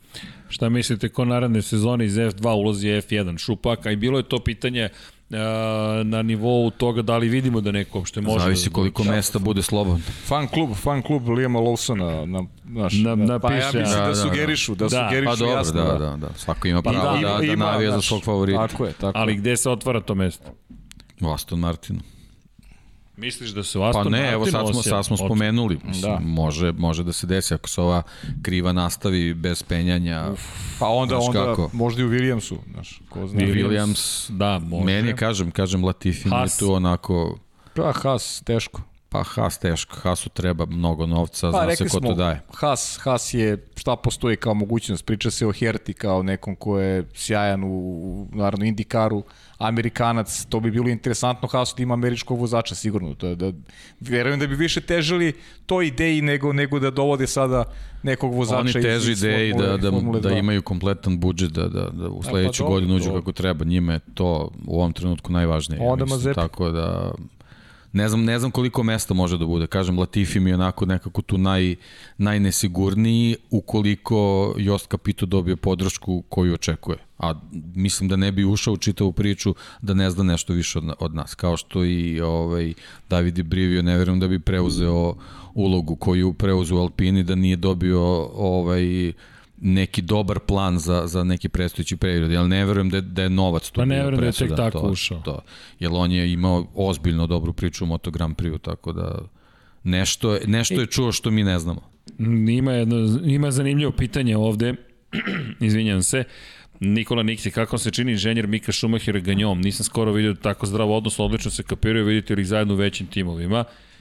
Lepo Pa pitanje, to baš. je, meni je to dobra priča da, da, da vozač sa sobom ovaj, vodi, vodi tu ekipu, ekipu s kojom sarađuje, a to je njegov otac i uradio. Pola Benettona je, više od pola Benettona je došlo u Ferrari kad je, kad je on prešao. Mm, Ja moram priznati, to je nešto To je što... ne više od pola, ključni ljudi, Vidi, to- da pa, malo preformulišem, ključni ljudi Benettona su prešli u Ferrari sa, ali, sa Schumacherom. ali, ali to baš nije običaj toliko više. U jednom, ako se setimo, Rob Smedley je pošao sa Felipeom Masom, pa je otišao čovjek u Williams, pa je ostao u Williamsu, gradio neku drugu karijeru, ali, ali je ono što je Pa, znaš kako, nisu nužno ni oni svi dobri. To je isto jedan, jedna bitna stvar. Nema, I nema toliko kvalitetnih tih pitanje je inženjera. ko, da li možeš, to je ono što se na primjer u MotoGP-u dešava, Ducatijevi ljudi mogu da se šetaju kroz Ducati, dok neko ne postane baš mnogo velika zvezda vozački i onda ga povuče u drugu fabriku. Dobro, sa, sa Ovde- Moto Grand Prix je malo specifičniji, jer imaš borbu nekoliko velikih proizvođača motocikala koji baš nisu voljni da tako lako prepuštaju ljude i, i otkrivaju tajne. A znaš, ako, neko, ako se neko pokaže kao odličan inženjer u Hasu, koji je katastrofa na početku sezone bio najavi, a taj vozač njim odlično, odlično funkcioniše, nema nikakvog razloga da i tom čoveku ne omogućiš napredak. Pa- Posebno ako ga dobro Evo, platiš, a to je novac koji će Nikola- leći na račun te ekipe. Nikola Tom dodaje, to nije inicijalno Mikov inženjer, već Magnusov Miga nasledio. Da, on, Da, on, ali on ako je su se upoznali i ako super funkcionišu, E, tu se sad menjaju stvari. Da. Da. da I to, ako si dovoljno velika zvezda, da li možeš da povučeš nekoga, da li želiš, jer prilično sam siguran Mislim, da Lewis evo, e- Hamilton...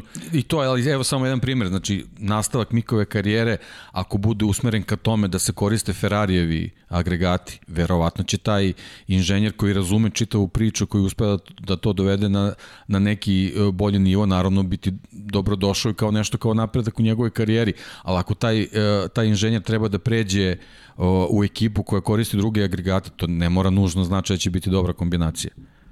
Pa to je ta priča o fabrikama. Da. Ko, kak, šta poznaješ, kako poznaješ, kako se uklapaš. Tako ali, je, tako ali je je zanimljivo, da, dobro pitanje. I ti, I ti inženjeri traže napredak u karijeri, tako Da. da, da zašto da ne?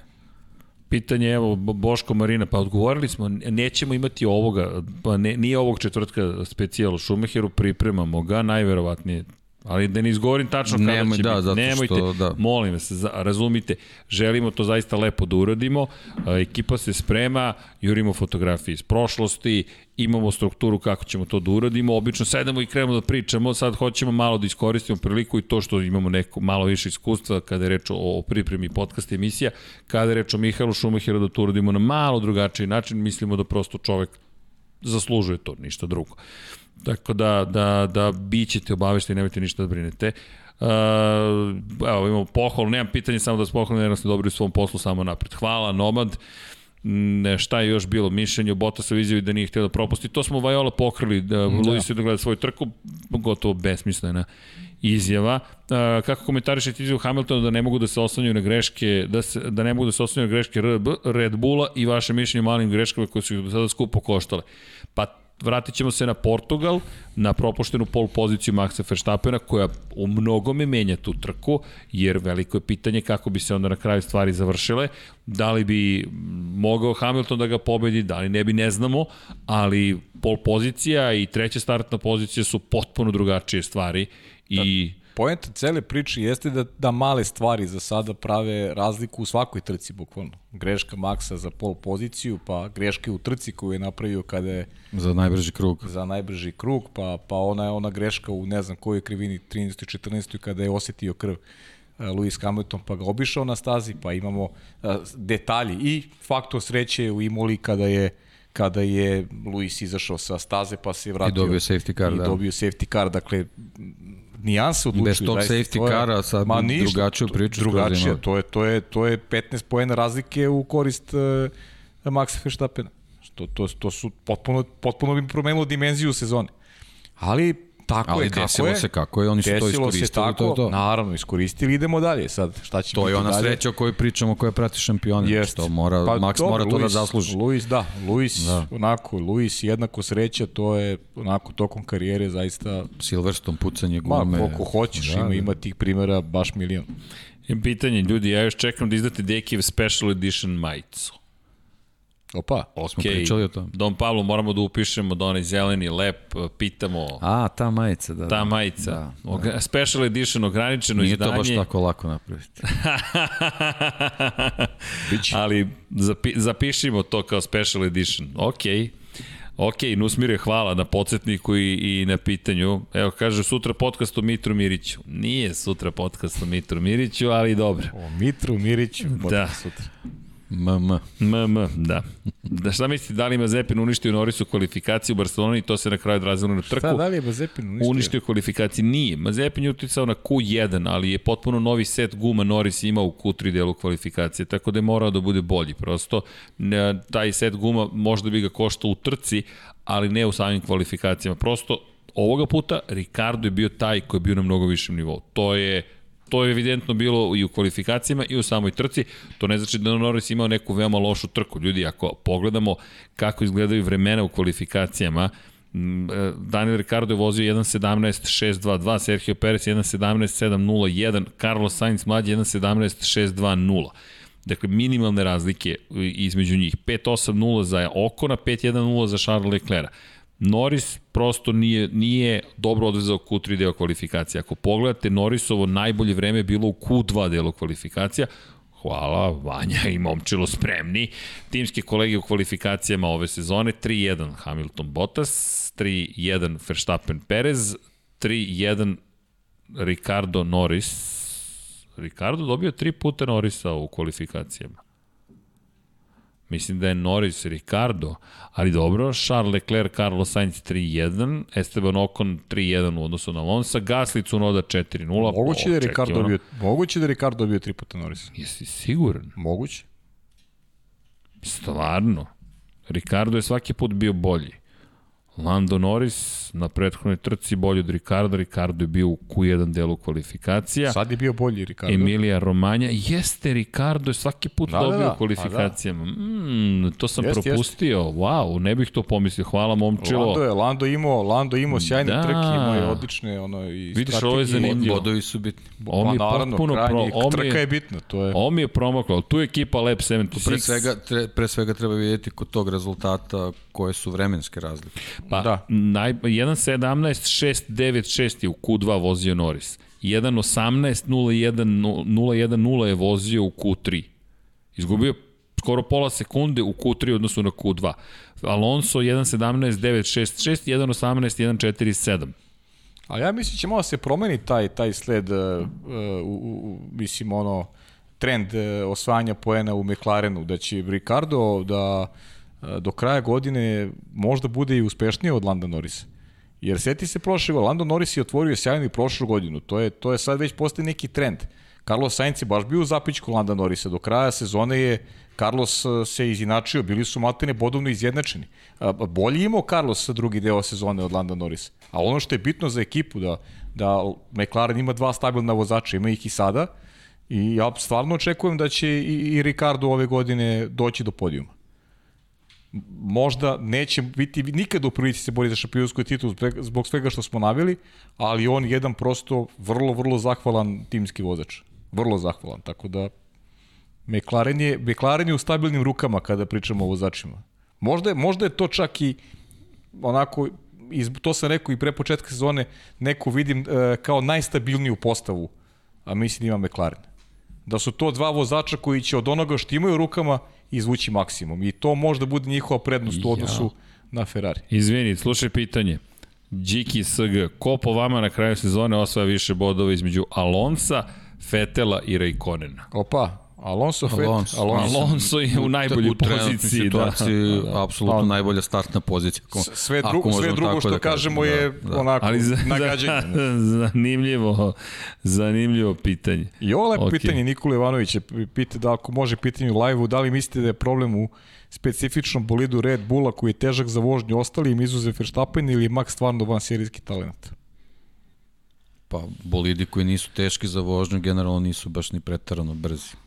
Da, mislim da je to kombinacija stvari. Zašto bih se ja kao vlasnik ekipe fokusirao na... na to, je, to je kao malo kockanje. Vi, vi nađete nekoga, Max je ubrzanim putem doveden u ekipu. Vi prosto verujete. To je kao projekat. Vi verujete u nekoga i onda on krene da pokazuje neke rezultate i kažete stavim iza ovog čoveka. Ako pogledamo, Max je poslednju veliku, gre, veliku grešku napravio u kvalifikacijama u Monaku 2018. kada ga je pobedio Daniel Ricardo. Do onda je on drugačiji vozač. On prosto je drugačiji vozač. Ali On samo u svom forsiranju pravi te sitne, Jeste. sitne greške koje, mislim, generalno, opet da krenemo u našu priču, greške vezane za gaženje, izlazak ovaj, sa, sa limita stazi, to, to su stvarno ne, ne, neke sitnice koji ne mogu da se ovaj, uračunaju kao vozačku grešku, nego je to jednostavno kao to neko forsiranje koje te Ali ako si vlasnik Izvuče, ekipe, da. ti, ti se na neki način kladiš. Uvek možemo da kažemo, mogli su da se kladi na Daniela Ricarda. Mogli su ali nisu. Izabrali su vozača koji je 10 godina, malo manje od 10 godina mlađi, koji pokriva neko drugo tržište, koji pa, budi neko Generalno ovoj čitavoj priči Formula 1 glavni problem Daniela Ricarda je ta grupa vozača koji su mlađi od njega. To je to je jednostavno Jeste. nešto sa čim on mora Došao se je do... da se ovaj ono to ti je pitanje tajminga prosto to je to, u njegovom slučaju to je generacijski moment da u momentu kada si možda mogao da, da osvajaš titule, nisi imao nužno tu priliku, jer ti kada si stigao u Red Bull, ti si stigao u momentu kada se završ, navršila jedna era praktično i ti sada ti sa menjaš, timskim kolegom koji tu izgradio ozbiljno ime. Ti menjaš Marka Webera, ti si novi australijanac u Red Bullu, ti pobediš Sebastijana Vettel, on je tri pobede imao 2014. Vettel nije imao ni jednu, ali Red Bull Renault kombinacija nije bila dovoljno konkurentna narednih nekoliko godina. Do 2016. si već, 2015. si imao jedinu šansu, tad je Kvijat bio tvoj klubski kolega, a Red Bull nije bio dovoljno brz. 2016. već je stigao projekat zvani Max Verstappen, 2017. Prva trka i već te zakucao. Yes, to je to. I, i, to, i, i tu ti je ekipa. I to je Zoran lepo rekao Živku. Ako pogledaš strategiju, specifična je. Ricardo fakat sklonjeni u tom momentu i ekipa ti jasno stavila znanje, vidi, mi imamo neki novi projekat i to je ono što je Ricardo negdje i rekao u Drive to Survive, koji je super i privlači novu pažnju i vraća neku staru publiku, je rekao, ok, znao sam da ne mogu da dobijem to što, što želim da dobijem, ali prosto se se poklopile tako stvari za Daniela Ricardo. I imao je jednu Nije praktičnu prvi. godinu. Ba, naravno, neće biti ni poslednji. Ni poslednji, tako je. Da li mi se čini da je Leclerc imao isti, ako ne i bolji tempo od Bottas, ali da ga je isključio pogrešna taktika Ferrarija, koštalo pobjedičkog postala po ko zna koji put? Ne mislimo da je taktika, ne. ja sam rekao to. Je, ne, ne. Da su to konjske Ferrari, snage. Tako, ne. konjske snage i, i dobra procena generalno Ferrari. Kavali, kavali, to Ma, treba. Da, pa dobro i Ferrari je, mislim da je da. stvarno da. dobro. Ferrari kao tim je dobro odradio celu trku kudimo ih, ali ovog puta mislim da je procen. To smo rekli tokom ali, prenose bilo... Vraćamo se ono što si rekao, to je u odnosu na, na neki prethodni period super, ali da, daleko je to od onoga što nama tako treba. Je, tako je.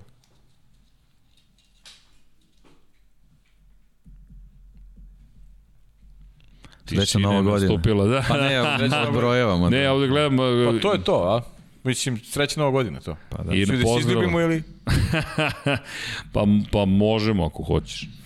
šalu na stranu, ali vidiš kako sam to izveo. To da. zbog COVID-a se ne radi.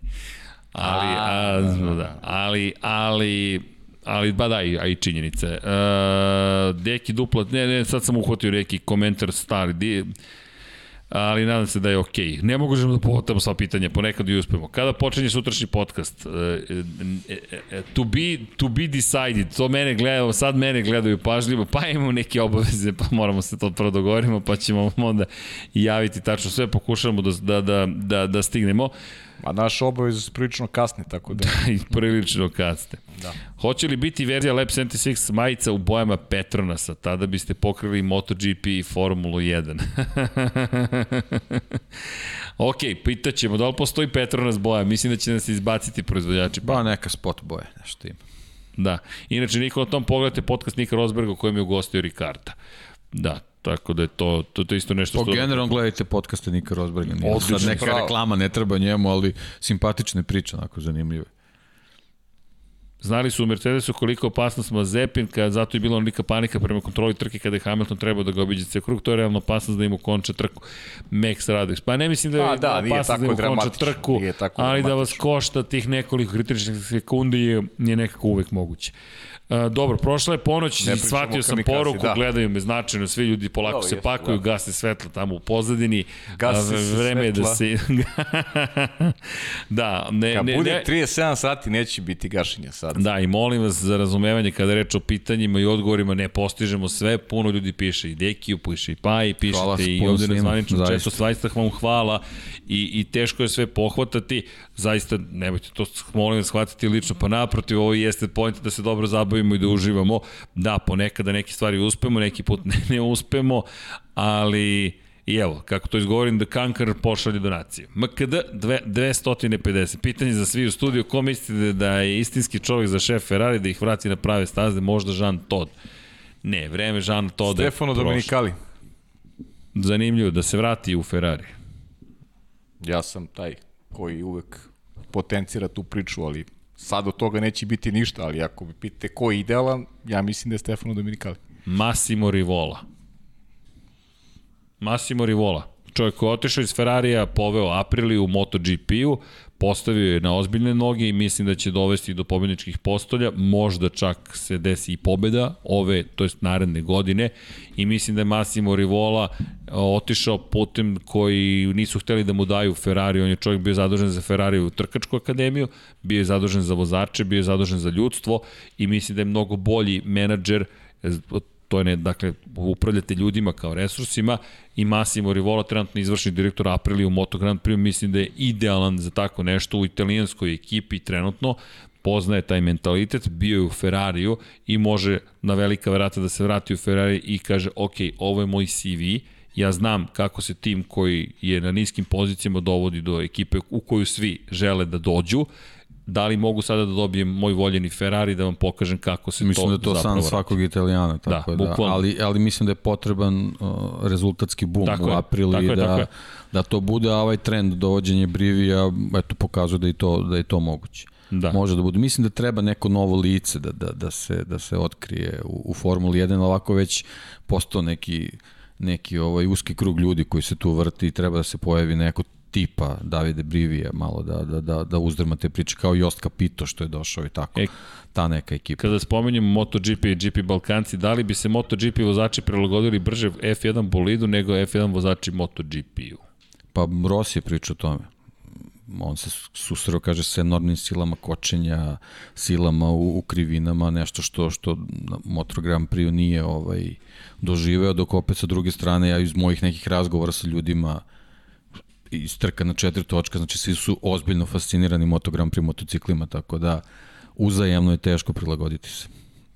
Pa ja mislim sve da je ima, bolje sve da ima, teško. da, sve ima svoje, da, pa, naravno. Pa, svoje neke ekstreme koje uopšte nije, Michael nije lako. Da, je da. vozio Superbike I imali smo čoveka u studiju koji je imao incident sa Mihalom Šumacherom, to smo promislili, Že, Željko je imao incident i možete to da poslušate, imali smo u Lab 76 broj 69 koji smo posvetili što Niki Hedin, što Žeksu, Žeks je pričao o tome da ima Mihail incident. Šumacher je sleđu udario Davida Kultarda i Željka Staničića. Da, da, da. jednog u Formuli 1 i jednog u motociklizmu, čisto da budemo precizni. Da. Ali da, i Željko koji se kaže, podižem se da vidim ko je bio ono Mihael Schumacher. Pa eto, mislim, to je primjer Mihael Schumacher koji je višestruki šampion Formule 1, jako teško se prilagodio trkama, ove super bajke, na kraju krajeva povrede u motociklističkim trkama su doveli do prekida karijeri, nažalost možda i onoga što je, što je i kasnije sledilo, tako da to je, mislim, teško je reći sad ko bi se lakše ili teže prilagodio, na kraju krajeva imamo dosta vozača ovaj, iz sveta Moto Grand Prix trka koji su testirali iz razno raznih razloga ovaj bolide Formule 1 oni su izjavili da to uopšte nije lako dok sa druge strane teško da smo videli ovaj mnogo vozača iz Formule 1 koji su jeli na Moto Grand Prix motocikli imali smo prošle godine to to ovaj marketinško kako bih nazvao ovaj snimanje vezano za za monsterove vozače Rosija i Hamiltona, ali to, to je daleko od tih nekih ekstremnih situacija gde bismo stvarno mogli da vidimo ko je tu dobar. I da li je moguće to uopšte raditi. Ja bih iskoristio ovu priliku da, da, da, da završimo za večeras. Mislim da, smo, da, već smo se vezali za Moto Grand Prix, pa ćemo tačno uskoro, imamo vezu da, i evo. gledamo Paju koji se sprema za specijalo Marku Markezu već sada.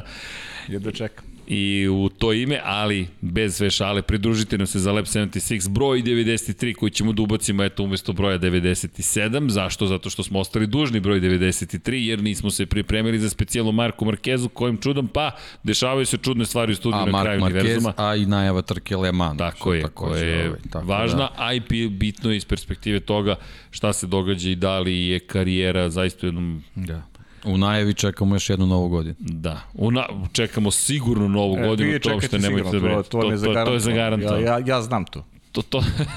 Ti neki još ne znaš. Ti... Veruj mi da... Veruj mi da znam i... Dobro. da, inače, evo, The Conqueror koji kaže, evo, zadržao sam ljudi još 5 minuta. Hvala Conqueror na tome. Evo, osmeh jeste izmajmili, ali mislim da je vreme da se pozdravljamo polako ali sigurno vodite računa jedni drugima, mazite se i pazite, gledajte Formula 1, Moto Grand Prix, Formulu E, takođe pratite VRC, Moto E, Moto e naravno, vodite računa o NASCAR-u, kalendaru, ispratite i tweetovat ćemo sve informacije Indikar, koje dolaze VRC. iz studija, Indik, šta sve. god da se desi, mi ćemo se podruti makar neki način da se dotaknemo toga, inače testiraju i dame, Formula W izlazi na stazu, tako da i o tome ćemo, i tome ćemo pričati kada dođu njihove prve trke, veliki pozdrav naravno ime cijele ekipe ekipe Infinity Lighthouse-a i studije na kraju univerzuma i ja se nam da ste uživali, mi uvek uživamo, čak i kada čekamo novu godinu svaki put i odjeve traju duže nego sam podcast, no, veliki pozdrav još jednom i ćao svima. Ćao ljudi. Ćao.